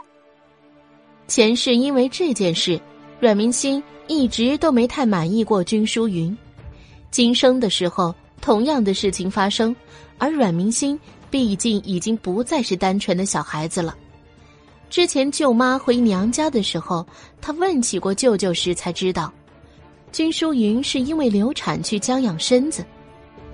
而今表哥的事之后，两人又亲近许多，因此，君淑云一进来，虽然被许多的夫人太太们围住，他略略点头，算作是打过招呼，就直往阮明星这个方向奔来。第一百一十一章，坐在阮明星身旁的君淑云慈爱的看着他。现在，他看着阮明星的目光，就像是看着自己女儿。凤准能好，他俨然就是他的救命恩人。别说是亲戚，就算不是亲戚，他都要认下这个女孩当干女儿。嗯。阮明星笑眯眯的点头，有些如沐的往君淑云身边靠了靠。两世之中，他母亲缘淡薄，两家里面二舅母是他现在最亲近的人。这种天然的亲近，让君淑云也不由勾唇摸了摸女孩的头。两人体贴的说着贴心的话，说来说去，君淑云就是叫着他。出去散散心情，最好还是到千仞山去。明显，这是给外公当说客来了。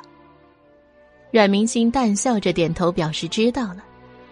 宫宴之上，官员们奉大将军是来的比较迟的了。没等多久，一声“皇上、皇后”，到后面就是跪着的三呼万岁。阮明星也在这人群中跪着。随着人群机械喊话说道：“吾皇万岁万岁万万岁，皇后千岁千岁千千岁。”随着一声众爱卿平身，宫宴开始了。御膳房的深绿夜撒小太监提着食盒一长溜的走到公道上，驻足在乾清宫前。宫女们依次接过食盒里的菜品，开始一道道上菜。伴随着载歌载舞，大臣们依次开始给祝新年贺词。到了阮兆林这里，皇上突然顿住：“阮爱卿，今日可有带令媛前来啊？”阮兆林诚惶诚恐，赶紧跪着说道：“呃呃，回禀皇上，小女今日就在宫宴之上。”皇帝点点头，意思不言而喻。既然皇上叫着了，阮明星就不能再装作不知道了。在众人的注视下，他缓缓起身，一身银丝暗纹的衣裳，随着他的动作闪闪发光，像流淌的溪水，一路追随着他的脚步。君淑云有些担忧的拉住他的小手，他才那么点儿高。手臂细小，整个人站着都还没有自己高，就要独自上前去正对天子的威严。一个看着他的官太太嗤笑他，语气不阴不阳的说道：“哼，凤夫人，您何须担心苏小姐啊？面对圣上，她可是比我们有胆量，不然怎么敢去告御状呢？”这可不是什么人都敢干的。君淑云瞪了那个人一眼，但是拉着阮明星的手，却是放开了，只轻轻的说道：“小心。”嗯。年轻的女孩，身条瘦小，从座位到殿宇前方的位置不算远，她缓步而来，引起了多少世家小姐的嫉妒。走到殿宇正前方，凤追对他微微点头，眼角的余光扫到那个坐在霍侯爷身边的清秀男孩。阮明心拎裙跪下，端庄客礼的开口说道：“民女阮明心参见皇帝陛下。”免礼平身。皇上右手虚抬，哈哈哈的笑道：“阮爱卿的爱女果然不同凡响，来人。”看赏。皇上对着侧边的桂公公一颔首，桂公公就上前一步，拂尘一甩，念道：“奉天承运，皇帝口谕，阮氏明心，娉婷秀雅，知书达理，兰心蕙质，亦不被亲。孝感动天，赏赐杨凝氏书法孝经一本，谨慎节用，以养父母，为天下之表率。杨凝氏是谁？颜真卿的书法可都是承自于他呀。下面的太太小姐们炸开了锅。阮明心听到最后，愣怔抬头。很快又低了下去，恭敬领旨：“谢皇上天恩，武皇万岁万岁万万岁！”霍征看到阮明星的做派，眼角余光看向边上的阮兆林，嗤笑一声，撇撇嘴。众人只当他是还跟阮明星不对盘，见不得他好。皇上的突然旨意，吓得阮兆林也是一时半刻呆愣，笑道：“啊！”心中就有了主意。阮明星捧着那本杨氏的《孝经》，恭恭敬敬的回到了座位。君淑云有些担忧的看着他。阮明星把《孝经》轻轻放在案首，对他回以一笑，心中毫不在乎。此时此刻，他的心神都集中在他刚刚在王子公孙的那一堆里没有看到龙逸轩呢。难道很快就被送到质子封地上去了？一晚上，阮明心都心不在焉，往事如潮水向他流淌而来。再加上这大冷的天气，宫廷的晚宴为了保证从御膳房到乾清宫还能温热入口，上的菜都是些炖品，扣碗，味道难吃不说，还都因为在御膳房从早就开始备起。到晚上，足足蒸煮了一天，就是鲍鱼燕窝也难以下咽了。桌子上的菜食，几乎各家的夫人小姐都没用几口。他们不能像对面的大老爷们儿一样相互敬酒，显得不矜持优雅。那么，交流感情的方式，就只剩下姐姐妹妹的亲热，数数京城的时事新闻了。而最近最热的。大家都感兴趣的，就属阮明星了。宫廷年底的大宴上，阮明星可谓是出尽了风头。口舌相传之间，阮明星在京城中的热度再次声名鹊起。既羡慕又嫉妒，还夹杂着说不清道不明的畏惧。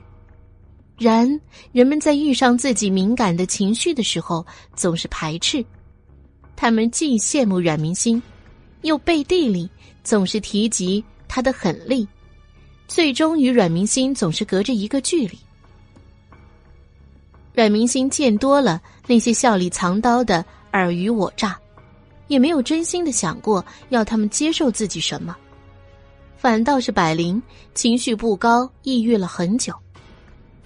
今年的这个年对阮府来说是清冷萧瑟的，尽管往年。阮明星也不曾在府里感受到什么温暖。今年由于丧事原因，还没过三个月，府里的红灯笼都没挂上几个，一府的素朴，与阮明星记忆里的繁华相差巨大。他记得前世里，即便新丧也是有年味的。今年的新年，别说热闹，比他记忆中的普通日子都要寡淡。对此，阮明心是非常满意的。这还是要归功于年宴上皇上赐的那本《孝经》，表明这件事在皇帝那儿记着了。阮兆林不敢明目张胆的大肆庆祝，否则这头一个御史台的赵大夫都不会放过他。这个新年里最让阮明心高兴的事情，就是师傅苍离也下山来了。虽然是住在霍家威远侯府上，但是这一点也不影响阮明心的愉悦兴奋。正月十五元宵一过，阮明心和霍征的师傅大剑师苍离在京城的事情也差不多办完了。离开的时候，问到阮明心是跟自己回去，还是继续待在山下。阮明星仅是思考了半盏茶的功夫不到，就决定跟师傅回千仞山去。毕竟，这也是外公的期望。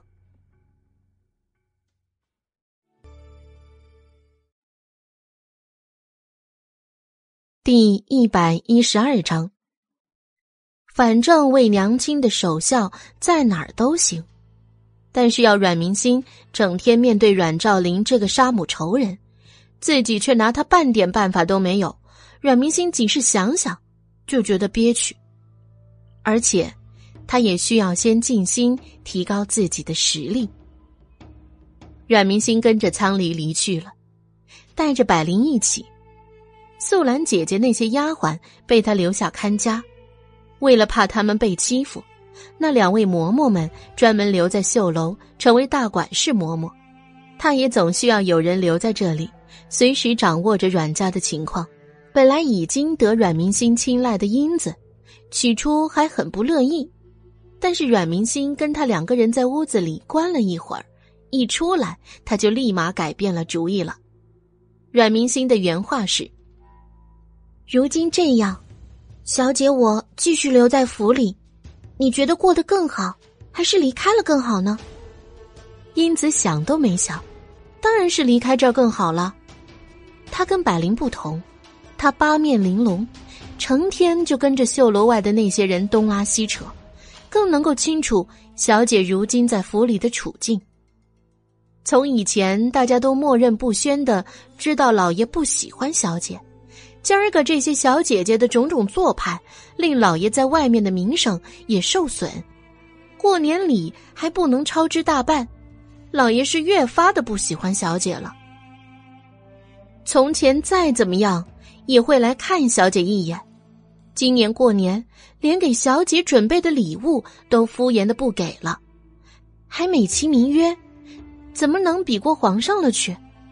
他倒是真把杨宁氏的孝经当做普通的孝经了，天下独此一本的东西，就是再贵重的金山银山堆砌在他面前都不值一提。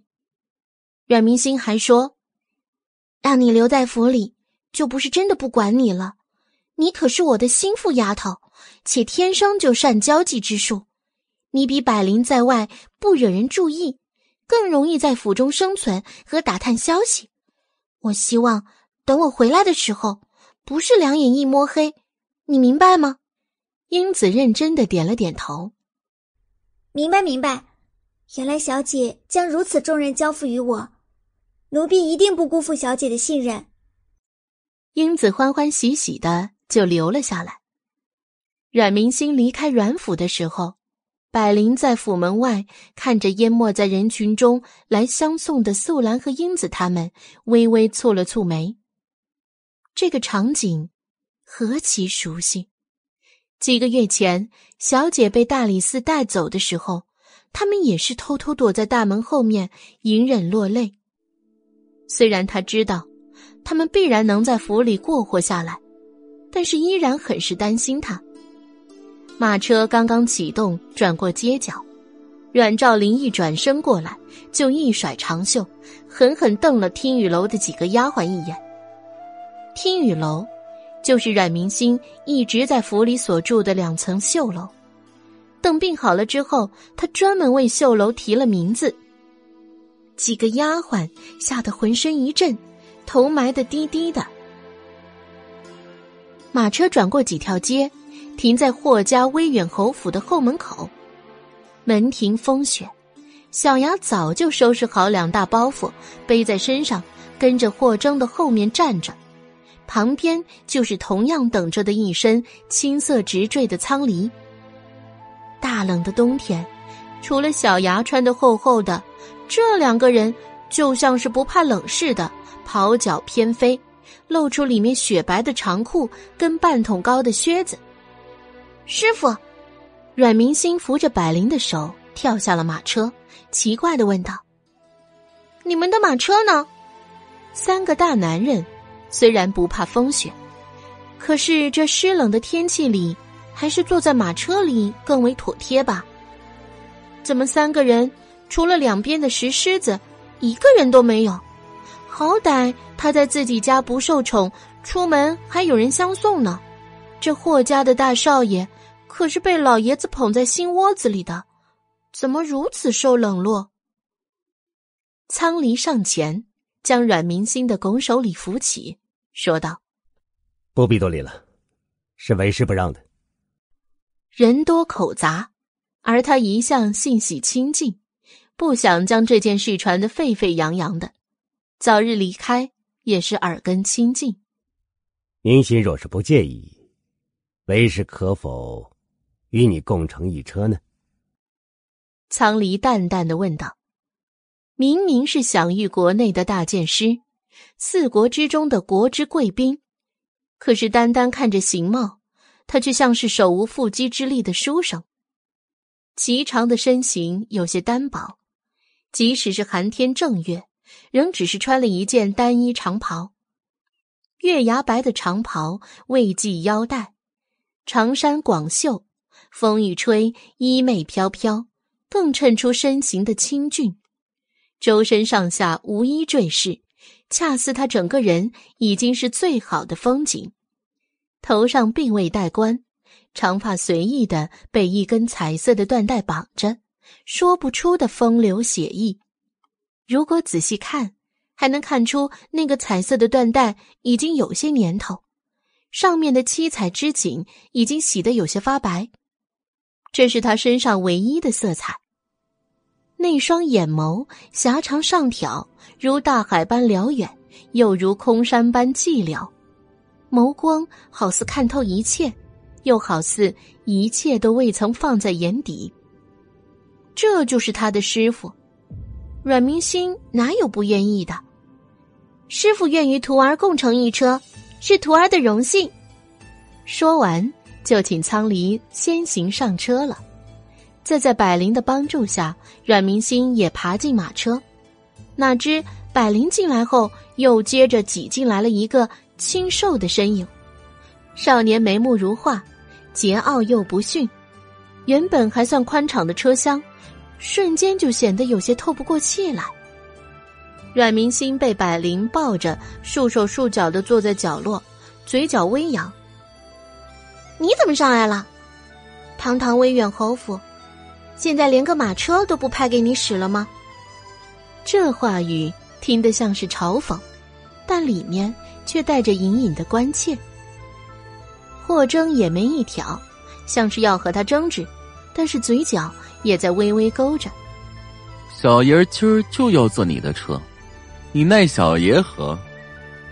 说完，又对着车厢门外的小牙喊了一声：“小牙，走。”是少爷。鞭子扬起，甩了一个空响，马车哒哒的跑了起来，速度越来越快，很快就到城门口了。气氛莫名的变得越来越紧张，就连小牙都爬进来了。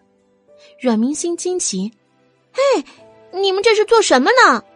小牙看着霍征，又看看苍离，说道：“他们没跟你说吗？老太爷不让少爷出来。”所以，阮明星眼神在他们身上扫了扫，做事要开口叫喊。霍征一看他这样，就感觉不好，还没在阮明星没叫出声的时候，就一把扑过去，捂住他的嘴。他一只手臂勾住了她的颈项，另一只手捂住了女孩的阴唇。阮明星的脸色一下子变得绯红。明明是小孩子，没什么避忌，可是这家伙的手臂好死不死的，正好横亘在他的胸前。就算那里是一马平川，但是，他可不是小孩子呀。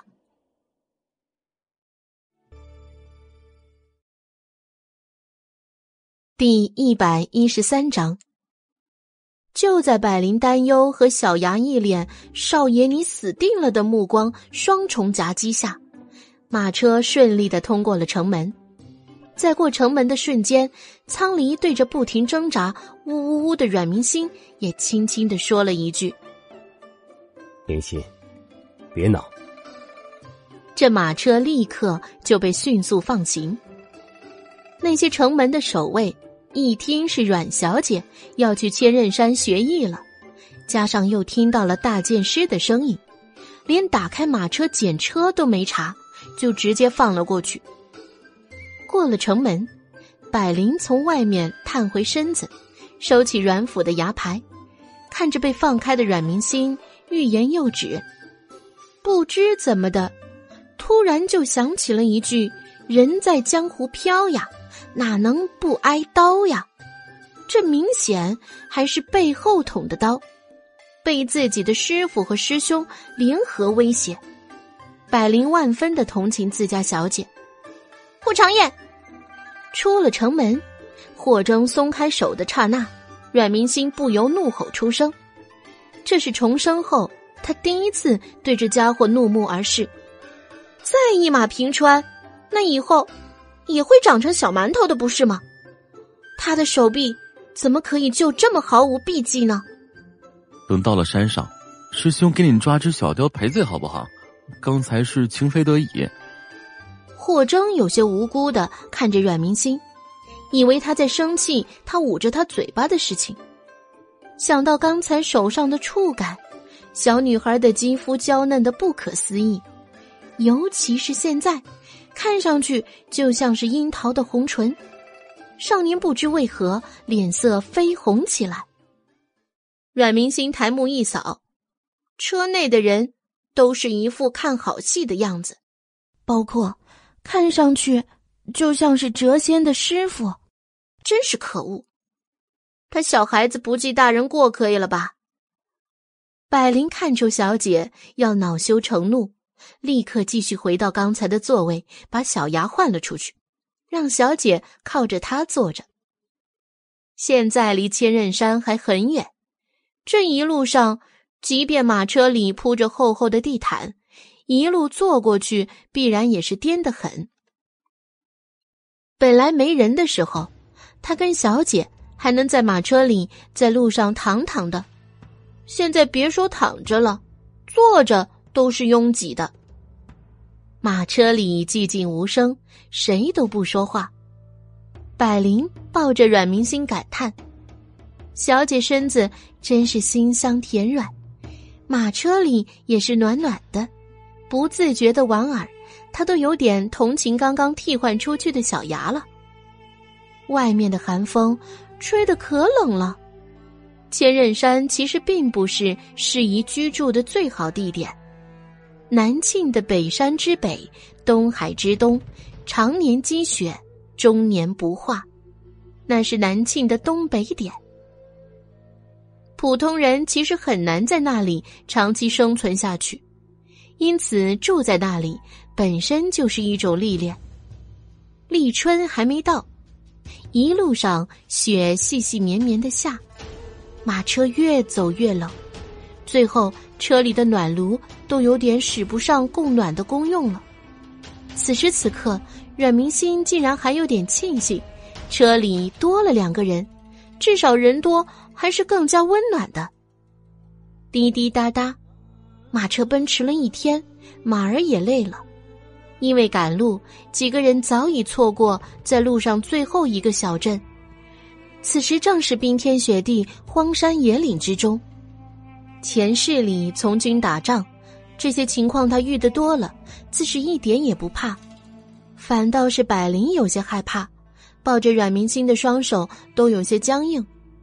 阮明星也察觉出来了，拍拍他的手，安慰道：“有师傅呢，别怕。”百灵这才真的放松下来。大剑师啊，那可是无人能敌的，就算是来千军万马，也可以一剑迎敌。晚上赶路，隔着窗棂子，他都能听到呼呼的北风那个吹。他没正式的出过什么远门就连阮明星当初上千仞山学习，都是凤家的人送去的。这算是他第一次真正的跟着阮明星出门，又是深夜赶路，自然就害怕了。更何况这深山里面恶狼呼啸，由于没有住宿客栈，就只能将就露营。阮明星自然是没有想到会有这一层面的事情。但是看着小牙和苍离动作娴熟的从小牙的一个包袱里去取帐篷等事件的时候，惊讶之情也是溢于言表。这也准备的太齐全了吧？霍征没有下马车，在他旁边解释道：“师傅急着回千仞山，所以在出门的时候就准备好了。”阮明星看他一眼，虽然语气不佳。但是现在的阮明心也已经习惯了霍征的行事作风了，这已经算是在跟他解释了。但是换做前世，阮明心才听不进去这些，早就跟他呛起来了。但现在也只是轻轻的哦了一声，表示知道了。倒是霍征有些不太习惯，拧着眉看了阮明星很久。阮明星不甚自在。冻得通红的手指扶着自己的脸说：“怎么啦？我脸上脏了吗？”说完就转头就叫百灵帮忙擦擦。通红的手，雪白莹润的小脸，黑玛瑙一样亮晶晶的眼眸。车厢里都是那夜他取下锦帕的馨香。霍征险些沉迷在这朦胧的幻觉里，一见阮明心。真的拿着手帕在擦脸，轻咳了一声。没有。他突然顿了顿，像是在组织话语。师妹好像有点儿不一样了。他说的是陈述句。不仅是他这么觉得，百灵也是认可的，点点头。本以为只有自己觉得小姐突然长大，变得沉稳刚毅了。后来相处的时间越久，百灵就越发现，除了刚毅，是小姐整个人都有点闪闪发光的感觉。从前的小姐，虽然年龄还小，但是总是会给人一种淡淡的疏离与愁苦。虽然很淡，但是整日伺候她的人，怎么会感觉不出来呢？往常身边伺候的人总是小心翼翼的，害怕提着老爷。害怕提到阮府，但是现在的小姐，好像是真的都不在乎了，特别是对待霍少爷这件事上。以前，小姐与他斗嘴，互相埋汰，甚至是被霍少爷气哭过，但是从来没有真的将霍少爷放在心上。而今的小姐也同样是斗嘴，百灵发现，小姐的脸上多了真挚。真的是将霍征这个人放在心上了，没有了以往的那种疏离。不只是他，素兰姐姐也都能看出来，小姐待霍少爷不一样了。甚至在无依无靠的时候，她唯一信任的人变成了这个整日与他斗来斗去的霍少爷。如今被霍征突然提出来。百灵也是猛然的醒悟过来，也是一副惊讶的模样，等着阮明星来解惑。阮明星被他们两个这灼灼的目光看得全身不自在，有些不安的挥了挥手：“你们都这样看着我干嘛？本小姐哪不一样了？”重生这种事玄之又玄，总之不会被他们看穿了吧？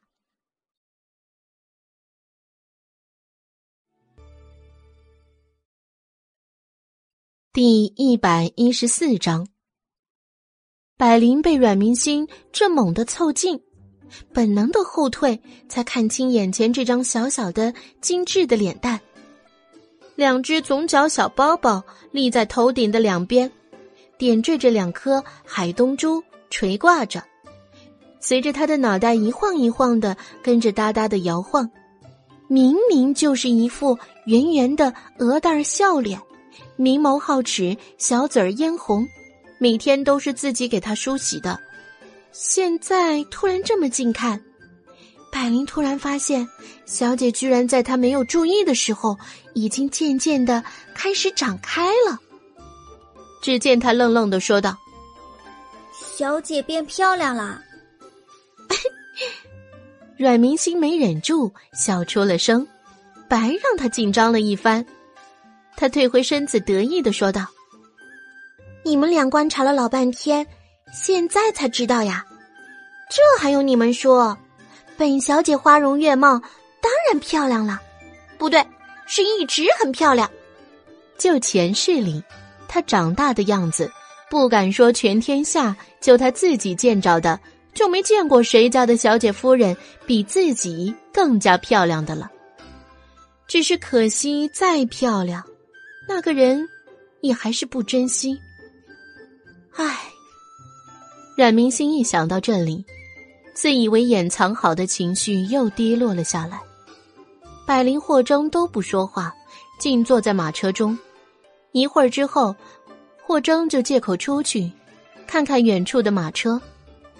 百灵以为是阮明心突然想到了阮父的薄情，才如此难过，也不说话了。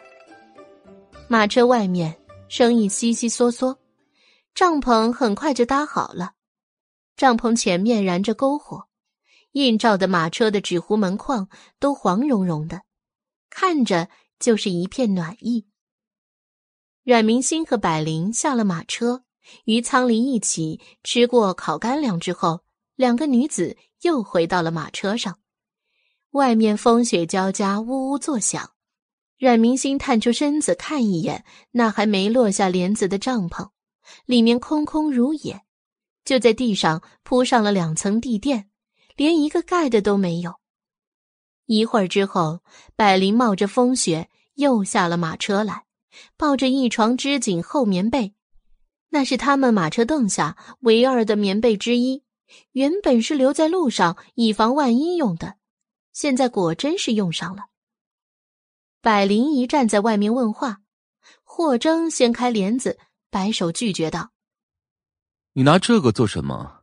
我们几个大男人还能冻着不成？你家小姐不懂事，你也不懂事了。百灵刚想说话，霍征却又开口：“他的身子才好，再冻着了怎么办？”此时已是深夜，正是一天中最冷的时候。百灵站在雪地里，被霍征训得头一点一点的。阮明心听到声响，从马车里爬了起来。你训他干嘛？夜寒风重，我这辆马车可是外公特制的，能遮风避雨、保暖防寒。只匀了一床被子过去，没事的。因为临睡，所以他头发已经披散下来，被夜风吹得发丝漂浮。霍征看不过眼的，立刻走上去把他推进车内。这晚上的也不知道着了凉。你是女孩子，和我们又不一样。哎，师兄，你手往哪摸呢？阮明星的小脸再度气得通红。之前是手臂毫无避忌，现在推人也直接推胸了，是吧？这是欺负他现在一马平川，不分前后吗？霍征这才注意到刚才手碰到的位置，脸立刻发烫起来。这被子你还是自己用吧。就算你不用，师傅也要用的。这是我让他拿给师傅用的，不是给你的。少自作多情了。阮明心气他刚才那只惹祸的手，不由开口没好气的说道。霍征闻言也有些气结。你，你别后悔，给我。说完，他一把抢回那床锦被。蹭蹭进入帐内，苍离不由摇摇头，说：“他，你跟这小丫头置什么气呀？”他说着，从霍征手里接过锦被，又走了出去。阮明星的身子看着是可以了，实际上他白天给他把过脉，内里虚弱的很，这要是风寒入骨，说不得就得落下病根儿。一床锦被就这样又还了回去。师傅，明星这里被子够用的。阮明星却不想收。苍离锐利的目光仿佛看穿了一切，他就仅仅是这样看着他，阮明星就落了下风了。即便是他并没有多说什么，阮明星面对着师傅低下了头。苍离宠溺的说道。师傅知道你担心火征，你放心吧。他那身子骨啊，铁定比你好。一晚上，没什么事儿的。想也知道，大剑师境界，四季对他来说已经没什么区别。御寒与避暑对他来说，只是内息调节就可以做到。霍征听着马车的对话，本来气闷的面孔似乎放出光来。少爷，您还是……小牙摇摇头，感觉自家少爷似乎被阮家那丫头给吃的死死的。果不其然，第二日，阮明心一醒来就有些着凉了。苍离为他把脉。啊，前面镇子上，停一下，背是给你配副药。这警备还没被送出去呢，自个儿就给病倒了。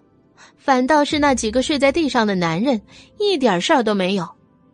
到了镇上的时候，百灵抓紧时间问这一路上都为他们赶车的那个车夫：“你们怎么一晚上都没事儿？”车夫原来是凤将军府上给阮明星送过来的，说是一路上有一个自己的人能够保护他安全。可别小看他只是一个车夫，实际上，凤追为了阮明星，可是将自己贴身的侍卫都给了出来。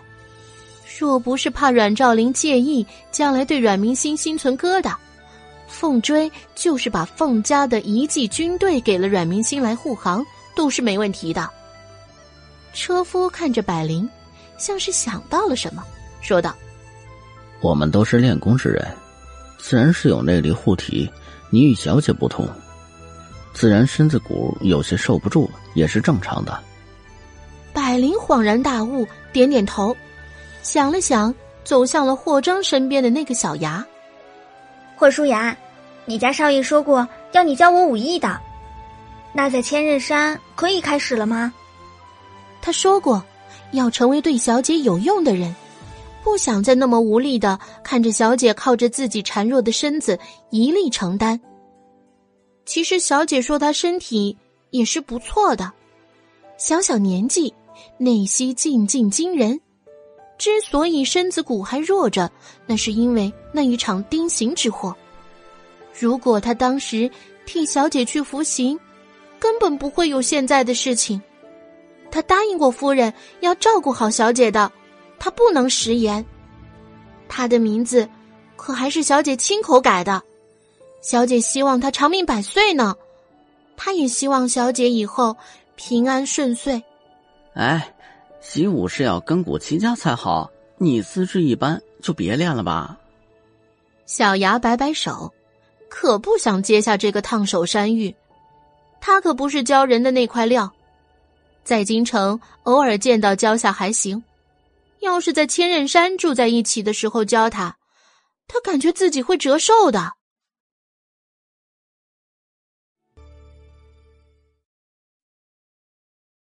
第一百一十五章，那可是你家少爷问我想不想成为一个能帮到小姐的人，是他说你会教我武艺的。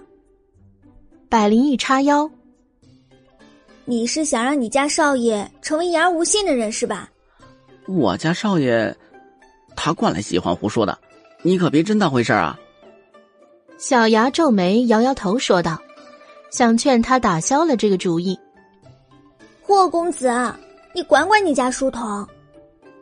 百灵见他不答应，立刻抬眼看向正面色不善、掀开马车小窗帘对里面训话的霍征，喊道：“阮明星也没想到自己的身子会这么不经折腾，他还是太小了呀，内功静静不够，再加上养伤的时候还有给表哥治病，忙里忙外。”自然是没有功夫潜心修习，唉，也难怪昨晚霍征要发飙了，他果真是有些自不量力。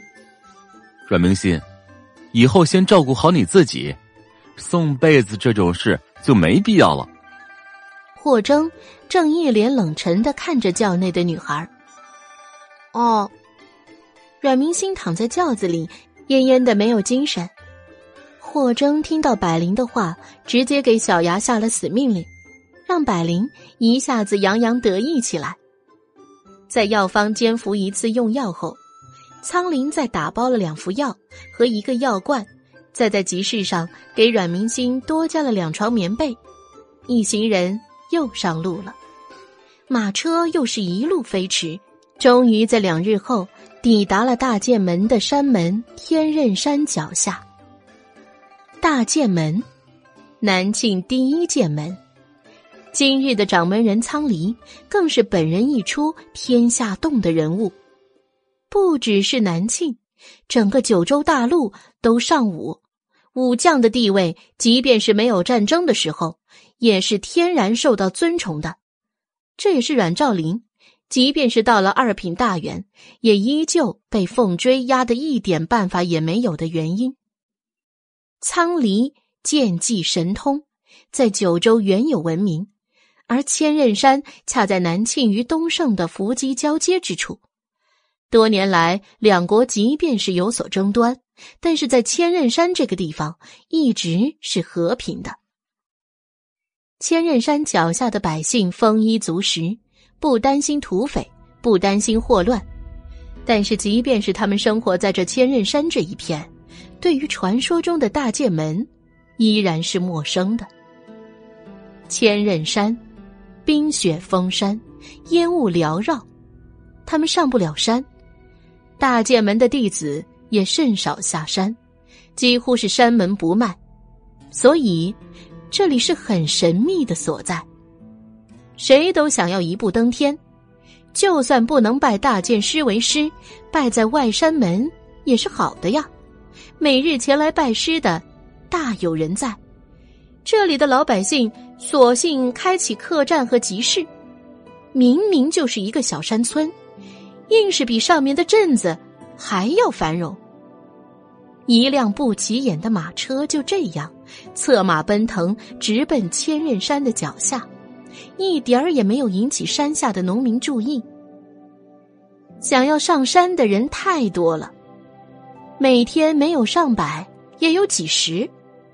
别说马车这么平淡无奇，若是换上一辆华丽的马车，说不定他们还会多看两眼。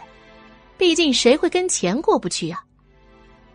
一般来求见拜师的，都会被山下竹林里的五行八卦阵所阻挠。据说呀，这是千仞山为测试新弟子的测试。走过阵法，后面还有万丈崖。说起千仞山上面是剑门，有时候山下的人更觉得像是道观。晨钟暮响，大剑门的弟子一日作息全部囊括在这敲击的大钟里了。大剑门的弟子除了基本的剑术，其实还有别的课程可以学习，譬如苍离，除了是南庆的一级保护剑师，医术和观心术。更是了得，有时候他总是神秘出山，别人不知道，阮明心却是依稀记得，都是奔赴在皇宫里的。青天剑测不出来的，国师有犹疑的事情，皇上都会求助于苍离。马车就快要进入竹林了，阮明心记得前世也是这位车夫送他上的大剑门的。里面的五行八卦阵，左拐右拐的畅行无阻，连小牙都对他投去了惊讶的目光。要知道，以往上山的时候，他可从来都是要少爷带路的呀。马车停在竹林的尽头，前面就是一个有着大瀑布的悬崖峭壁了。速度太快，刮着脸上的寒风，像刀子一样生生的疼。百灵的脸蛋儿却热得可以蒸鸡蛋，车夫单手搂着他，一手水平保持平衡。百灵起初是两只手都拘紧的，不知道怎么做，但是很快他就知道该怎么做了。一个足尖儿点落在一块凸起的冰石头上，车夫带着百灵的身子剧烈后退。由于车夫只是一套手臂抱着他。百灵的身子惯性的往前甩了出去，百灵吓得眼睛紧闭，双手哧溜的就抱上了车夫劲瘦的腰身，心跳扑通扑通的。一会儿之后，大着胆子偷瞄人家，棱角分明，皮肤黝黑，目光即便是冷凝着，也好像很深邃。而几个黑点儿的领头，那个就不一样了。苍离抱着阮明心，轻轻松松，甚至还不需要像车夫和小牙他们一样，为了保持平衡，整的就像是大鹏展翅一样。苍离两手紧抱着阮明心小小的身子，山崖吹着风冷冽，他一手紧裹着阮明心的小腰，一手挡在他的后脑勺。生怕这刀刮似的风将他吹到了，呵护、疼爱、温暖、小心翼翼，这些都是阮明心从前不曾体会过的疼爱。一日为师，终生为父，这个高大男子，何尝不是将她当做了自己的女儿来疼爱？若是师徒如此细心，阮明心将脑袋。往仓里的怀里拱了拱，擦掉了那眼角的湿润。仓里感受到他的动作，问道：“嗯？”阮明星埋在这片温暖中，不忍抬头，声音嗡嗡的从仓里的胸膛传来，像是他自己发出的誓言一样。师傅如此不学，徒儿以后一定好好学，定不负师傅所望。阮明星的前世。最后落得那般下场，何尝不是因为他看不透人心啊？谋算再精略又如何？他看不透人心，分不清好坏，就跟个傻瓜一样，帮助敌人，危害自己的人。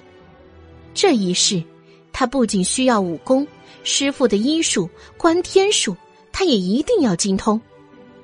仓里只当他冷着了，或是害怕着山崖的峭壁。将他搂得更紧了，说道：“好，等你学成之后，自己上下山，就不害怕了。你看你师兄，现在不也是自己一个人独行吗？”阮明心不再解释，只用力的嗯了一声，点头。这里宛若仙山，冰雪覆盖，可是却是心底很温暖的所在。最冷，冷不过人心。这是他幼年第一次来，比不得成年后千仞山被毁，一片疮痍。现在，山上在，人安好。第一百一十六章。从山下看，千仞山的这道山崖陡峭如刀削，山间的雾气飘着，就像是山峰耸入云霄。可望而不可及。但是真正上山的时候，几个人轻功一点一点，没多一会儿就跳到了峰顶上。峰顶视野开阔，往下眺望一望无际，雾气缭绕，真像是坐落云端的天宫俯瞰大地。山外冰雪晶莹，山内藏谷却是葱白翠绿，一片一片连绵不绝。百灵稳住身子，从车夫怀里退出来，羞涩的说道：“多谢大哥，还不知大哥何名？”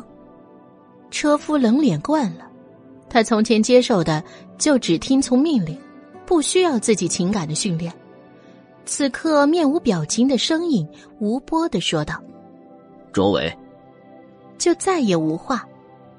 百灵嫣然一笑。我叫百灵，卓伟只是点点头，依旧面无表情。百灵有些失望，他期望他再多说一点的。既然已经知道对方的名字，谢也谢过了，就立即跑到阮明星的身边。前面就是大剑门外山门的宫殿，开阔平旷的石板操场上，有一群白衣弟子。在熟练整齐的练剑。弟子的后面是台阶，正对天极殿。恢宏大气的天极殿，青砖和瓦，古朴悠然。在房顶的两端，各有一只极大的谢豸阵角瑞兽，单脚伫立，面容狰狞，栩栩如生，触目惊心，让人很难不注意到他。第一次见，隔得老远都能感受到他凶恶的气场。周围之人都是来过大剑门的人，见过了这两只瑞兽，虽然也被震慑到，但是现在都已经像是当做平常雕塑对待。反倒是百灵第一次，一直到回到房间里都没有回过神来。阮明星挥挥手将他唤醒，百灵惊魂犹未安定。惶惶的开口：“小姐，你们怎么说也是江湖第一大门派，怎么弄着这么恐怖的东西在房顶啊？还那么大，看的都让人害怕。”阮明星给他解释道：“这你就不懂了，它只是长得凶而已，其实是一种神兽，麒麟知道吧？有没有很像？”百灵一回忆，仍然打冷战，而后。愣愣的点头，确实很傻。但是，麒麟有两个角啊，它只有一个角。像是怕被阮明星忽悠，想到了有力证据，立即戳穿。阮明星无奈：“谁跟你说那是麒麟了？人家是邪智，是上古时代神判与神才思想下的产物，叫做法兽。”有很高的智慧，懂人言，知人性，怒目圆睁，能辨是非曲直，识善恶，辨中间，也是勇猛和公正的象征。人家只是长得比较狰狞而已。你看上古时代的那些瑞兽，哪一个长得好看了？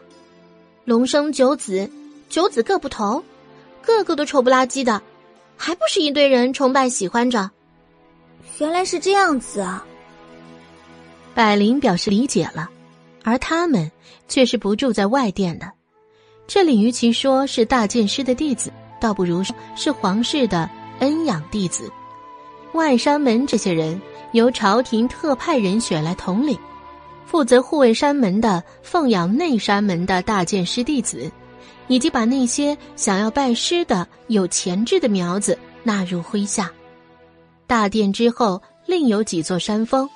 而内山门就在天池之后，外山门弟子有大贡献者，可以入天池练功，另有奇效，也可以获得内山门大剑师真正弟子的指点。百灵已经看呆了，向来只知道在内院和丫鬟婆子打交道的他，第一次知道原来光是千仞山就有这么大。师傅早已经交代好阮明星住在哪里，他看着百灵的呆样，不由一笑：“哼，看够了，就快服侍你家小姐洗漱吧。现在终于可以休息了。”阮明星感叹的往罗汉床那边走。这里是他在大剑门的闺房，虽然没有阮府的华丽，但是朴素的风格正是他如今所需要的。守孝期间，即便是出门在外。该做到的也还是要做到。离开大圆桌没走几步，就是一面泼墨山水的素面屏风，这还是当年他看苍离画画好看，硬是讨来的。当初的他内心孤独，特别喜欢这幅画的悠远意境，仿佛谁都不懂他。现在阮明心依然喜欢这幅画，但是原因已经不再像小孩子那么可笑了。经历过世事沧桑的他，更能看懂师傅在这幅画里所表达的心境开阔。天下之大，一幅画就能够囊括。阮明星坐在床上，看着眼前几步远的屏风，终有一天，他也能像师傅一样踏遍千山，游遍万水，见识着天下的大好河山。百灵对这里还不熟悉，打水花了一会儿功夫。他端着铜盆，搭着白色毛巾走进来。小姐，水来了。将毛巾浸入热水中拧好，轻轻的招呼在阮明星的脸上揉搓。阮明星纳闷，他刚有心事，就忘了告诉他水房怎么走，怎么他没一会儿就回来了？一没注意，心中想的话就问出了口。阮明星闭着眼睛。没看到他的脸色，只听到他声音有些娇颤的说出了他没有找到路，正好遇到卓大哥，他就帮我打回来了。阮明星知道，卓伟那个车夫一向面冷，他以为百灵是害怕他的冷酷，于是安慰道：“你不用怕他，卓伟只是面冷了点，人还是很不错的。至少前世他那为数不多的中仆里。”几次战场厮杀，都是卓伟将他救了下来。最后鹿门关一战，卓伟更是为了救自己而死。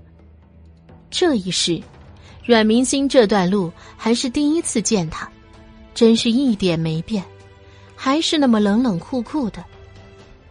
阮明星想对他好，又怕自己的举动太奇怪了，一直没想出法子。毕竟如今他还年幼。举止太出格，也会看着不像是这个年龄的。现在听到百灵问道，让他不由灵机一动，他不行，但是百灵可以吗？让百灵平常多注意注意卓伟，看看他日常都缺什么，都让百灵给他送去，这也免了他整天在背后瞅着一个男仆的尴尬，不然让人看见了，对他对自己的名声都不好。说到。就要做到，阮明星这么想到，就吩咐百灵多加注意。啊！百灵惊讶：“怎么，你不愿意吗？”阮明星看着他在水盆架子上拧帕子的背影，疑问。百灵脸色通红，心口的小鹿扑通扑通的跳。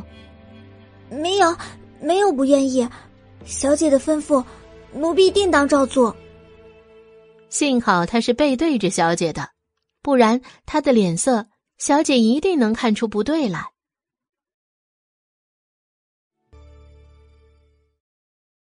第一百一十七章，阮明星听到了自己满意的答案，就躺下了，拉过被子睡下了。他赶了三天两夜的路，实在是被颠簸的厉害，中途还病了一场，所以基本上。沾床就睡着了。百灵将帕子搭好，过来轻轻的给他把被角掖好，端着铜盆轻手轻脚的出去了。一出门来，就遇上几个穿着统一白衣服的少年结队过来，看见他从阮明星的房间里出来，逮着他就问：“姐姐姐姐，阮师妹好些了吗？现在她怎么样了？”刚刚阮明星他们上来的时候，他们正好在练剑，就只能眼睁睁的看着唯一的小师妹就这么随着师傅消失不见。等他们好不容易练完剑，就飞奔去找师，结果又扑了个空。好说歹说，那个讨人嫌的霍征师弟才说阮师妹身体不舒服，就先回去休息了。他们就商量好一起来看小师妹。保证生病的小师妹一看到他们就开心的龙精虎猛。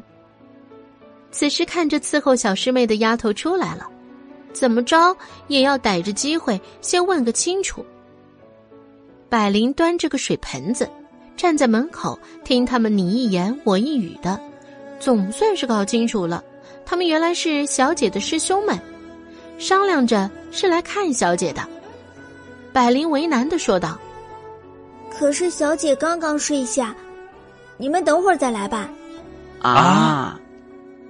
几个少年刚刚还和颜悦色、兴冲冲的脸，瞬间就垮了下去。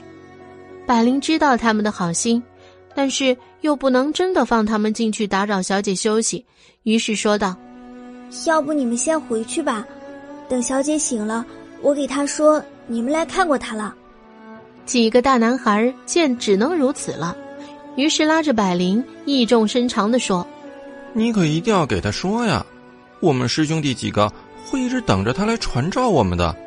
哎，别忘了啊，你给他说，三师兄易书行最先到的。什么？你最先到的？明明是我最先到的。”一个十多岁大娃娃脸的男孩一把推开易书行的身子，自己顶替拉着百灵的衣袖：“姐姐姐姐，你给小师妹说。”是他的四师兄最先来的。百灵看着这个，看看那个，尴尬。一个面容严谨、一脸严肃的少年站了出来，拉过正抓着百灵的小男孩的后衣领子，把他拉过来，说道：“我说宝宝，你就不要抢了吧，就你那小短腿，跑得过谁呀？”说完，他又转身对着易书航：“三师兄，下回你能不能想好了再说话呀？什么叫做召见？咱们见师妹用得着师妹召见吗？师妹在休息。”那就等师妹休息好了，去拜见师傅的时候，我们在那儿等着就行了。哪用得着我们去见师妹？是师妹来拜见师兄们，懂吗？二师兄徐少宁一脸看傻子般的样子，看着三师弟易书航。百灵都快被他们几个活宝给弄晕了。到最后，那个最大的男孩终于说话了，他清清嗓子，示意他们规矩一点儿。大家都规规矩矩的站好，了解大师兄示意，这是在外面，在外人面前要矜持一点。于是，一瞬间，刚刚还恨不得扒在百灵身上的几个孩子，瞬间高冷的从高到低一字排开，站得冷冽高色的，眼睛都快翘到天上去了，一个正眼都不留给百灵了。百灵被这一瞬间的变化弄懵了。怎么回事儿？小可爱们都转上天了。刚刚咳嗽的大男孩又咳嗽了一声，于是，一群白眼快要翻上天的男孩子们又正眼目视前方，齐刷刷的威风凛凛的八只眼睛，怒目圆瞪，敌视着百灵。百灵是心里那个怕呀！小姐的这些师兄们都好恐怖。咳嗽的男孩终于忍不住了，一开口就是公鸭嗓尖叫，对着左边的一群吼：“哎哎，眼睛，眼睛，眼睛怎么睁的？”然后又歉意的看着百灵，抱歉的笑笑，公鸭嗓子放低：“嘿嘿，这位师姐真是抱歉啊，师弟们不懂事，吓着你了吧？”“嘿 没有。”除此之外，他还能说什么呢？这群熊孩子可真的是很恐怖啊！怒目圆瞪的，就跟屋顶的那只谢志一样凶狠。难道这就是大剑门的风气不成？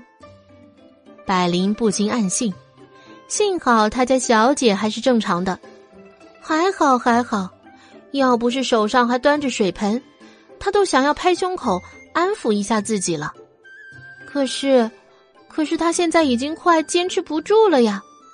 这大冷的天，还是在这高山之顶，别说是飞雪的冬天了，就算是炎热的夏天，说不定山顶上都还会残留积雪。他的手真的快要冻僵了呀，要端不住了。刚刚出来的时候，水盆还是热的，这一会儿的功夫，表面上都已经开始在凝结冰花了。然而，对比自己的惨烈，对面的这群熊孩子都是怎么练的呀？轻飘飘的衣裳，身条修长，相反，自己裹得跟个大花彩球一样。大男孩看出了百灵的艰辛，一手接过百灵手上的铜盆，然后左手一一指着左边的男孩子们开始介绍。百灵一边看着他的介绍，一边暗自的不着痕迹的搓着红彤彤的手。左边第一位是阮明星的三师兄，刚才说话口不着调的那个是易书航，长得倒是跟他的名字一样眉清目秀，就是这嘴里没什么文化呀。百灵暗暗想着，跟他的名字真是太不合拍了呀。左边第二位。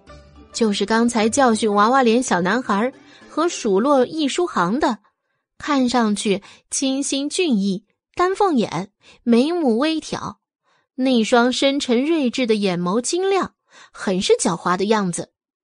这是阮明星的二师兄，叫做徐少宁。可是短暂的接触，百灵就觉得他一点儿也不少宁。接下来第三位。就是刚刚娃娃脸的小男孩了，他的眼睛水润润的，湖水般清澈，看着就让人怜惜。公鸭嗓说道：“这个是四师弟，他最讨厌别人叫他的名字，以后你就叫他姚公子就好。姚公子嘻嘻的对着他笑，百灵也回以一笑。最后，公鸭嗓指着最后一位羞涩腼腆的男孩子介绍：“最后这一个就是五师弟，叫赵长渊。别听他的名字威武，其实五师弟很腼腆的，最喜好的反而是读书。师傅的真传观星术，就他学的最好。”小男孩笑容腼腆，仿佛被夸得很不好意思。最后，公鸭嗓指着自己。哎，至于我，是他们的大师兄，叫傅东山。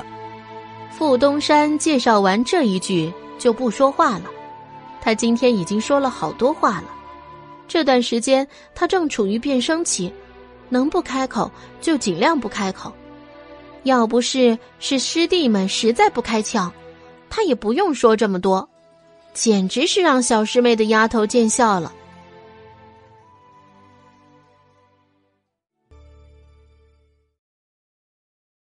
第一百一十八章，大师兄却不知道，站在他们正中间的徐少宁一直笑眯眯的。傅东山和他并列，介绍的时候也只是看一眼，没觉得什么。百灵站在他们正对面，可就看得仔细了。他总觉得这个徐少宁笑得有点不太对劲。百灵记下了这些名字。说他等小姐醒了之后会告诉他师兄们会来看他的，就接过傅东山手中的铜盆离开，去到水房。走在路上的时候，他总觉得哪里有不对，好像手掌暖暖的。一低头发现，在这片白茫茫的雪地里，他手中的铜盆竟然在冒烟。他不确定的仔细的看了看。是真的有白烟，最后索性将铜盆放在地上，将手伸进去试了试，是真的是热的。不对呀，他明明刚刚给傅东山的时候，都开始结冰花了，怎么一转回来就变成滚热的热水了？百灵蹲在地上，将手浸泡在水中，舒服的一声长叹。总算是舒服了，却不知道远处的几个男孩将他的这一举动尽数看在眼里。徐少宁唇角一勾：“ 你看他那不可置信的样子。”他说着，撞撞傅东山的肩膀，笑着说：“大师兄，没想到啊，你还真是好心呐。”二师兄语气揶揄。几个男孩都看向了傅东山，傅东山面无表情，就事论事的说：“她是小师妹的丫鬟，冻坏了，那受苦的岂不是变成小师妹了？”徐少宁点点头：“嗯，说的也是。”然后一群人默无声息的在远处消失。百灵等泡的差不多了，全身的血液都活泛了。才站起身来，边走还边感叹：“小姐的这群师兄们，没想到看着挺凶狠的，人还挺好的。最重要的是，这有武功是真的好啊！结了冰的水，说热就热了。大冷的天儿，也不用跟他和他家小姐一样裹得跟个熊似的。”等阮明星醒来，百灵就边给他张罗衣裳，一边念叨着下午的事情。阮明星听得淡笑不语，他的这群师兄们呀，这也是前世阮明星明明都这么艰难了，就算是后来真的被逼上山自保，仍没有用尽全力去学艺的缘由。师兄们对他太好了，好到他以为这个世界上再也没有坏人，他可以依靠他们一辈子。哪里知道最后。会害人害己。突然，百灵说道：“小姐，你就这五个师兄啊？”他记得小姐说过自己是排行第七的，怎么还差一个？阮明星沉凝一瞬，才说道：“六师兄是霍征。”百灵恍然大悟，所以小姐一共是六个师兄，对吧？还好没有多的人选了，这些人名他还记得住。百灵跪在地上，给阮明星整理裙摆。对了，小姐，我听李公子说不能叫姚公子的名字，这是为什么啊？阮明星一听他说起这个，嘴角就不自觉的想笑。像是想起什么好玩的事情，过了好一会儿，他才说道：“因为他是宝宝呀。”百灵不解，对于他来说，姚公子的年纪就是他的弟弟，是宝宝也不奇怪啊，他本来就还是个宝宝嘛。阮明星说：“我说的是他的名字叫做宝宝，小宝宝。”阮明星嗯的点头，看着百灵笑，百灵也笑了。谁愿意自己还是个十岁孩童的时候，有男的天天对着自己叫要宝宝？如果对方是个女的话，那话就更加说不清楚了。当然不愿意告诉别人全名了。虽然是笑着，但是阮明星的眸光中却多了一丝惆怅。他的这些师兄对他那么好。可最后，姚宝宝是姚家堡的少主，姚家堡被满门屠戮，他的娘亲千里奔逃，把孩子生在了千仞山脚。这个名字听着可笑，可也不是那么可笑。这是姚家堡一门的血债在身，他的责任是保住姚家堡。这个在幼年时大家都不知晓。等到师傅临终之前，才交代了他的身世。那么爱笑的娃娃脸师兄，从此以后再也没了笑容。但现在，谁却不知道他这名字的来由？师傅没说，他们便不知。小姐，你怎么啦？百灵看着小姐发呆的样子，晃晃手。奴婢觉得这里是极好极好的。看着那些师兄们都挺爱护小姐的，是啊，阮明星有些惆怅的点点头。现在差不多快到酉时时分了，正是晚餐开饭的时间段。他们主仆收拾好，就往饭厅去了。在大剑门，除了特别情况，基本山上的弟子都在外山门饭堂用饭，用水也是在公用的大水房去打。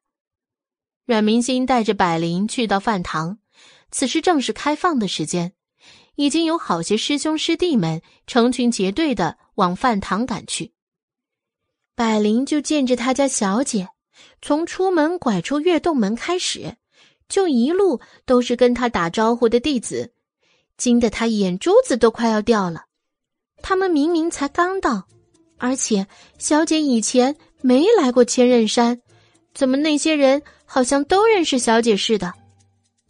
阮明星安抚性的拉着他的手说：“别太惊讶了，等会儿你就知道了。”于是就带着疑惑，一路跟随阮明星踏入饭堂。饭堂里宽阔明亮，且人还很多。阮明星跟百灵一进来就被一股热气包裹，瞬间身心都开始舒畅了。等到打饭的时候。阮明星也带着百灵去拿餐盘，百灵起初还不解，为什么小姐还要亲自去？到了排队才知道，饭堂的饭菜都是大师傅大锅煮的，弟子们要吃什么就自己去排队请大师傅打菜。之前阮明星一直没有给他说过，等到了地方，百灵就觉得他家小姐过得太苦了。这还不如他们丫头在府里的伙食呢，至少还是小锅小炒的。阮明星一看他这样子，就知道他在想什么，拉着他的手说：“你别看不起咱们的大师傅，大师傅做的饭菜可好吃了。”离开了那么久，阮明星最想念的就是大剑门的大食堂了。他不由开口：“等会儿到我了，你把我抱起来。”队伍快到阮明星他们了，百灵不停的惊讶于周围的弟子们，好像都特别喜欢他家小姐，谁人都争着抢着要来抱他小姐一起打饭。前面还差三个人，百灵终于看见大食堂的庐山真面目了。高高的料理台子上面摆着荤素齐全的各色各样的菜品，看着都色泽光艳，让人食欲大开的样子。最重要的是，还一直冒着腾腾的热气。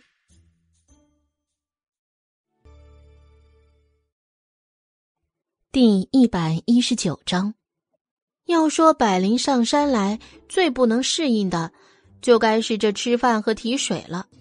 都没自己府里方便，最怕的就是东西提回房了，却已经冷透了。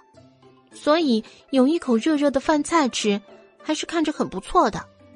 百灵还是挺满足的了，心里也不由感叹：他的标准在这里真是一日千里的在直线降低呀。对着那些实在太过友好的师兄们，阮明星非常义正言辞的拒绝了，理由是。他拉过百灵，表示：“我现在有丫鬟了，不能饿着她、冷着她了。往后的后半辈子，我可都指望着她才能过得舒舒服服的。”面对众位师兄怨念的目光，说的百灵那个忐忑，更是紧紧的拉着自家小姐的小手，生怕自己落下了，被这群恶狼给生吞活剥了。看着各位的表情，精彩纷呈。阮明星那个乐呀，这样的场面有多久没见过了？百灵也很高兴，出门在外，小姐愿意维护她。最重要的是，自从夫人去世后，小姐好久都没有这么毫无心理负担的快乐高兴过了。很快，前面的三位师兄端着餐盘离开了。百灵看了一眼。餐盘上的每样菜不是很多，但是够一个人吃的量是准准的够了。不过就是师兄们的表情有点感觉太少了的意味。百灵也不知道自己是不是看错了。到了阮明星这里，阮明星整个小小的六岁女孩，也一样穿着统一的大剑门弟子的白色衣裳，长条的身条还没有料理台高呢。百灵将他抱起来，把两个餐盘递给打菜的师傅。原先百灵以为的是小姐是想看看都有些什么菜，要自己选择。只是这后面的越看越不对呀！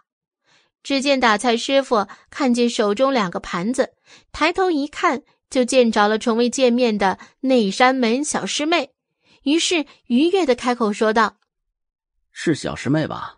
啊，想吃点什么呀？”这是第一次来这儿吃饭吧？阮明星也是一副一点儿也不生疏的样子，噼里啪啦的报起了菜名儿。他报一样，打菜师傅打一样，百灵简直看得目瞪口呆。这也太多了吧！小姐点的可都已经是刚刚过去的那些师兄们餐盘里的两倍多呀，而且还份份都那么有分量。他原还以为食堂是规定了每人只能打两荤一素一汤呢，毕竟刚刚过去的那些师兄们全部都是这样的呀。原来不是呢。百灵将阮明星放了下来，接过魁梧的打菜师傅递过来的餐盘，满满的两大份高山，在周围艳羡的目光下，跟在阮明星的身后往外面走去。一挤出人群，就遇上了远远从另一排端着餐盘出来的下午过来看阮明星的五个师兄。相比自己手上的满满两大山，他们手上的实在是有点少的可怜。师兄们太热情，一见到阮明星就飞奔过来。待看到百灵手上的两大山，徐少宁把自己的餐盘往傅东山的手上一放，就接到自己手上。还不忘客气的说道：“百灵姑娘辛苦了吧？给我，给我，我来，我来。这么劳累的活怎么能让女士来做呢？”说完，他还专门看向阮明星：“明星小师妹，我是你二师兄啊。”我知道，徐少宁师兄。阮明星点点头，忍住了鼻子的酸意。这是他的二师兄，沉迷书画，以书法入道，书剑风流。最后，却在对上北狄国战中，一人一剑挡住十万铁骑，力竭而亡。您是大师兄傅东山，您是三师兄易书航，您是四师兄姚公子，您是五师兄赵长渊，一个一个都是他的至亲之人，可到最后，全化为尘土。看着小师妹精准的叫出每个人的名字，看着小师妹那双黑色琉璃般水润的眸子，五位师兄不免觉得惊喜。百灵晕晕乎乎，到现在还没反应过来，这群人到底是从哪里窜出来的？还有这整个食堂的少年弟子，怎么都围着那五男一女的团体看呢？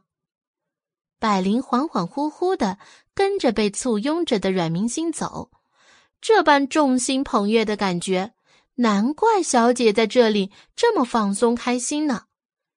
疼爱与保护，似乎这里的每一个人都全部给予那个被动的小女孩。走到靠里墙边的一桌，傅东山几个咋咋呼呼的把饭菜放到桌上。天外的飞雪，明朗的光线，色泽艳丽的菜肴，怎么看都是一幅幸福的画面。长条的桌子上已经坐了两个人了，正是苍离和霍征。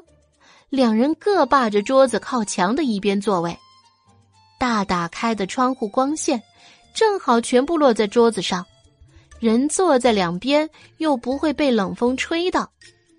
师兄弟几个高高兴兴的把小师妹放到师傅苍离的身边坐下，百灵自然而然的跟着坐在阮明星的另一边。尽管百灵现在晕乎乎的，反应迟缓。但是那本能的感受却是能够体会出来的，他们是真心的疼爱着小姐的。人心这个东西，特别是他们这些在底层混过的丫鬟下人，最能够体会。一个眼神，一个不经意间的动作，都能看出你是否是真情，还是假意。而这群人一点也没有避讳的，直接将最亲近师傅的机会推送给了他们的小师妹。霍征坐在角落，面无表情，看着师兄们，也只是点点头。苍离倒是取笑道：“你们今天呢，这是要专门逮着你们师妹来吃饭呢？啊，托明心的福，为师啊，也好久没吃过这么丰盛的膳食了。”阮明心羞涩不语状。徐少宁最是狡猾，打着哈哈：“ 哪里哪里，师傅别冤枉人啊！我们下午去看望小师妹的时候，小师妹还正在睡觉，原本估计着是累着了，要睡到明日去呢，就自己来的。哪知刚打完菜出来，就见着小师妹的丫头捧着两座大山，百灵姑娘那么柔弱，哪扛得起山呢？我们实在是不忍心，就乐于助人的帮他端过来了。”徐少宁说完，还笑嘻嘻的凑到苍林面前：“ 嘿，师傅，您看徒儿谨记您的教诲吧，路见不平，拔刀相助，城强扶弱，乐于助人呐。”苍离推开他的脑袋：“走开，就你最闹腾。”另一边，对面傅东山等人也都习惯了小师弟冷清不说话，嗯，偶尔还不太近人情。不过相处久了，易书航坐在他旁边，看了眼霍征的餐盘。哎，小师弟，今天是没得大师傅好脸色呀！你这么可爱，就该多笑笑。你看人家小师妹，多得大师傅的喜欢，看看人家呢。他指着阮明星的两大座小山，又指着霍征面前的餐盘。看你这光可见人的盘子。二师师兄，待会儿分你点哈，嘿嘿。说完不过瘾，虎爪还准备往霍征的头上摸，被霍征一个擒拿手给掰的手腕反扭。三师兄，现在不比往日，有小师妹在，还要注意些斯文礼仪。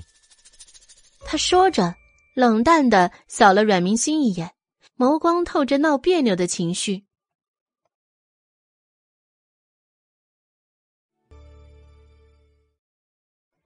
第一百二十章，易书行。哎哎哎哎，疼疼疼！小师弟，小师弟，有话好好说，有话好好说，你先放开。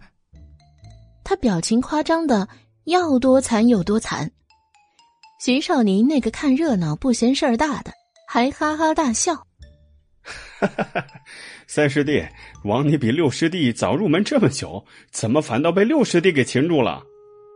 傅东山严肃脸。够了，少宁，你少说两句。到底是个半大的孩子，徐少宁不满意大师兄偏袒一般，哼哼一声，转头讨好阮明星：“小师妹，咱们吃菜吧。”仓里也发话，让大家不必拘束，都很放得开。阮明星端着新拿的空盘子，也开始吃了起来。嗯，他原先的餐盘已经贡献出去了，只百灵坐在凳子上扭扭捏捏。阮明星就坐他旁边，疑惑看他，好像从出来起他就一直没说话了。怎么？阮明星问。百灵尴尬，并且内心忐忑。他是个下人，这跟主子坐在同一桌上吃饭，他会消化不良的。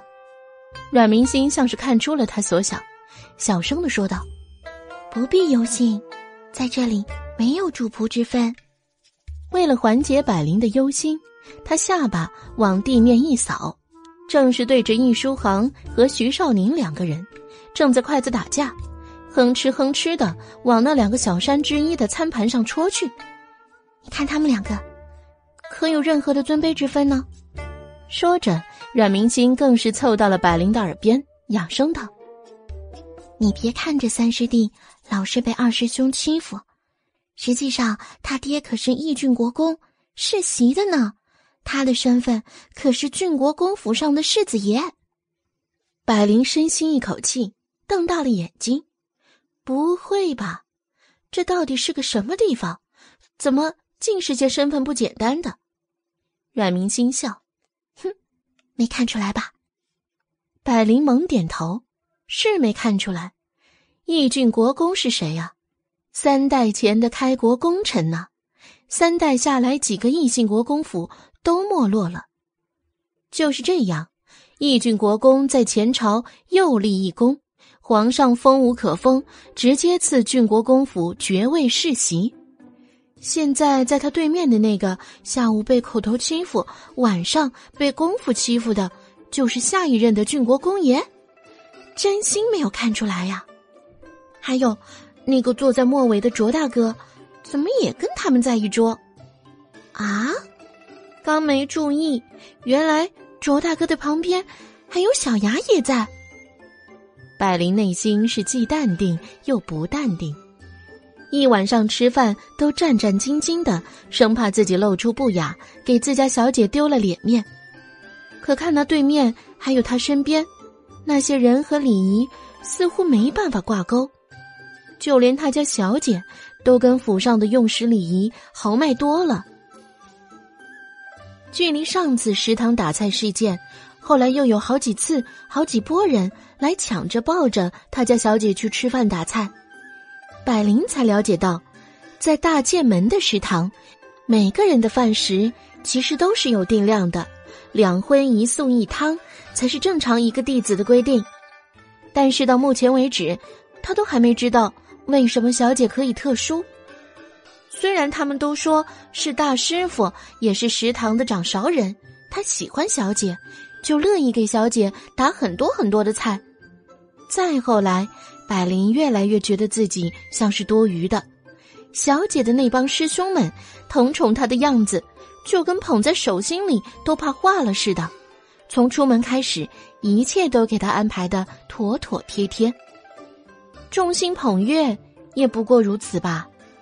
在这千仞山雪顶上，无论是走在哪里，做什么，周围都是一大波关注着、宠爱着你的人。百灵终于了解，此时的小姐就是这样的存在。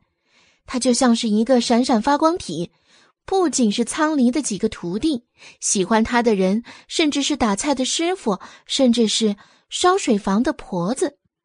就算没有他，他家小姐也能在这里过得很好。晚上，百灵闷闷的给阮明星铺床。阮明星看着他问：“你最近是怎么啦？闷闷不乐的。”百灵不说话，觉得自己整天想的那些杂七杂八的东西，不该拿到小姐面前说。他家小姐好不容易才开心了起来，不要为了自己无谓的小九九烦忧。阮明星也看出来了。关于自己在千仞山上的生活状态，他是分外的清楚。只不过，他当然不是单纯的带着百灵出来随便到这雪山顶上住住就完事了的。在这里，跟山下一切都是不一样的。这里谁都没有奴仆成群，能自力更生的都靠自己。虽然许多师兄们都是达官贵人家出来的，但是从来不摆纨绔架子。就连一向目中无人的霍征在这里都是不一样的，至少他能平等待人。阮明星看着百灵，眸光温柔的说道：“百灵，我带你来这里，并不是因为你在阮府里没了我活不下去。我相信以你的才能，想要活命还是可以的，只是想要带你看看我喜欢的环境，希望你能够站在不一样的地方。”能理解他的格局和观念，以及在将来需要用到他的时候，他已经足够的成熟。看到百灵还有些懵懂，他笑了笑，开口说道：“哼，这里不是你表面上看到的那么简单的。天下第一剑门，怎么可能那么单纯，没有勾心斗角呢？只是他还没有看到罢了。”百灵不理解小姐说的。她放下被子，转过身来，疑惑的看着他。阮明星却没有立刻给他答案，他目光出神，像是突然陷入了什么回忆中。百灵等一会儿，没有等到答案，走过屏风，将一直包裹着的新灌的汤婆子放入阮明星床上的被窝。唉，小姐现在真的越来越看不懂了呢。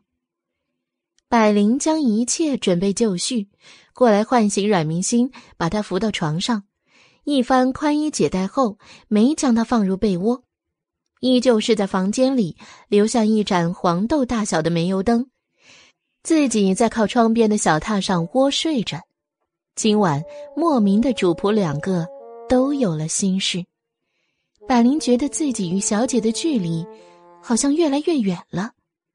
以往的时候，小姐还会有什么事情会跟他说和商量着。现在她每天能为小姐做的事情越来越少，百灵本能的心里有股不安。深夜的时候，屋内昏暗，煤油灯的油好几天都没有添加了，睡到半夜就不声不响的熄灭了。屋内昏暗下来的一瞬间，阮明星瞬间紧张。他想要清醒过来，但是怎么也醒不过来。那些昏暗的世界里，鲜血是鲜艳滚烫又沸热的，满目的红染红了原本雪白的天地。那些守城弩对准的那个人是他，也是他。